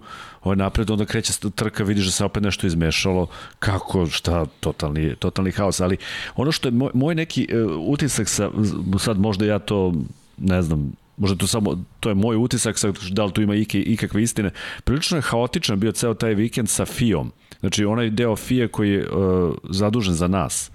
Naprimjer, ja sam, uh, kad se završile, sad, to je, možda ne znači ništa, ali mi nismo dobijali nikakve pouzdane informacije gde se šta dešava. Naprimjer, bio je tribut za Frank, Frank Williams. Frank Williamsa bio zatvoren za nas. Nije, čak nigde ni iskomuniciran ni u jednom mailu, ni na jednoj oglasnoj tabli. Zašto su to... Ne vrem da su hteli da kriju, kao da su to Na kraju Hasan je nešto Kao da pokušao. su ja. Pa da. Nisu ni pokušali, ne su rekli nije to za vas. Znači sad tu imaš toliko nivoa nekakvih, imaš ono os- uh, obezbeđenje koje je tu ono Austrijanci koji se idu iz trke, da koji neki je ono finalni krug obezbeđenja koji vode računa o svemu tomu. A, tu postoje profesionalci. Tu postoje profesionalci A, dobro. u obezbeđenju svega. Hvala oni za su- informaciju. Oni, oni su jako dobri, mislim, u tome što rade, ali oni rade kako im se zapovedi, znaš, i onda ne možeš dalje i ne možeš dalje. I tu je bilo, na primjer, Frank Williams, onda nismo uopšte imali pristup da slikamo, uh, bio je tribut, tribut, tako su ga nazvali Jean Todu, koji je se slikao sa svim vozačima i šefovima tima. To je za medije bilo, za šire medije bilo neću kažem zabranjeno, nije bilo, do, mislim, nije bilo iskomunicirano. Da ti sediš da, da, da stojiš, da žickaš ko paparaco, to isto ne možeš tamo da radiš. A bilo je prilično konfuzno, na primjer, kad su kvalifikacije završavale, trka se, ovaj Park Ferme je bio na stazi, gde, gde je bila To sam možda već i prišao prošli put, nisam. Gde je finiš linija, ovde se razlikuje finiš linije i podijum. Spominjao si. Završili su tu. I kad I je nisu ti rekli gde treba, to jest rekli Ne, su rekli da su biti pogrešno mesto, rekli su, ta, rekli su tamo gde, su, gde je bilo kvalifikacije. Onda su oni završili to unutra. Znači, totalni haos. Tamo televizija zna pouzdanije, ima pouzdanije podatke za nas nego sama FIA. Kao da se tu sad u kompletno sa odlaskom to da nešto dešava, kao da su pustili neke stvari, neka ležernost, neka neodgovornost, znači možda, se, Možemo- možda tu neke strukture se menjaju uopšte, znaš, tako da tu ima politike i svega. Ajde, Možemo nas dvojicu da ti otkrijemo. Mi dobijamo e-mailove redovno. Aha. Mi znamo gde će šta kada mi da treba, bude. mi treba da, Da, da, da, ali pazi ironiju. Mi smo, Mi smo na mailing liste, mi smo komentatorskoj tamo. Nekad su postale zbog papira. Ima, imamo Sa, sa, ta, tačnu, Ne, ne, tačnu satnicu gde se... produkcija. Da, da, Da, da, pa TV je preciznije produkcija. tamo, da. Ne, mi- mi mi smo isto tak- krenuli sad da pitamo kamermane ono gde se šta dešava, gde, a nekad je bilo na onim oglasnim tablama ili si do, ako ne dobiješ mail imaš oglasne table, to su ukinuli sad skroz. Ne znam, Vidi, mi dobijamo u minuti informacije. Jeste, jeste. Kad ti kažem minut, Mislim, TV je minut. uvek tu precizni zato što oni, to je ono, što ide, što Imaš- svi vide. Imaš i vodiča koji, koji ti govori tačno kad, kad šta ide, znaš. Što šta ide, da. Kad Da, šta ali ide, bukvalno. mi ne do- za, za ali- minut ide to i to. Da, s tim što mi ne dobijamo vodiča. Da, ali... Iz nekog razloga. Jeste, ali, ali po, povremeno, po, povremeno, povremeno možemo da ga čujemo. Ne, pa- Da znamo kako to izgleda, povremeno možemo da, čujemo. Šta je vodič? To je producent zapravo Da, da, da, koji ti je, govori koji najavljuje ide reklamni blok za 30 sekundi. Bukvalno to. Ili ti kaže biće repriza tog i tog kadra za 15 Jeste. sekundi. Da, da, da. Mi to, međutim, da mislim smo imali za jednu trku možda. Da, imaš, ne znam, imaš incident u devetom krugu Oni ti kažu Mika biće sada... Šumajkera, sad će to da bude, biće, biće za 13 sekundi. Ja sam imao iskustvo ovaj, kad sam prenosio IndyCar njihov njihov producent koji je bio u slušalicama, znači bukvalno sam imao za 5 sekundi ide kadar američke zastave. Da, da, da. Pa kad to prođe za Pa 5 da, pa sekundi da. ide kadar na publici, vidjet ćeš decu u publici, ali bukvalno do tog detalja. Da, da, da. A, Kod Dorne je drugačije, nemaš nikada producenta s kojim komun, koji komunicira sa tobom, ali dobiješ za MotoGP ceo spisak u kom momentu će se šta desiti. Ponekad se promeni ako neki incident se desi, ali onda znaš tačno šta će da obrišu i relativno brzo ti šalju informacije. Tako da možemo da ti javljamo ako želiš kad si na stazi. a, Hvala vam, ali to ne očekujem od vas, to očekujem od onog ko tamo... Sad si u sleku, tako da. Da, Ušao si u Pa pa ništa. Ušao ono, si u tornado, Pomo, dakle. pomoć prijatelja, šta? Da, ali Pa ne da, dobiješ, šta? ali ne rade posao oni koji to treba da rade Pa, tamo. mislim, znaš, ja- Pa sad, To je, to već ne možemo Ko što je da bila ti- kompletna konfuzija kad se, ali dobro, to doćemo do Abu Dhabija. Svakako je bolje da znaš, da imaš informaciju Hvala, nego da da. nemaš. da. Pa da, zapravo mi, na primjer, imamo informacije, to je u poslednje vreme Liberty Media sve više podataka počinje da deli sa nama, ali eto, čisto da znaš da možemo da ti pomognemo. Jer mi smo kao mediji ispod FIE. Oni su ti koji nama daju sve. Znači, tu se nešto dešava. Vidjet ćemo kako će krenuti sledeća sezona. Znači, tu mi- definitivno... Da, mi sa Formulom 1 samo komuniciramo, ne sa FIM. Pa da. Mi sa FIM bukvalno dodirne Da, tačke ne, minimalne, iako imamo nešto preusmereno na Pa ni, ni, Formula ni, 1. ni FIA nema sa Formula 1 nikad. da nije tačno. Na isto smo, tako da, da, to je to. dobro. da, inače ono što je zanimljivo, to ćemo isto početi malo da vam dajemo informacije, da jeste zapravo kako funkcioniše i Rob Smedley se pridružio produkcijskoj ekipi, ajde, digresi, digresirali smo ozbiljno, ali Rob Smedley je sada deo produkcijskog tima Formula 1, koji zapravo objašnjava zašto je neka grafika uvedena. Ono što je sjajno, počeli smo sada da dobijamo i metodologiju kako definiš određene grafike. Tako da smo dobili čak i jednačine Eto, ajde, prosvetli nas, molim te. Da. Ba, vidi. Ili ćeš to tokom sezona Pa sledeće tokom na sezone, tenane. posebno- da. Poseban, sezonu. poseban podcast. Ne, ne, ne, ali evo, mo, evo ti, na primjer, model koji se undercut threat, tako se zove, to je model koji su uveli pred Saudijsku Arabiju, zaista nismo imali nameru da pričamo o tome, ali dobili smo celu pisanije od Roba Smedlija, TN plus 1 na A već je jednako TN plus 1 na B, e, to jest sad moram da proverim sve i u nastavku formula TN plus 1 na A već je jednako TN na B plus LTB od 1 plus PL. Tako da formula je interesantna. Sve vam jasno, verovatno. da, svima nam jasno. No I, comment. Ne, zaista je onako interesantno i ono što je zanimljivo jeste zapravo kako oni to računaju. Tako da i Amazon Web Services koji je zadužen za to počeo da otkriva zapravo ta pitanja, a kako vi tačno računate ovo? Ima tu nekih situacija koje su nama i dalje, mislimo da sa formulom, sa njihovim Više liči na nejednačin. Pa, mislim da je način ima neki Ne, ne. problem, ali okej.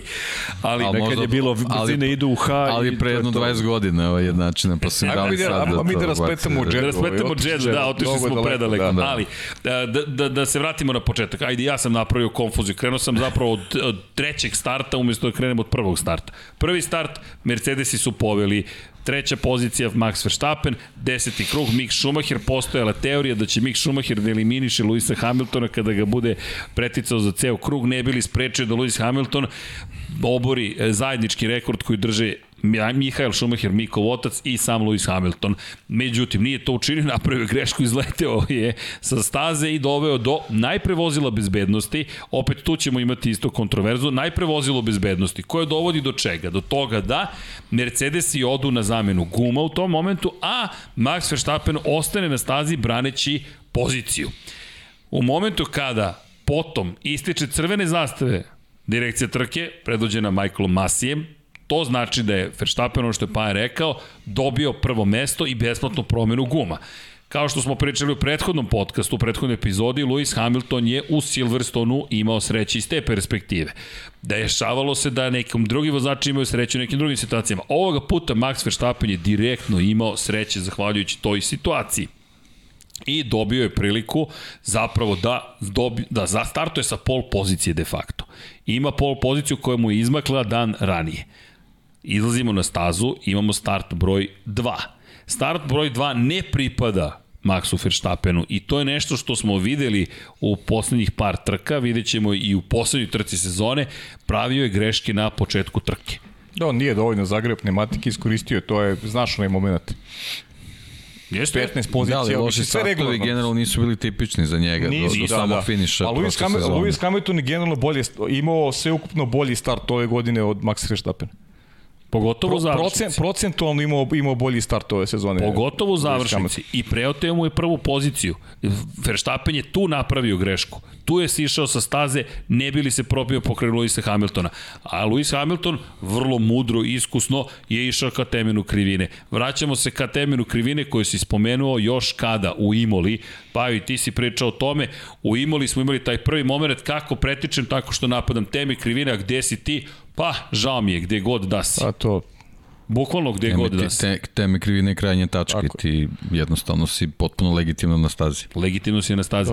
E, Zanimljivo je za sve one koji vole Moto Grand Prix, ukoliko su pretplatnici zapravo Valentino Rossi, Casey Stoner i tako dalje, Rossijeve priče se zovu sada nove epizode, u kojoj su prvi put pričali i oni Stoner o nekim stvarima iza čuvenog preticanja Laguna Seki 2008. godine, posle kojeg je Casey Stoner rekao, posle te trke sam rešio da više ne vodim računa o tome kada pretičem šta će biti sa onim drugim vozačem. Do tog momenta je verovao da je njegova takođe odgovornost da kada pretiče povede računa o tome šta će biti sa onim drugim vozačem. Da ne pomislite da se ovo dešava samo u Formuli 1, u svakoj formi trkanja.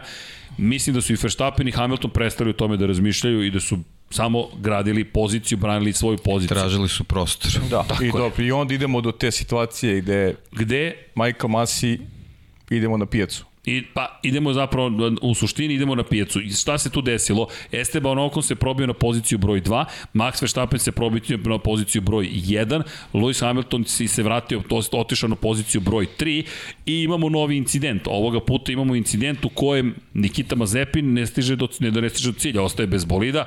George Russell ima problem, Sergio Perez takođe Nikita ima problem. Mazepin koji hoće sada da pomogne Lewisu Hamiltonu da ipak on stigne do osme titule šampiona. Pa ako, da, Hasovci su rešili pa, da utiču dobro, na titulu da, šampiona. volimo da se bavimo teorijama zavere, idemo, idemo dalje. Da, Nikita koji je lansirao Georgea Russella. Da, pritisnuo je neuništivost i misle da ne mora pusti gas. to je to. Mislim kao ne vidiš da se nešto dešava ispred tebe, jel držiš pun gas, to mi je onako stvarno fascinantan trenutak bio zaista. Jest. U prvom trenutku nisam vidio šta se desilo, videla su se neke varnice, prepoznaje se Red Bullov okrenuti automobil i sad videlo se jednom trenutku da je jedan ovaj, zadnji stabilizator iznad ostalih, ali ne pretpostavlja šta može se desi i onda onaj snimak iz njegovog kokpita stvarno stvarno neverovatna stvar, ali da ne pričamo toliko o njemu, nije, ali, nije bitno toliko. Hasovci su i tekako uticali na, na celu situaciju. Dobro, ja se, a, ako već pričam o njemu, samo se nadam da će sledeće zone biti bolje, da, bilo bi, bilo bi. Jer onako, šalu na stranu, stvarno, Ma, kao momci neiskusni koji su dobili u, u ruke bolide. bolid, koji su kao potpuno neupravljivi, gde, je čitava ekipa praktično digla ruke eksponat. od razvoja, da, da, da, da, kao da su na Goodwoodu, ono, yes. festival brzine, pa da. Tako da, ovaj, ne treba treba, ne treba biti oštar ni, ni, ni, Ma, ne, prema nikako. Nikiti toliko, mislim jeste bio, uvek je bio praktično spori od, od Mika, Mik je pokazao naravno da, da ima i taj talent koji, koji znamo od koga je nasledio, tako da ovo, eto, samo, samo bih volao da ih vidim u, u bolidima koji su ile konkurentni, čisto da vidimo šta ti momci mogu. Jer zaista je stvarno frustrirajuće vratno voziti takve automobile i, i pokušavati da, da, da, da se izgradi neko iskustvo u, u, u, u, prvo u takvoj neverovatnoj sezoni gde, gde oni moraju bukvalno non stop da budu u retrovizorima, da paze šta se dešava, da na, ne naprave neke probleme, a pravili su ih jednostavno jako je te seđe, to nismo ispomenuli u Istanbulu.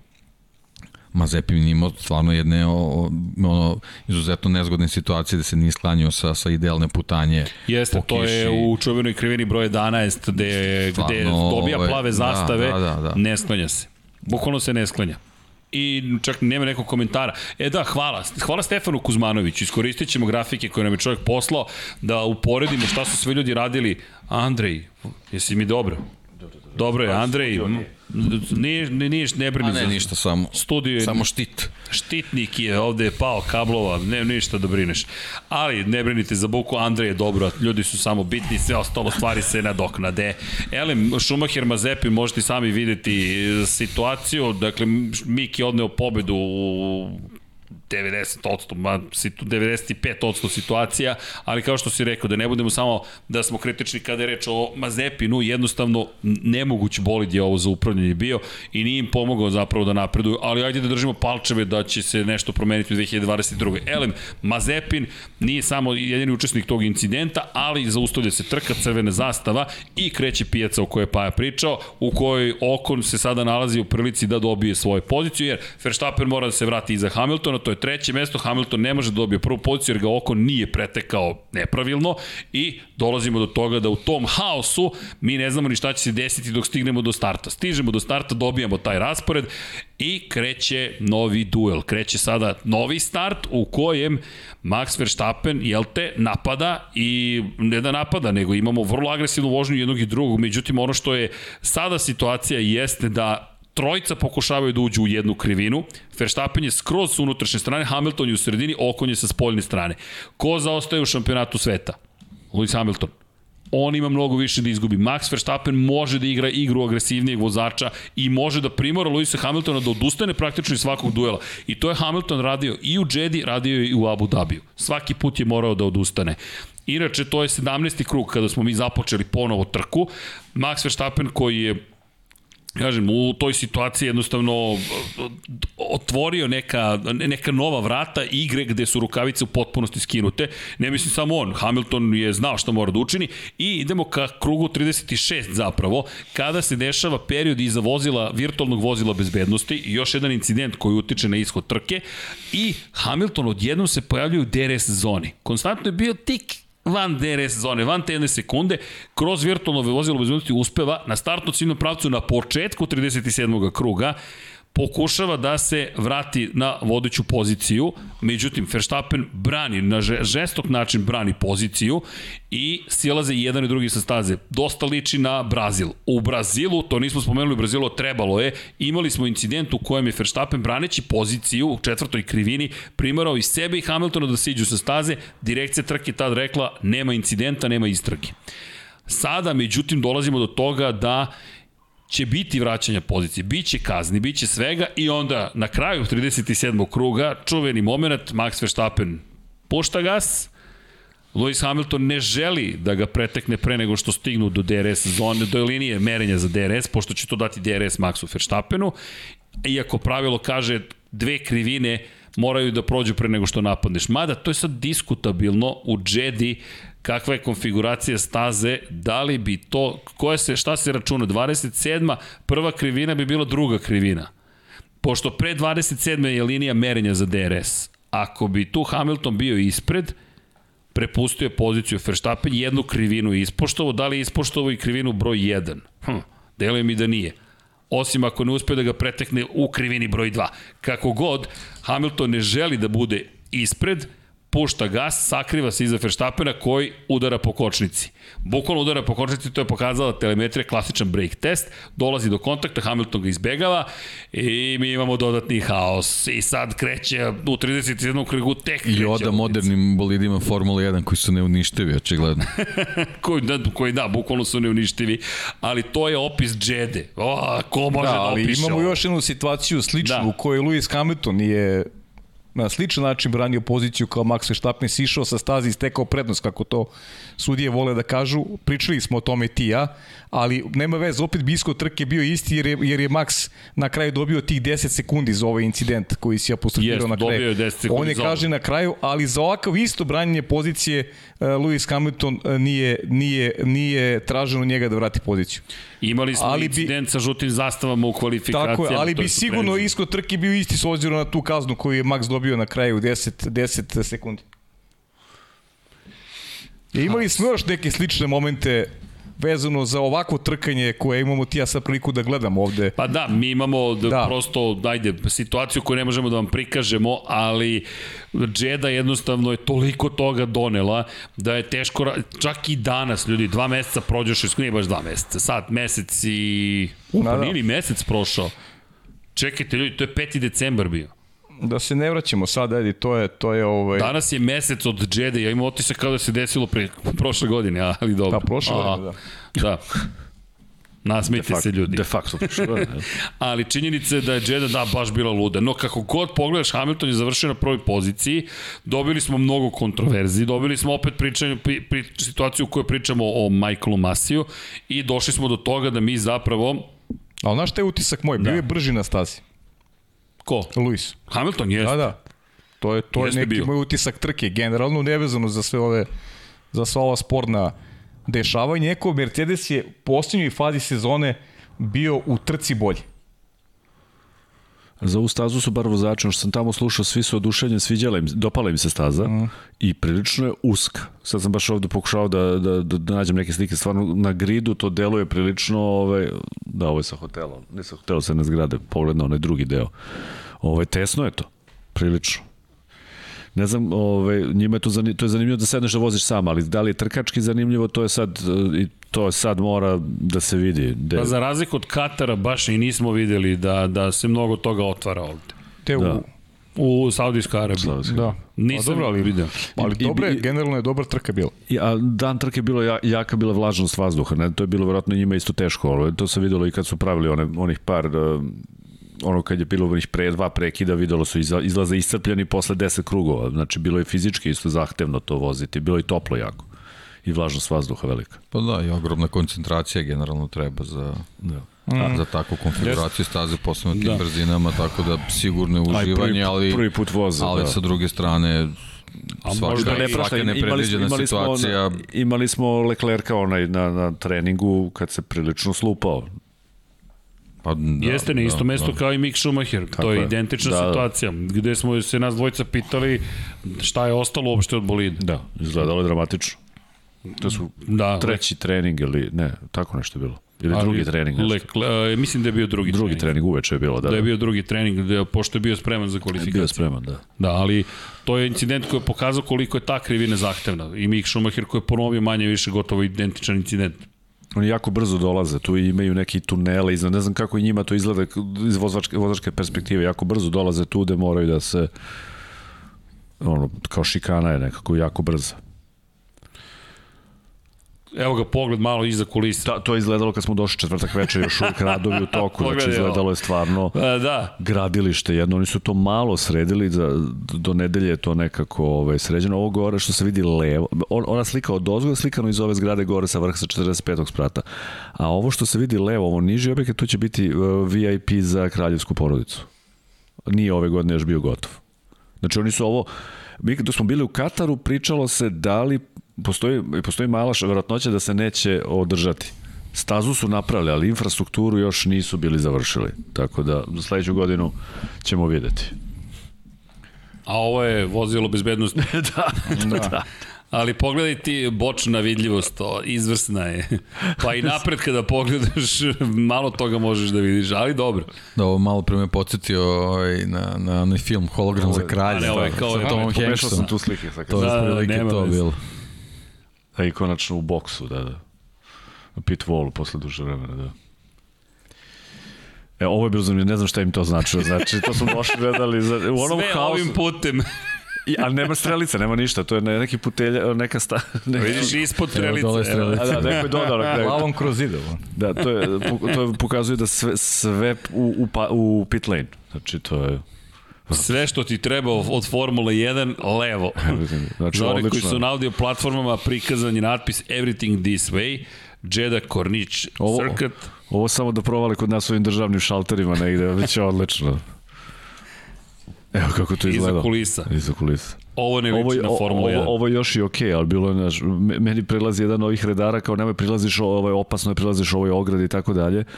Međutim, rekao da ću da sečem noge na ovaj vaš limo ovde pre nego što ću da nastradam od formule.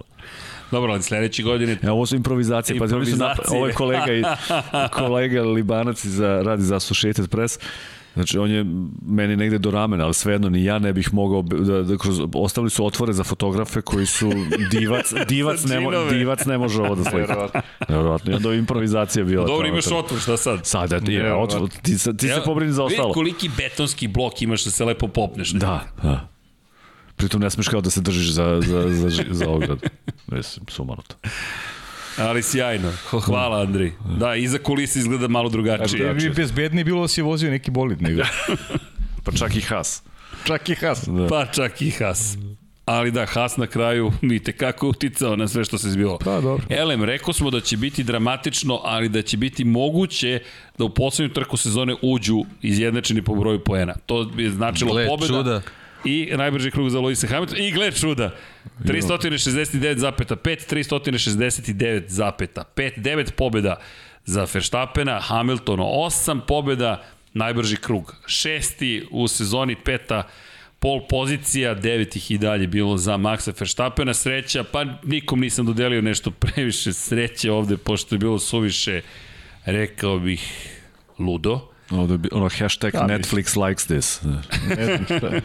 Da, pa... Taj pojam sreći, da mislim, dosta je relativno. Pa kažem, ali ako pogledaš kroz sezonu šta da. se dešavalo, koliko je ko imao sreće, tome se dosta pričalo.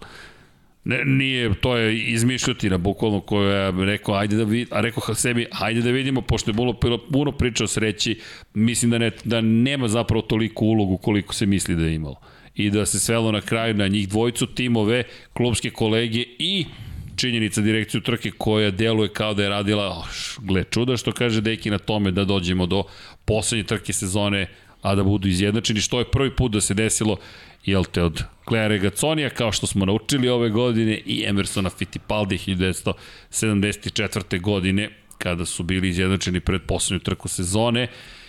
I idemo mi polako li sigurno gde? Idemo u Abu Dhabi, 22. trka sezone. Ljudi, sve ili ništa, bukvalno. I ja i dalje ne mogu da verujem šta se sve dešavalo na kraju te trke, to je kako smo mi došli do rezultata do kog smo došli, ali došli smo.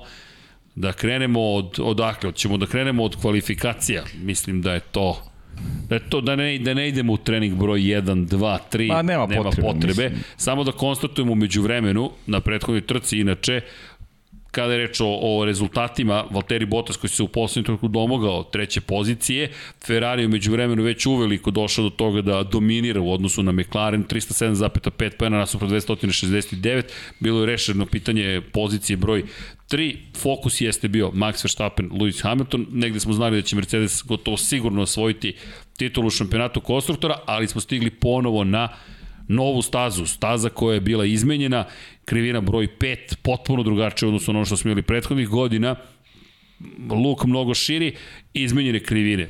I to ozbiljno broj krivina. Broj 9 pretvorena u jednu dugu krivinu po uzoru, čini mi se na, na Zandvort praktično, prošireni prolazi kroz 12. 13. 14. 15. i 16. i staza koja je imala mnogo više krugova nego prethodnih godina. Nije donela baš nužno ono što smo očekivali, ali opet da napomenemo da je izmenjena pred baš ovu odlučujuću trku u šampionatu sveta. Max Verstappen impresivan, blago rečeno, u kvalifikacijama 1.22.1.09, Hamilton 1.22.4.8.0 i pričali smo o tome koliko je važna ta pozicija broj 1, ukoliko započeš prvo mesto, ukoliko započeš prosti sa prvog mesta, koliko imaš prednosti. I bitan moment u Q2 delu kvalifikacije. Pa da, pa to je, to je kritično. Ključni moment na srednje tvrdim gumama Max Verstappen u momentu kada ima siguran prolazak u Q3, u poteri za nekim brzim krugom, blokira točkove, spaljuje set guma i mora na making gumama da se kvalifikuje, što pod, da prođe u Q3, što podrazumeva da tim, na tim gumama započinje trku. Pa to je mogo bude kritičan moment sezone, ali, ali ono smo pričali generalno kako je sezona odmicala, tako se sve više osjećao pritisak na Maxu, što je popuno normalno. Mlad momak koji nikada nije bio šampion protiv sedmostrukog prvaka i pravio više grešaka generalno u, u finišu sezone. Bio negde agresivniji, to mu je pozicija omogućavala da bude. Analizili možda nismo se ni dotakli njih svih stvari koje su koje su ovaj se dešavale iz percepcije te bitke, bitaka koji su vodili i sa strane, i svega onoga što što je beležilo godinu, ali sve sve je bukvalno sada onako došlo u tu posljednju trku i Luisova velika prednost bez obzira na pol poziciju Maxa Verstappena velika prednost u pneumaticima koji imao pred početak trke.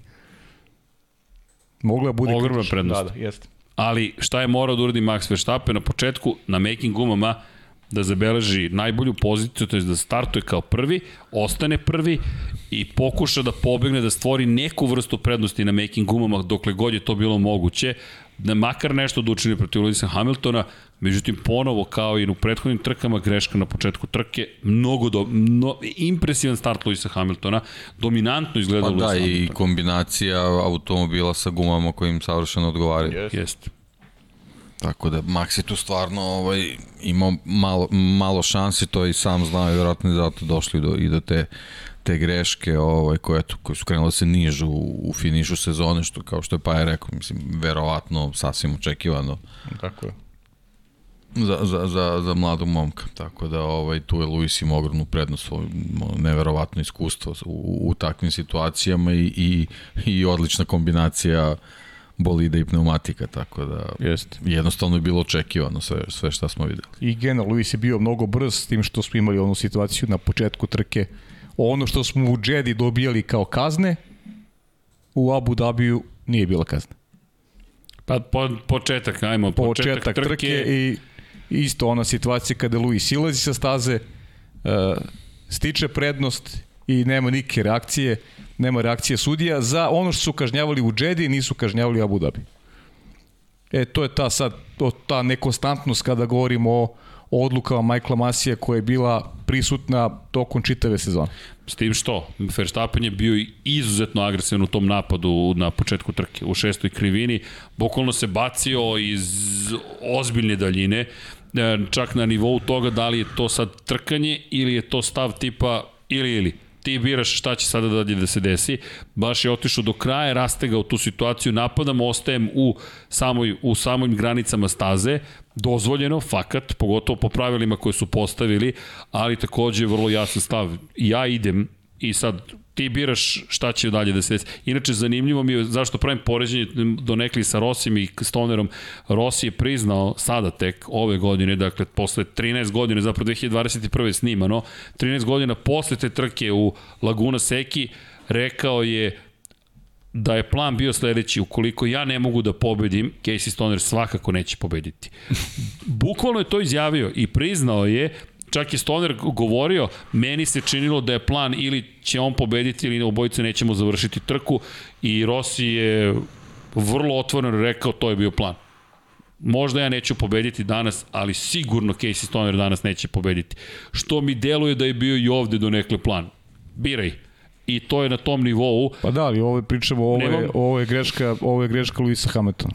Tako Vidi, da, ne, uopšte ne ulazim od... u to dalje greška nije, samo deluje kakav mi je plan, ali sišao, sad ulazim u to, sišao je sa staze Lewis Hamilton, cele sezone pričaju o tome, ako tako stekneš prednost, moraš da vratiš poziciju, stekao je prednost, međutim, Michael Masi sad uvodi novo pravilo, a to je izmerit ćemo vreme koje je izgubio od onog vremena koje je nadoknadio do poslednje krivine kruga da proverimo da li je stekao prednost ili nije. To čak nismo ni analizirali posle, po završetku trke, tu njegov, taj njegov potez. Šta to sada znači? Arbitražno ću da procenim da li si time što si sišao sa staze stekao prednost ili ne. Je to novi kriterijum po kojem se meri ima formulu kao što je ovi imaju. Misliš kao Rob Smedley? pa pazi, nije to loše, no loše ideja. Zbornik ali... masivih formula. Pa, da, pa to jeste, bukvalno. Ne, samo da. problem što nas na početku sezone nisu obavestili da će imati novi kriterijum. Jednostavno, da, da. ili ikada. Poenta sudijske komisije FIA ili kako god je da striktno poštuje proceduru. Pritom nije on sam tamo, tamo sede još dosta ljudi u toj... U... Nisi ulazio gore u direkciju trke? Da, davno, negde smo slikali, ne, radili smo neku priču o ženama u Formuli 1, pre par godina sam ulazio na kratko nešto. I koliko je ljudi tamo? Ja sam ulazio samo jedan deo. Sad, to je bilo ono van, trk, van uh, pre bilo kakvih trka. Ne, ne, ne znam zaista koliko. Hasan je bio sad radio za, Bild, za nemački Bild je radio reportažu, pa možemo od njega baš pitati. On ima i fotografije stavio bio na Facebook. Ne znam tačno koliko ljudi ima, ali to su ono sila monitora, ljudi. Ima var sob. Pa da. To je tvoje omiljene. Omiljene, omiljene. Tako da ima tu još nekih, ne, jeste on, njegov glas se čuje, ali to ne, ne, odluku još neko mora da, da doprinose još neki ljudi toj odluci.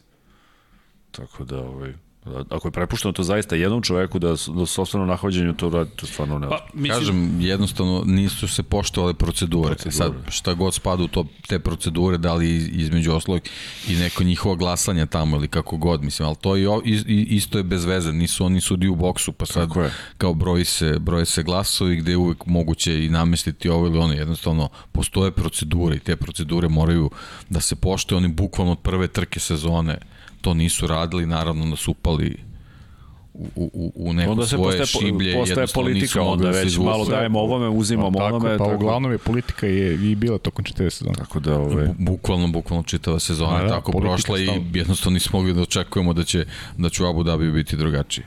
Ali neverovatno što je bilo, ono kad je krenulo trka i kad je Luis poveo, pa posle tog incidenta onda je to je to bilo delo totalno dosadna trka, Luis će ovo da završi, i gotovo. Ja, stalno pričamo o, o agresivnim. Ti kad, ti kad želiš da prestigneš neko, ti si agresivan. Znaš, ti, pa to je takmičenje. Ne, to, to je, mislim, ti, šta znači ti nisi pojam, više, takmičenje. Ti si više znači, trkač ako to ne radiš. Da, da. to je... Pojam agresivan da. je meni smešan u Formuli 1. Pa uopšte u sportu, šta znači agresivan? Koristiti ga kao neki reper da je neko, da je neko da neko preteruje kao agresivan. Mislim, ne, agresivan si samim tim što želiš da, da nadokniš poziciju, ti mora da budeš agresivan. Znaš, ne, ne, nemaš drugi Tako. izbor. Možeš da se voziš i da 12. si, ti će budeš do kraja 12. jer nećeš da budeš agresivan. Mislim, znaš, ajde onda završimo kvalifikacije, podelite poene i nećemo da gledamo trku. Pa da, kao u Belgiji. To, to, kao u Belgiji, kao u da. Belgiji, da. Da, čisto da se razumem, kada kažem gde je, dokle je išlo, agresivnost, pa i traži se od tih vozača.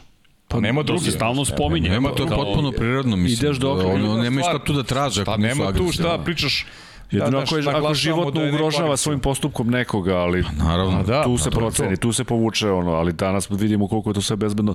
Uglavnom i poslednjih incidenata što je bilo, to su ugrožavali sami sebe, mislim, ili ono neispravnost bolida ili, ili neki nesrećni slučaj, ali stvarno šta je sad, ili agresivno bilo ono u Monci? Pa nije. Samo splet okolnosti doveo da to tako izgleda na kraju. ono Verstappen i, pa da. i Lewis. Pa naj, najagresivnije zbog posledice je, je bio Silverstone. Silverstone, tako je. Da. Ali da. Pričali smo baš prošli put, put da, da je drugačija izletna Tako zona je. bila, niko ne bi pričao o tom. Jest. Da, da.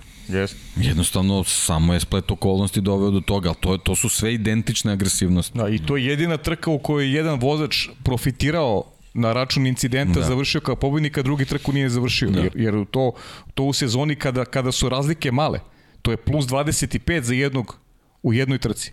Da, da. A, a, na račun tog incidenta. E, ali ajde, evo sad pitanje, da, da budem, što kažu, djavolji advokat, iz druge perspektive, ako si u toj situaciji, kažeš, čekaj, to je Hamilton radio u nastavku sezone, ne kažem da bi to radio da je vodio u šampionatu, ali to je konstantno puštanje gasa u tim situacijama, izbegavanje bilo kakvog kontakta po svaku cenu, ne bi li uopšte ostao u trci. I, I mislim da je to takođe definisalo njihov duel u velikoj meri pitanje toga, ok, jer mislim da je Hamilton u Silverstonu rekao ja se neću povući. Pa to su, Ajde, to, su, to su te stvari izbora. Znači Silverstone je možda, možda neka njegova odluka u odnosu na Imolu.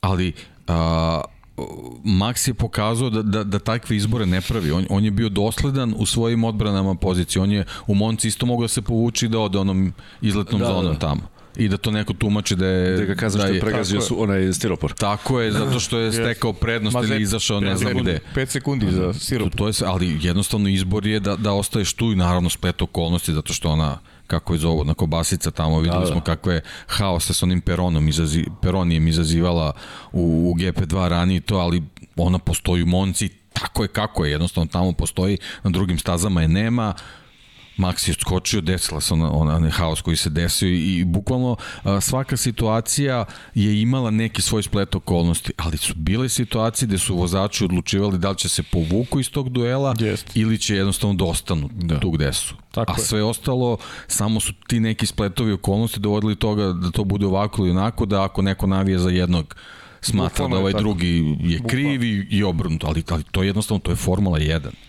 Mislim, i to je ono, ono što mi očekujemo iz Formule 1, osim naravno da, da dođe situacija da neko nekom ugrožava život. Da. Ali borba mora da bude do samog limita, zato što su trke takve. I to smo dobili ove sezone. E sad, zašto to nismo dobili da bude čistije, to je pitanje za FIU. Da. Zašto oni nisu poštovali svoje procedure? Vozači su svoje po poštovali. Kao da znači, su... nema, nema povlačenja, to je procedura svih vozača koji žele da svoje, da budu šampioni. Svoje knjige na početku sezona nema šta da čitaju na početku sezone, te knjige su ispred njih i oni pa u tom da. trenutku trebaju da tumače. Ne da u nekoj situaciji rešavaju posle trke, da u nekoj rešavaju tako što pregovaraju sa, sa šefovima i ekipa i tako dalje, tako dalje. Zna, zna se kakve su procedure, a oni su svaki put bile drugačije. Pa da, ono, e, to je u stvari problem. On je odreagovao kad mu ovaj kaže poslao sam ti e-mail, važi pogledat ću go ponedeljak, to je treba bude njegov odgovor i kraj priče, ali ne sad ti tokom trke gledaš pa, i da. nečije da. mailove i slušaš, mislim, Ali dobro, vidjet ćemo kako će krenuti sledeća sezona. Da, ali vidi, da ovo je ta, taj incident u, šestoj krivini u prvom krugu jeste u velikoj meri kulminacija svega što smo imali tokom cele sezone i bilo je neminovno da će se tako nešto desiti. Kulminacija svega u sezoni i ukidač šta će se desiti kasnije u trci. Pa da. Pa da. Pa to Bukvalno. je to, to, pa evo, to najavljamo cele moment. godine. E, to je taj moment. To je taj moment. Pa, evo, gde je Max Verstappen, gde je Lewis Hamilton? Pazi, on ovde gađa teme krivine. Verstappen, da, to je bacam se pred vozača. Jest. On ide, ostaje na stazi. Hamilton je taj koji mora da izabere šta sada. Povlač, branim poziciju, ali kako? Tako što sam rešio da nastavim pravo. Čak izletnoj zoni koja je od asfalta.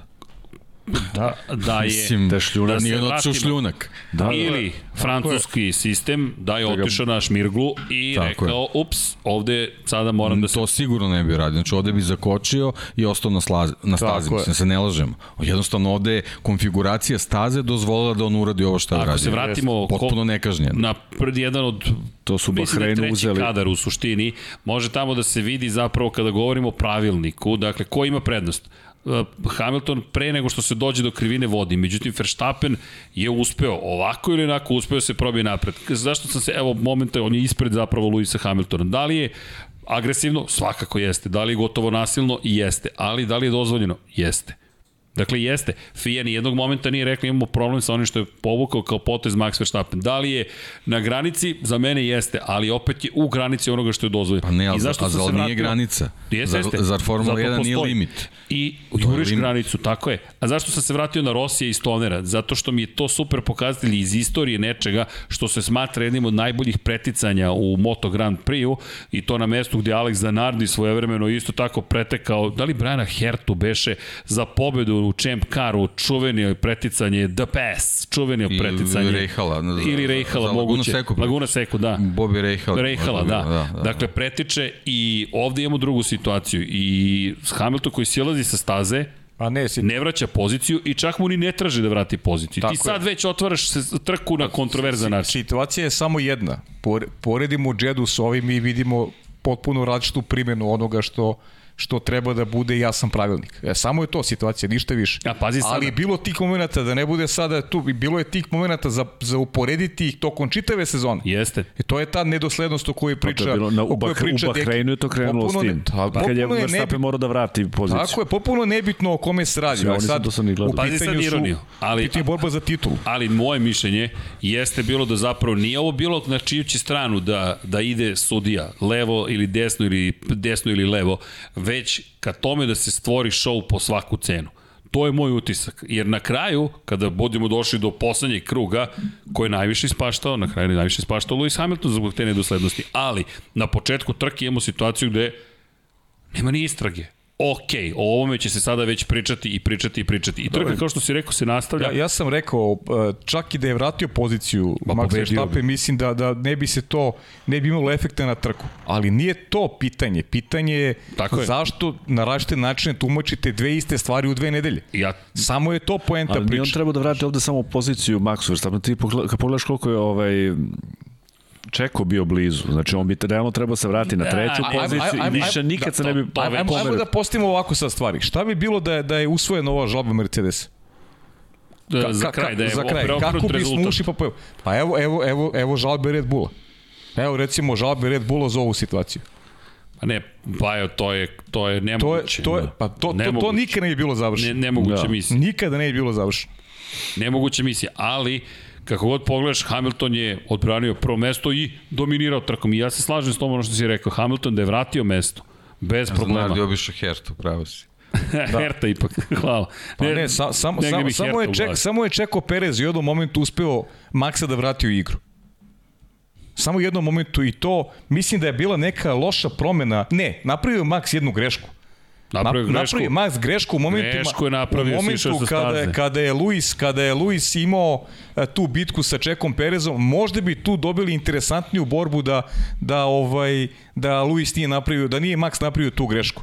I samo je to Čeko u jednom momentu kada se Max javno zahvalio, rekao šta je rekao da je Čeko car, ne znam šta je rekao, nešto slično. E, to su bili te jedini zabavni trenuci u stvari pre onih kritičnih u finišu su, su bili ti u ti dueli koje je vodio Čeko Perez sa, sa Lewisom Hamiltonom. Sviđa Če, Čeko Perez je stvarno mogao jako, jako važnu ulogu da odigra. Eto, možda da nije bilo te maksove greške, možda bismo dobili mnogo zanimljivije duele, ali, ali Čekova vožnja je stvarno bila u tim trenucima e, fenomenalna. E, tu moram da nas pohvalim. Jesmo predvideli, smo rekli, Da, da. Mi smo rekli da. u prenosu da ne, je... Ne, ti si rekao, ja, ja nisam Mi smo očekivao. tim, ne, ja, ti si rekao, ja sam ga vidio ja, kao džokera. Ja nisam očekivao da, da će nešto, zato što sam a, video koliko je, koliko je brz Lewis Hamilton i nisam verovao da može na starim gumama da da učini nešto da, značajnije. Da, posebno na stazi koji imate te Tako duge je. pravce, da, da, ali fenomenalno izgleda. Jer ja sam iskreno pomislio, a to nisam, naravno, opet bi bilo ono kletva komentator, ja sam mislio da je trka završena onog momenta kada kada je kada je Lewis Hamilton nije dobio kaznu jer videlo se da je brži u svakom da, da. krugu, ima prednost u pneumaticima, mislio sam da je to to, da, da, da, da, da je kraj, da je kraj priče. Ali kada govorimo o, o, o, o celoj toj situaciji, kada govorimo o o pripremi za trku, Hamilton je taj koji se spremao za trku i to se videlo čak i u kvalifikacijama da je Mercedes sve podredio strategiju trci. Red Bull je neko vreme već igrao na to da bude bolji u kvalifikacijama i to se videlo, rekao bih, od Amerike pa nadalje, da su tu pokušavali zapravo da nadigraju Mercedes. Neki put se isplatilo, neki put nije. Hamilton je bio u besprekornoj formi, zaista besprekornoj formi. Što se nas tiče, čisto pripreme, morate priznati, vrteo sam film to jutro, šta sve može da se desi. I zamišljam bukvalno, ali to je isto ludi dan, e, morate priznati da, da, da, da ću pamtiti taj dan pripreme, jer mi govorimo o tome da pri čemu u tom momentu u gradu je potpuno ludice, blokiran grad, da ne može da se stigne do, do sport kluba i razmišljam u, u odlasku šta bi ih mogao, ko bi mogao gde i nekako Perez koji se tu meni iz, baš se videlo, ali kažem, hvalim ceo ovaj tim ovde. Pa Deki, dobro, okej, okay, imali smo, znači, imali šta smo, smo momente, radili, kako imali smo dobre momente cele godine. Imali smo i ali, čudne momente. Tako je, sve. Ali, sve to ali Perez je odve, odvezao jednu nevjerojatnu, 9 sekundi je potrošio skoro Luisu Hamiltonu. Jest. Ljudi, to je Jest. nevjerojatno. I vraća nas na Tursku. Vraća nas na Tursku. Tada je već možemo reći pekao zanat kako se boriti protiv Luisa Hamiltona, to je protiv nekog koji je jedan od najboljih vozača. Da, ali, ali u, u, u toj, toj situaciji je, je činjenica da Max to nije iskoristio. Nije, nije iskoristio. Nije iskoristio. Ne, ne, pa ponovo nije iskoristio. Napravio grešku. Pazi, ponovo je napravio da. grešku. I zaglavio ja, se iza Sainca. Mogu je da se desi da ga to košta titula. Pazi greške. Tako je, pa ali, znaš kako, mnogo grešaka. onda nije napravio tu grešku. On je mogu da bude u DRS-u sa Luisom Hamiltonom u momentu kada ovaj se bori sa Perezom. I tu bismo dobili ko zna šta Ko zna šta bismo tek u toj situaciji dobili.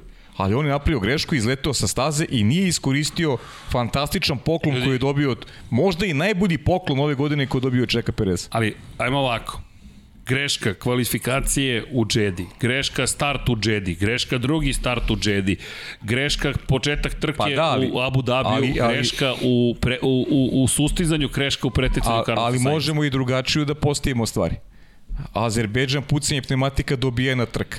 E, izletanje, izletanje sa, sa staze u Silverstone gde je imao Paul e, duel sa Lewisom Hamiltonom.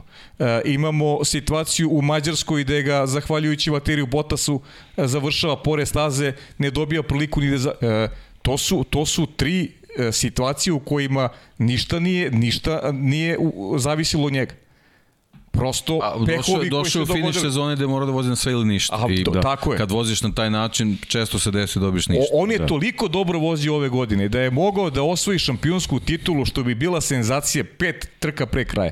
Pazi, Mo, moglo je tako da se namesti. Nije, nije čak ni ono Ali opet se vraćamo da se poštovala procedura. Fina. Opet pričamo njima. On je trebao u Baku da pobedi. Tako je. Da, da. Bravo, pa to, to tako, si rekao to smo trku, tako znači, ne pričamo trku, tako ko je. za koga navi ili šta. On je u Baku trebao da pobedi, da se pravila po, procedura po da. finom pravilniku. Jeste. Da. To Jest. sad, da li se nekom ne bi svidilo što je pobedio čovjek koji je u zidu? Mislim, nite takav je pravilnik. Mislim, to je jednostavno to. E, to su te sve neke situacije koje onako jednostavno lančane reakcije da dovode do toga, neko je krenuo da ruši domine i one su bukvalno se sve porušilo do kraja, a, a eto to se na kraju desilo i, i, i, i kao šlag na tortu imamo tu situaciju koja se dešava a nekoliko taj, krugova pre kraja. To je isto pravilo da je primenjeno na kraju sezone, Lewis Hamilton bi pobedio u Abu Dhabiju. Ne znači da bi osvojio titulu, ali bi pobedio u Abu Dhabiju jer to je već kraj trke, ti imaš crvenu zastavu, ali to smo imali i godinama ranije u Monte Carlo i tako dalje i tako bliže. Međutim, činjenica je da Hamilton jeste iskontrolisao celu trku, Mercedes je povlačio konzervativne, ali dovoljno dobre poteze i kada govorimo o greškama Maxa Verstappena, nešto drugo hoću da istaknem. Koliko je zapravo teško osvojiti titulu. Pa naravno. Koliko je lako poceniti bilo kog vozača koji je bio šampion. Nema pocenjivanja. Ljudi doći do titula je veoma teško. Niko Rosberg je sajno opisao i tu bitku protiv Lewis Hamiltona. Još osvojiti je protiv Hamiltona, koga mnogi pocenjuju zahvaljujući činjenici da sedi u jednom dominantnom bolidu, jednom dominantnom timu. Nema pocenjivanja. Ovo je bio ozbiljan napor celog Red Bulla, Maxa Verstappena, svih pa i Luisa Hamiltona u završenju. Pa svih koji kad pomisliš koliko je trajala sezona, kad je počelo Bahreinu, znači celu godinu se ti voziš da bi na kraju postao šampion, koliko su to sati, sati.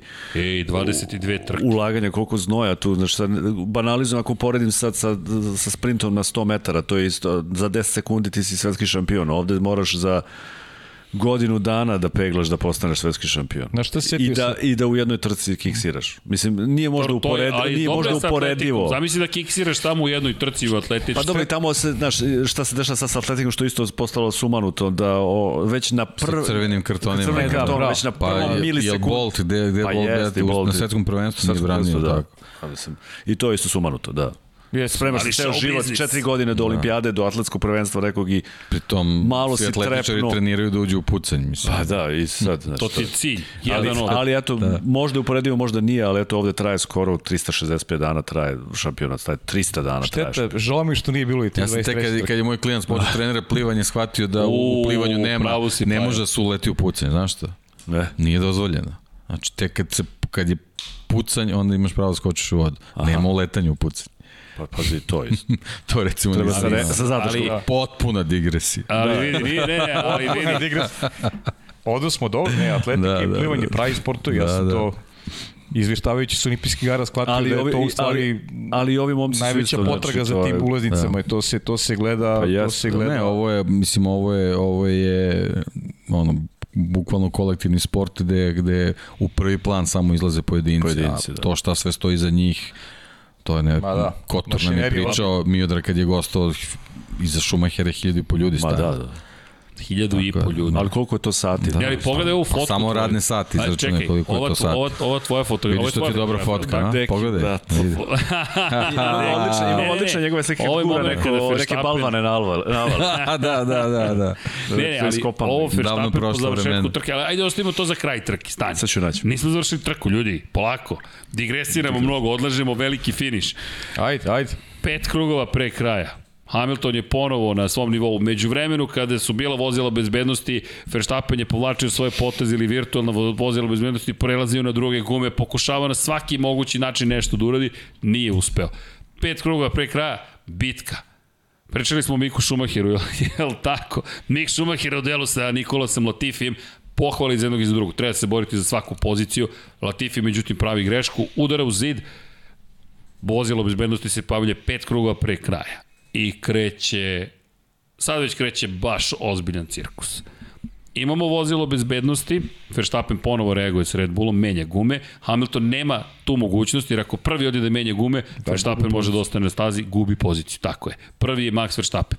Hamilton ostaje na stazi, Max menja gume, Lewis drži prvo mesto i čekamo šta će dalje biti. Obišli, pretekli su za ceo krug određeni broj vozača, između njih dvojice fizički postoji nekoliko vozača i prema pravilniku, opet taj pravilnik, trebalo bi svi da se vrate u krug sa vodećim.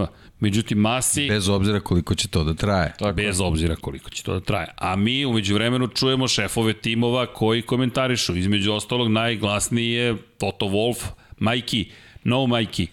M, Sa, sa Michael prešli smo na Majki, sad smo na Deki. Deki, mojne, nemoj, ne sada prijatelju. Nije ovo za vozilo bezbednosti cirkus, opšti cirkus. Dakle, da šef tima, razumem da vrši pritisak kad došli do stadijuma, da govoriš direktoru trke da li treba da bude vozilo bezbednosti. Pritom ne. uzimamo u vreme, pritom. Tako je. U Mislim tome da, da je... donese odluku, uzimamo u vreme i ta radiokomunikacija, ta, ta, ta prilika da se razgovara sa, sa, dire, sa direktorom trke, to je, to je van svake pameti. E, hvala Hasanu Hasan Bratiću, Bratić, da, Hasan Bratić, slike. car koji nam je poslao tokom, evo, tokom podcasta stižu fotografije, hvala vam, šta da vam kažem, ljudi koji nam pomažu, podržavaju nas, neverovatni su. Ovako izgleda direkcija trke, evo, ekskluzivno malo fotografija. Ovo su baš slike iz. Abu, Dhabi, iz Abu Dhabija. Da. Pa da, evo, Ja baš mislim je... da, da, da, tada. Jeste, jeste. Postoje Hasan Evo, malo pre postoje. pogledajte kad, evo, Evo var sobe. evo var Evo sobe. var sobe, da. Kako to izgleda? Hvala Hasane na ovom poklonu, dragi gledalci. Eto, Lab 76. To je ta zajednica, to ste vi, to su ljudi, profesionalci poput Andreja Hasana, Dejana Pavla, Dom Pabla, Vanje koji nam danas nije tu, ali to je ta trka. I to je ta grupa ljudi koja mora da povuče potez. Malo ih je... Potez je da više. budu žute zastave dok se staza ne očisti ili dok se trka ne završi. To je moj jedini zaključak za, za ovu priču. Nikakve crvene zastave, apsolutno. Znači, ova situacija nema nikakve veze sa situacijom u Baku.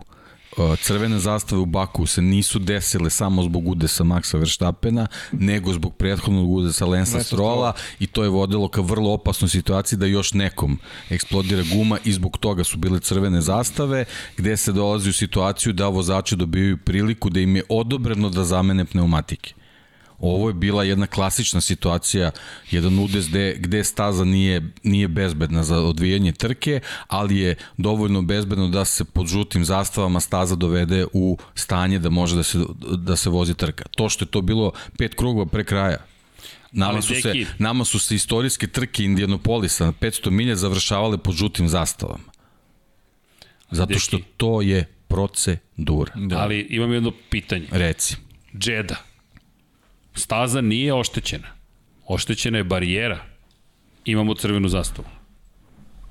Da li je po proceduri trebalo da bude žuta zastava, vozilo bezbednosti, dok se ne poprave barijere ili imamo crvenu zastavu? U principu da. Žuta. Tako je. E, zato što to, to se dešavalo, zato te pitam. Jer... Možda 100%, zašto moje iskustvo tamo je da je prilično tesno, da je usko. Možda su oni procenili da je bezbednije, ali imaš opet bilo je situacija da safety car prolazi kroz uh, pit lane, da se to dešavalo tu negde. Znači, da, kad se, deša, kad se dešava u toj incident na, na, na startnom pravcu, kroz pit lane, kroz pit lane, da. naravno. To je bilo u prošlosti. Tako da...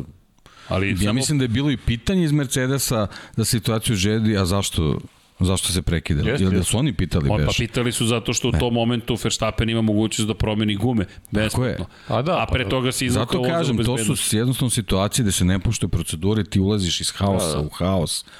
Uđe voda u uši, gotovo. Crvena zastava se ističe, to je od, od, od, od ovaj, Žila Bjankija. Ako slučajno neko vozilo mora da izađe na stazu, automatski je crvena zastava. Ne, nema šta da razmišlja direktor trke. Ako se vučno vozilo pojavljuje, automatski je crvena zastava. Ali vidi, oni su izveli kran, izašao je, izašao je na, na, na stazu da pokupi Latifi bolid, se pojavljuje bukvalno, ja ne se sad da li je bio, ja mislim da su kran bukvalno dovezli i izlazi vozilo, vučno vozilo izlazi Zato na stazu. Zato što tu nema kran kao u što imaš u Monaku. Tako je, nema klasičnog krana, nema zapravo, kran nego ti do, dolazi ti šlep služba. Šlep služba, da. Ali ako je to, onda su morali crvenu zastavu. Onda, onda je kraj trke. Ali Baku je već definisao da ne mora da bude kraj trke. Jer ti isto si tri kruga pre pa, kraja. Prvo to, da, zato da. što Baku je taj, taj nastavak i u stvari nešto što je potpuno neverovatno. Ali ako si ono već što sam malo pre rekao, kao... crvena zastava, Max Verstappen pobeđuje zato što u prethodnom krugu poslednjem završenom krugu Baku, bio prvi. Ali I to, to je se nije desilo. Nije se desilo, nego direkcija trke donosi neku suludu odluku da se vozi neki sprint od tri kruga gde svi mogu da menjaju gume, da, mislim, ne, neverovatne stvari. I ti iz jedne situacije dolaziš u drugu gde praviš problem za problemom. Dobro, a... Jednostavno, šefovi timova to sve zapisuju ali, i onda pazi, iznose svoje argumente u svakoj sledećoj situaciji. Ali pazi, ovo smo zaboravili da spomenemo prošli put, ali to je da. A ne smemo da zaboravimo. A ne smemo da zaboravimo. Pa ne, ne, ne zato, zato što poredimo dve situacije, opet onaj standard koji su, koji su oni postavili ove sezone i, i s tim u vezi, Hvala. S tim u vezi, ja se slažem popuno s tobom da da nije bilo za crvene zastave ni ni Džeda ni ni ni ni sada. Ni ni Abu Dhabi.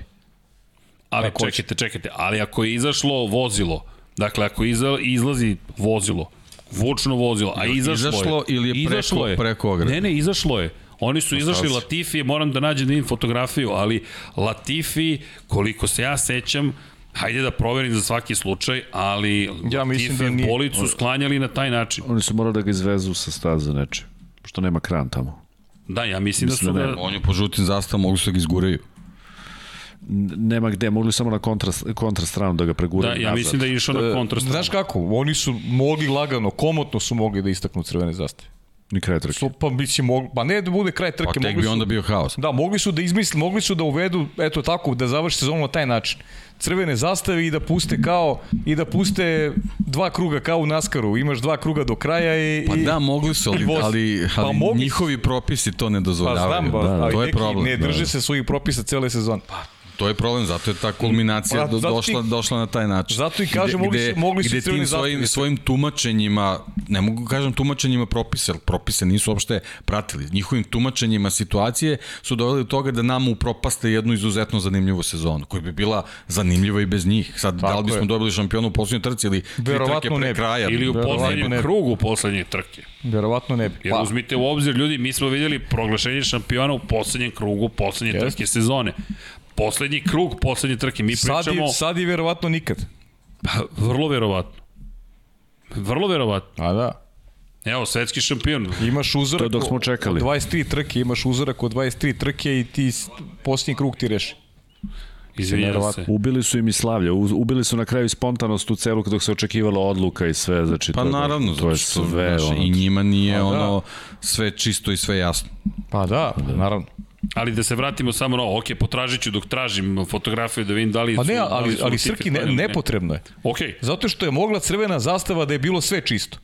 I ništa, imaš Pa ništa, tri kruga imaš- do imaš kraja crvenu na zastavu. svežim gumama i to je tako to. je, to što de, Deki pričao pro, pa protokol toliko puta ne ispoštovan cele Pa godine. Da. Ko, ko bi im nešto rekao da su istakli crvene zastave e, tri kruga pre kraja? Pa niko ništa Pa ne bi rekao. Pa šta? Sezona puna kontroverze. Čudnih odluka, neprincipijalnosti, čega hoćeš. Ali tu počinje rasplet koji i mi danas ne možemo da raspletemo, u kojem imamo vozilo bezbednosti, imamo prvo poruku, vraćam se na Formulu 2 u Jedi, vozila koje zostaju za ceo krug ne smeju da preteknu vodeći. Pa to je tek smešno. Čekaj, Pa to, to to, je je- saopštenje tek ludilo. To je dakle, mi iz sad, odluke u odluku katastrofa. pri čemu, zašto saopštavaš takve stvari i dakle ti ideja da to uopšte povučeš kao potez, pri čemu u tom momentu i Verstappen i Red Bull koji reaguju ok, logično, ima smisla. Dakle, oni A se da. smatraju sada žrtvama, Oni su oštećeni žrtve. su, oni su oni ti koji su oštećeni, Tako je. da bi Masi 45 sekundi kasnije rekao, eh, samo oni koji su između zapravo Verstappena i Hamiltona mogu da preteknu. Šta sad to znači? A Carlos Sainz? Masi, Zašto, zašto Masi je njega? na, na svaki pritisak s jedne ili druge strane odgovarao tako da udovolji ovaj, Ili možda treće neki zahtev. Ili pa dobro. Ne, činjenica bi bila da, da su da je ispoštovao proceduru da svi vozači ovaj obiđu da se vrate u, u, u, u vodeći krug Duže bi završilo bi, završilo bi se bi strka. Završilo bi, završilo bi se, to je, to je problem. Tako ali da je reagovao na vreme i to saopštio, možda bismo Ma i to trebao, on to nije trebao da saopštava, to je procedura. Pa to je procedura, Nema on šta tu da... Pro... pa da. on, on, on je svojim saopštenjem opustio Mercedes. Oni se nisu pripremali za nastavak, zato što su to je ekipa ljudi koji radi, oni su izračunali da će se trka završiti po žutim zastavima dok se svi vozači vrade u vode, vrate u vodeći Mi smo krug. izjavili da je trka završena. Bukvalno smo mi izjavili da je trka završena jer takva su pravila. Trka je završena, to je to, kraj. Lewis Hamilton osvoje titulu šampiona sveta, ali opet Michael Masi koji kaže Jel, a, ona, ona, ona, ona radio poruka a, govori da je Mercedes išao na to, računa da će se trka završiti po žutim zastavama gde su napadali safety car da vozi sporo. Oni su želeli da, da se što pre ti kru- krugovi izvrte da se trka završi po žutim zastavama. I, pošto je tako trebala da se završi. Jednostavno sve, sve je vodilo ka tome. ali Ali Michael Masi je ponovo se oglasio i rekao trka se nastavlja. Zašto? Pa po pravilniku, samo da i to razjasnimo, iako se Međunarodna automobilska federacija, koliko ja znam, nije oglasila nigde i ni na šta nije odgovorila, vidjet ćemo ovaj predsednik da li će nešto da promeni. Kako piše u pravilniku na engleskom jeziku, ne all cars, nego any car. Dakle, ne svi automobili da moraju da preteknu vodećeg, već bilo koji automobil treba da pretekne vodećeg. Ako tumačimo jezikom prava. I pošto je pravilo loše napisano, cenim da će biti promenjeno. To će mi biti jedna od prvih stvari koje moram da pogledam kada izbace novi pravilnik sportski za sledeću godinu. To će biti da li piše all cars. I, Kran je izneo o, automobil sa staze. dakle, kran je izneo. Jeste. Što znači Koji šta? pritom nema zaštićene gume. između ostalog. pravilima. Dakle, i šta, gde smo sad, Deki? Crvena zastava. Crvena zastava. Znači, sve smo prekršili. Sad smo ustanovili večeras Ne mi, i da je ne prekršeno ne i više nego što je trebalo. Ne mi, da je Masi prekršio zajedno sa direkcijom trke sve što je mogo da prekrši. I ja kad sam ti rekao da treba da se drži metle čovjek, ti mi Imamo zahtev za tu Pa ne. majicu, da, da, da znaš. A, da. Nije jedan čovjek pisao da napravimo tu majicu, ne možemo, to bi bila povreda lika i dela i povreda časti i verovatno bi nas neko tužio, ali idemo dalje. Prosto doneta je odluka, napravljen je izbor koji je napravljen i rezultat je takav bio da smo ušli u poslednji krug uz potpuno otvorenu bitku između A Lewisa da, ali kažem, Hamiltona to je već bilo, mislim, prvo kakva otvorena bitka, Otvorena bitka. Možda je tu ono Pa što dobro, si rekao, krug. Mercedes je u nekoj situaciji bio konzervativan u tom trenutku i možda trebao da, da, da vrati, vrati To. Hamiltona u boks, da, da zameni pneumatike, da se na taj način zaštiti, ali Da. kažem, oni su jednostavno sledeći Završili trku. proceduru, neku prirodnu trka je već bila gotova. Nije se desilo i sad taj nastavak trke čovjek na, na svežim novim gumama, da. koliko su bile stare, jedan krug beše, čini mi se tako nešto, protiv nekog ko je, ko je vozio pola, pola trke na tome, na, na, na svojim gumama, Mislim, videlo se u stvari taj, taj manevar obilaska se video koja je prednost u pneumatici. Ali Sam Max, je ponovo 100 metara za ostatka krenuo u, u jednostavno zašto gume to dozvoljavaju. Ali bih tu samo istakao dve stvari, to jest pohvalio pa jednog i drugog. Hamilton koji u tom momentu puni baterije. To možete da vidite po trepčićim svetlom, o tome smo pričali. Puni baterije, to je ulazak u petu krivinu, dakle on ide široko, ne bi li napunio baterije i prošao tako oštro kroz teme krivine, to je pretpostavka, da može do krivine broj 6 da zapravo ima najveću moguću brzinu. Pa i vidi, imao je iskustvo sa Perezom. Znači, nisu sve, sve nade potonulo, onda je uspeo dotle da sačuva, ali jednostavno ogromna je razlika bila u pneumatice. Samo- Ali, ali je bila nada. Samo bih se Apsolutno. vratio na taj potez, dakle on ide široko, pokušava da napuni bateriju dovoljno da ima maksimalnu snagu, dugme za preticanje čuveno, da sve što mu pruža Mercedes iskoristi, međutim Verstappen, ni, ni, nisam pročito intervju, pretpostavka je vidjevši kako trepću svetlo, da je svestan da u tom momentu puni bateriju Hamilton i da je to prilika za napad, pošto je preširoko otišao, nije vozio defanzivno, kad kažem preširoko, čujte, u toj situaciji Pa to je sedmostruki svetski šampion. Verujem da zna vrlo dobro šta radi. Baca se Verstappen pred Hamiltona, Hamilton koji izbegava incident, ali već izgubio je jednostavno inerciju, izgubio je brzinu koju imao, V0 mu je niži i izlaz ka prosto ka, ka, ka šestoj krivini, to bi bilo to. Jednostavno to bi bilo to. Pokušao je ponovo ka devetoj krivini da napadne, ali Verstappen je imao unutrašnju stranu krivine. Šta hoću da kažem, kakvo razmišljanje što jednog, što drugog. Dva velika šampiona na delu, Verstappen bolji, bolja situacija za njega, sjajna reakcija, fantastična reakcija, da ti imaš tu prisebnost u tom momentu, samo pokazuje koliko je sazreo i zaslužio titulu šampiona sveta na kraju trke.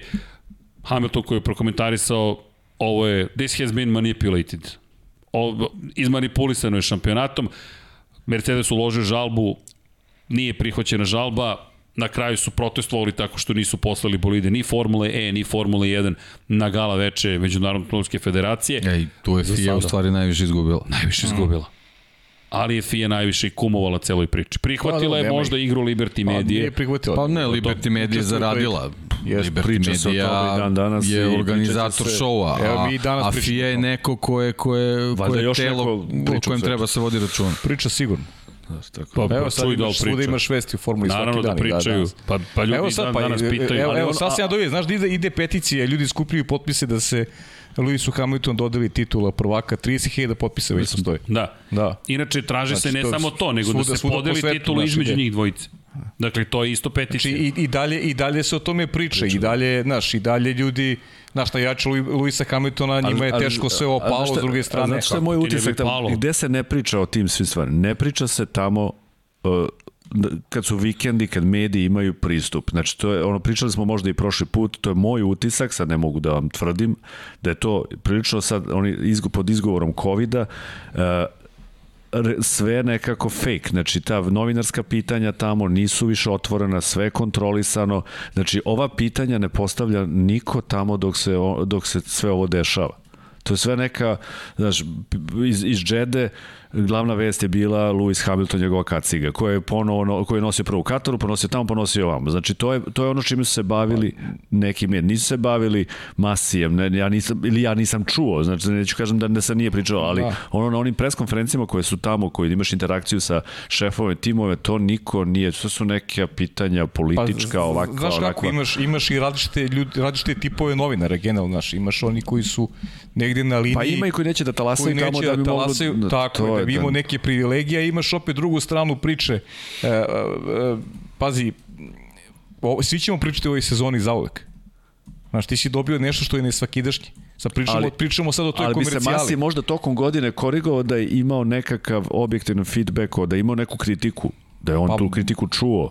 Znači, pričamo mi ovde, nismo mi jedini sigurno, ima još i, i nekog izveštavanja, ali nisam ja zaista primetio ono što sam ja čitao tim nekim naslovima sad do, na, do, do kraja kad je došlo, sad pričaju svi o Masiju, ali tokom sezone da li se neko bavio tim, znači niko nije ulazio to, više ali, ulazio to da li je, da li je Luis napravio grešku ili, ili, ili Max napravio grešku. Sve, sve je komercijalizovano danas da. i, i mislim da cela priča Evo vidiš kako, kako ljudi generalno gledaju na sezonu. Ja ovo što ja ne gledam tako, znaš, sad je sad svi pričamo o tom jednom krugu i o tome da je e, ne znam, Lewis Hamilton je zaslužio više. Ok, a kakve, koje su sve okolnosti dovelo do toga da Lewis Hamilton bude u borbi sa Maxom u posljednjoj trci? Ja mislim da je Max taj koji je mnogo više izgubio tokom godine i, i da je zaslužio titulu ranije. To je sad moj subjektivan stav.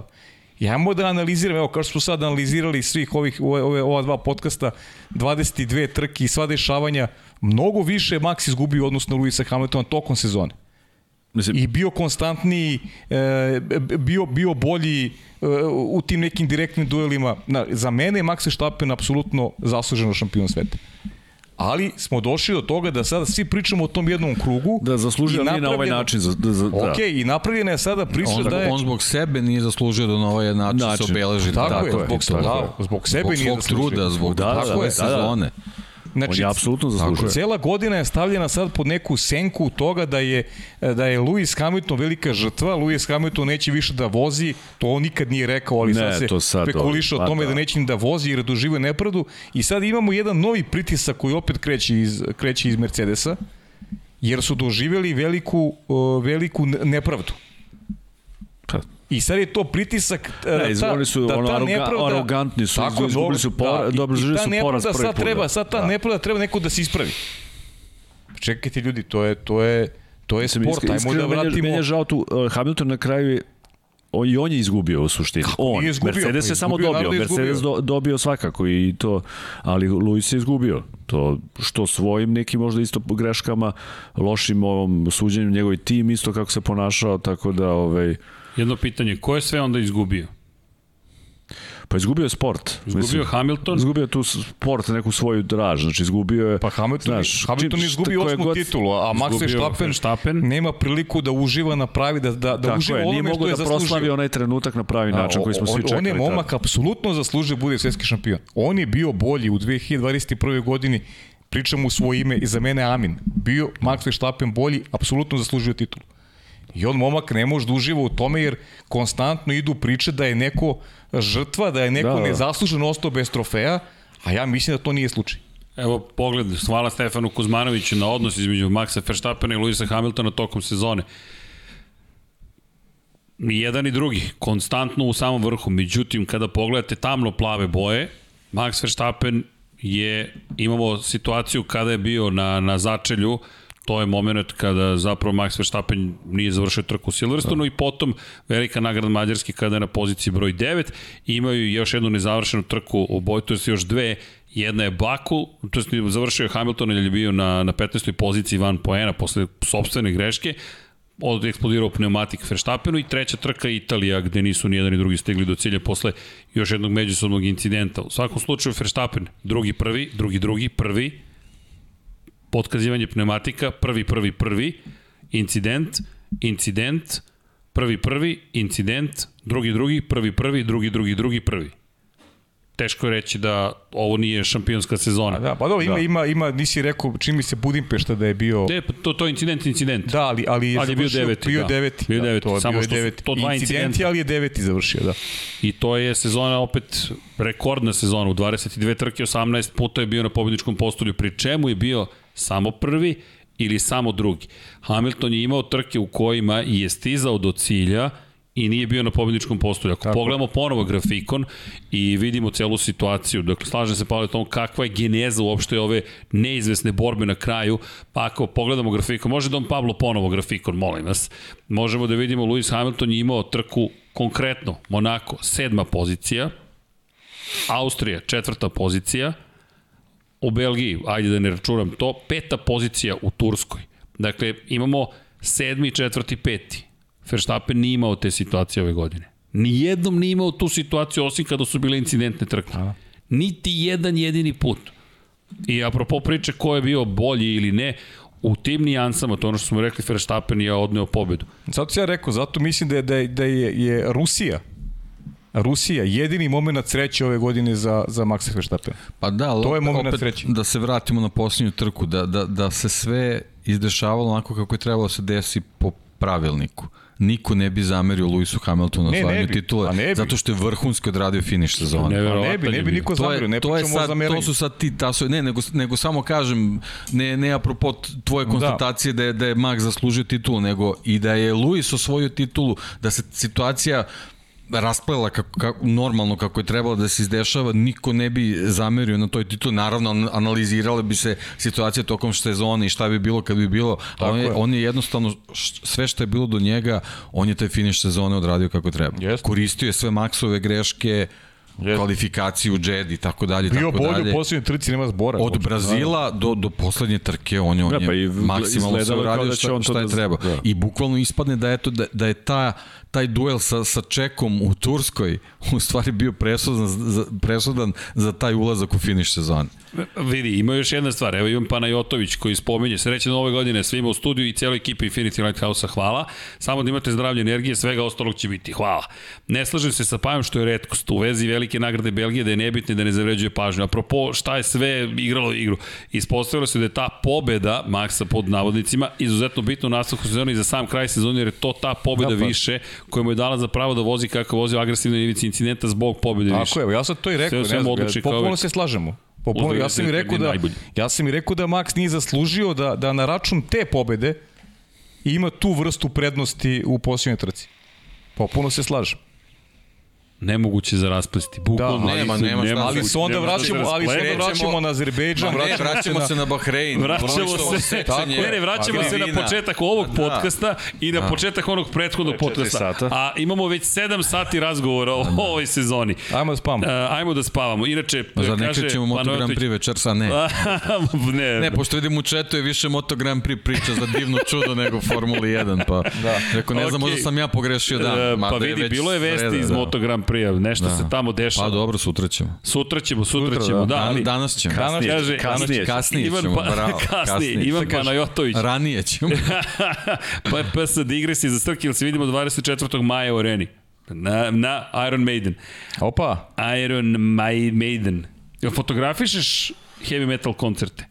Jao, Andrej, prijavi me, akredituj nas dvojicu, backstage. Pa možete vi kao Infinity Lighthouse. Može. Jao, Infinity Lighthouse, prijavimo Imate se. Imate vezu, čini mi Imamo se. vezu.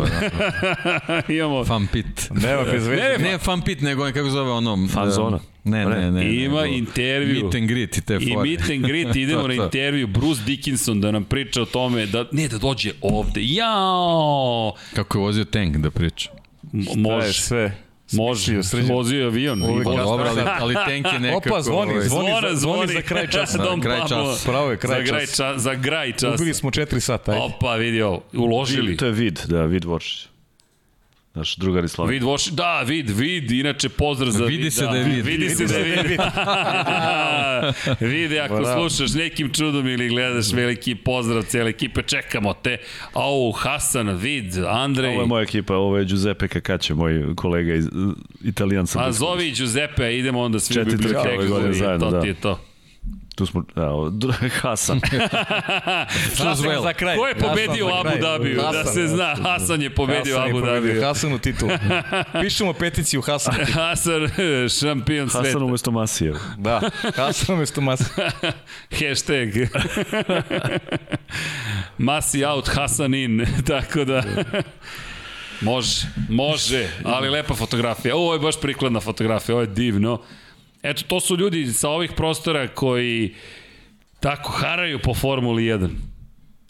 Fali nam Zoki Živkov da ga tu pozdravljamo. Da, ga. Zoki, pozdrav veliki za Zoki Živko. Zaista veliki pozdrav. Ovo su ljudi koji vam donose fotografije. Jedan deo nije moglo ovaj foto fa, još malo tamo fali tamo desno. Ovaj prvi je jedini cool. E, da.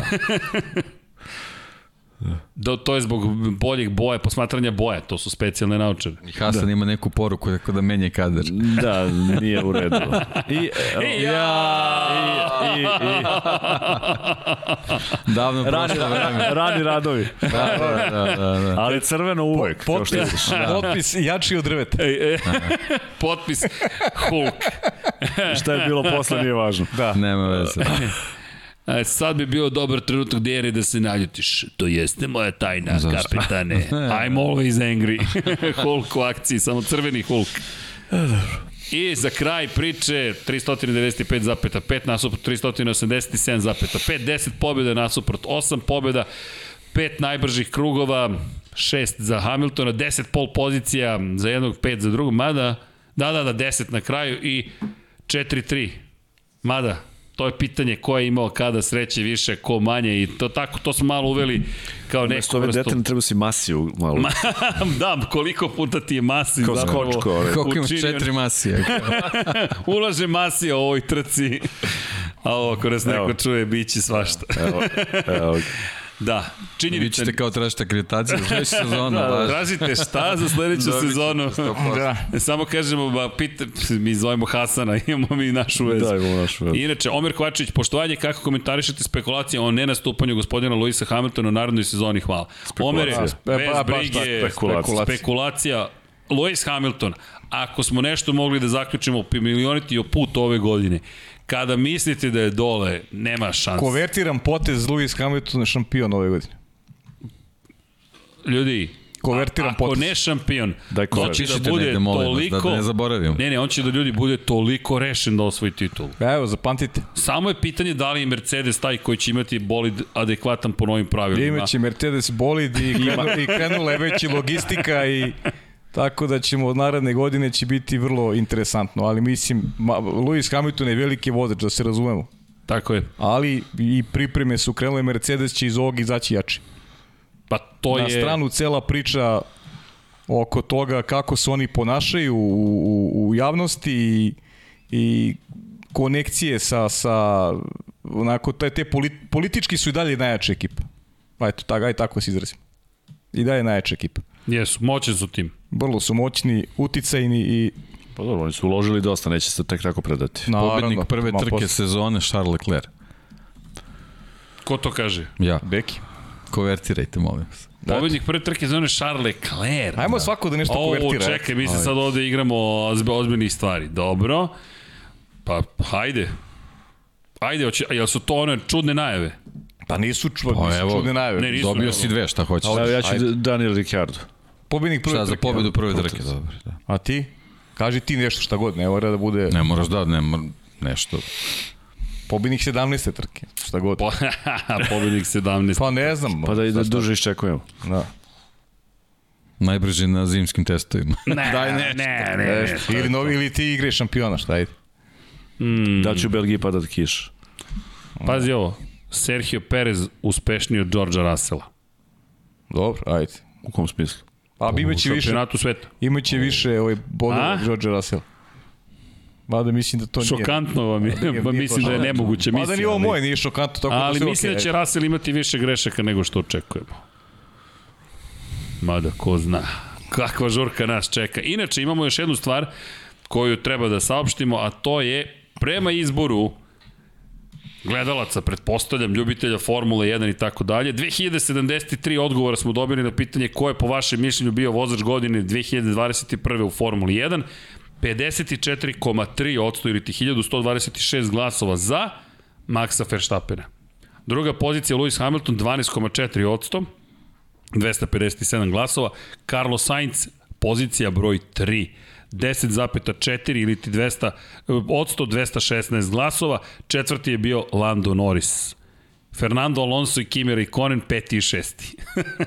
ok, na popularnost rekao bih, ali eto, ja. Max Verstappen zvanično prvi i običali smo ćemo napraviti nešto što je u obliku, je nešto što je u uspomenu Veljka, na Veljka Petrovića i imaće oznaku Lab 76 i šaljemo u Milton Keynes, pa nadamo se da će naći svoje mesto negde u vitrini, pošto smatramo da vaš glas i te kako vredi i da treba da se nađe pa, tamo i da Max Verstappen i Red Bull dobiju to priznanje. Glas publiku uvek najviše i vredi. Pa da.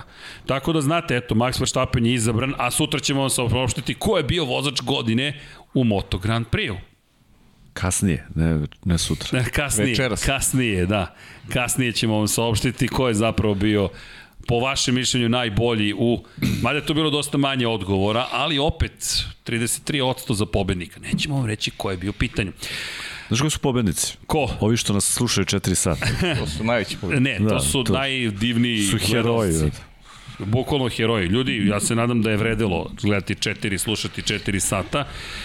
Uh, imam predlog, s obzirom na činjenicu da imamo mnogo pitanja i tako dalje. Pa sledeće emisije. Da li ste za sledeću emisiju da budu pitanja i odgovori Tako publike? Je, samo to. Ljudi, Pa dobro, ako, ako eventualno bude Dobro, vesti, vesti ćemo pokriti, da, ne, ne, ne, svako pa ću pokriti da, vesti, pa dobro, ali ljudi, ono što ste postavljali i u prethodnoj nedelji kada je reč o, o komentarima i ono što postavite tokom ove nedelje, mi ćemo odgovarati na sve to pa nadam se da ćemo moći da skupimo, da ne ponavljamo sva pitanja, nego ćemo malo da ih sublimiramo, jel te, ugrupišemo i da vam odgovorimo. Ako imate neka pitanja, to pripremite za sledeću nedelju i nema veze što su praznici ili što je zima, mada nije neka zima, makar ne u Beogradu. Kažu biće, kažu biće. Sad. Biće, dobro. I da Evo rekao sam, a inače ovde kasni uh, stream, ja sad gledam komentare, pa Dakle, e, komentari tek sad je stiglo za, za, za zapravo rezultate, ali dobro. U svakom slučaju, ljudi, narednog nedelje Andrej Isaković će odgovarati na va... Kako se šokirao. Čekaj, šta, što sam se upleo ja kada sam da pristao na ovo. Odoh. A da, inače, Marina, Ferrari je spreman, eto, naredne nedelje to To, Andrej, pa ne, dobro, nemoj sad po stolu baš ovaj, mm. da odleteće negde, ali činjenica je da, eto, da ćemo naredne nedelje odgovarati na pitanja, Možemo to i za Moto Grand Prix, ali vidjet ćemo sve danas, malo kasnije, šta ćemo sve raditi u Moto Grand Prix. Ima tamo nekih zanimljivih momenta. Moto Grand Prix se polako budi, rekao bih. Malezija je blizu, stigli su nam i formulari ko hoće u Maleziju, koji su protokoli, tako da Deki čini se da će tamo biti testiranja. No, da ne odem sada na Moto Grand Prix, Deki je već šokiran, tako da je vreme da se polako povlačimo. Andrej, Prvo čestitam ti na onoj fotografiji još jednom. Hvala. Na svemu što radiš. Hvala ti od srca za svaku nalepnicu, sve što uradiš, majicu i divne poklone koje nam uvijek doneseš. Doneo si nam Maxovu, Maxov dres, doneo si nam tamo, čini mi se, jel tamo deki ne vidimo od Paje, jeste za, iz Monaka Ovo je Tabard, da. Jeste Tabard da, iz Monaka je tu. Toga imaš Tabarda koliko Tabarda, hoćete. Koliko da, eno i za tebe isto. iz Bahreina. Katar, da, to na početku sezone, da. Jeste. Da. Mnogo toga ima, evo tu je. Možda neko stavio za komunalno, ono kad najđe stavio. nije, nije, nije, tu je, tu je nebezbedno, ima dosta suvenira. Hvala za sve poklone koje nam šaljete. Ukoliko već niste, udrite like, subscribe, možete join, patreon.com kroz Infinity Lighthouse, imate shop, sve to pomaže. Dakle, komercijalizacija se svodi na to da ćemo kupiti nove stvari. Inače, kupili smo još jedan novi mikrofon, tako da kuva se svašta u Infinity Lighthouse-u i e, prvo da skuvamo Rosijevu knjigu, to je prva stvar ovde prioritetna na kojoj se radi, ceo tim radi na tome, da, da, da čim praznici budu gotovi, to se nekako se sredi i nadamo se da ćemo imati još nekih lepih iznenađenja za vas tokom meseca januara pa i ostalih meseci. Ljudi, hvala vam još jednom, želimo vam laku noć, mazite se i pazite se, vodite računa jednim drugima, budite dobri, uradite nešto lepo gdje god da ste, šta god da radite. Pozdrav svima zaista i trudit ćemo se i ove godine da pričamo o nekim stvarima koje smatramo su društveno važne, ponekad to malo zaboravimo, ponese nas tema, ali to ne smemo da zaboravimo. I u to ime, da ne smemo da zaboravimo ljubav, lepe stvari i dobrotu, mi vam šaljemo pozdrav od cijele ekipe Infinity Lighthouse-a i ovog tima Lab 76, proširenog članstva, a Deki ja ćemo pogoditi sutra istu boju da se spremimo za Moto Grand Prix. E, četvorka nam je negde prestala. O, dobili smo i četvorku, a vide nam se noge. Zato nas Dom Pablo nije tu. Nisam lepo sredio kadar. Seci. To je, ali vidi, to je seci, šta, nogi ili kadar? Ruski Sve. plan, ruski Sve. plan, sec. Ruski plan. U svakom slučaju, ljudi, ovo je pogled na tim koji vas je zabavljao večeras, na ko gleda u odloženom Ćao, snimku. Ljudi. Nadam se da ste izdržali do kraja i da ćete čuti ove pozdrave ili ćemo baciti time kod koji kaže uh, veliki pozdrav cele ekipe i naravno, hoćemo svi zajedno, ajmo. Ćao, 1, 2, 3, čao svima. Ćao, čao, čao.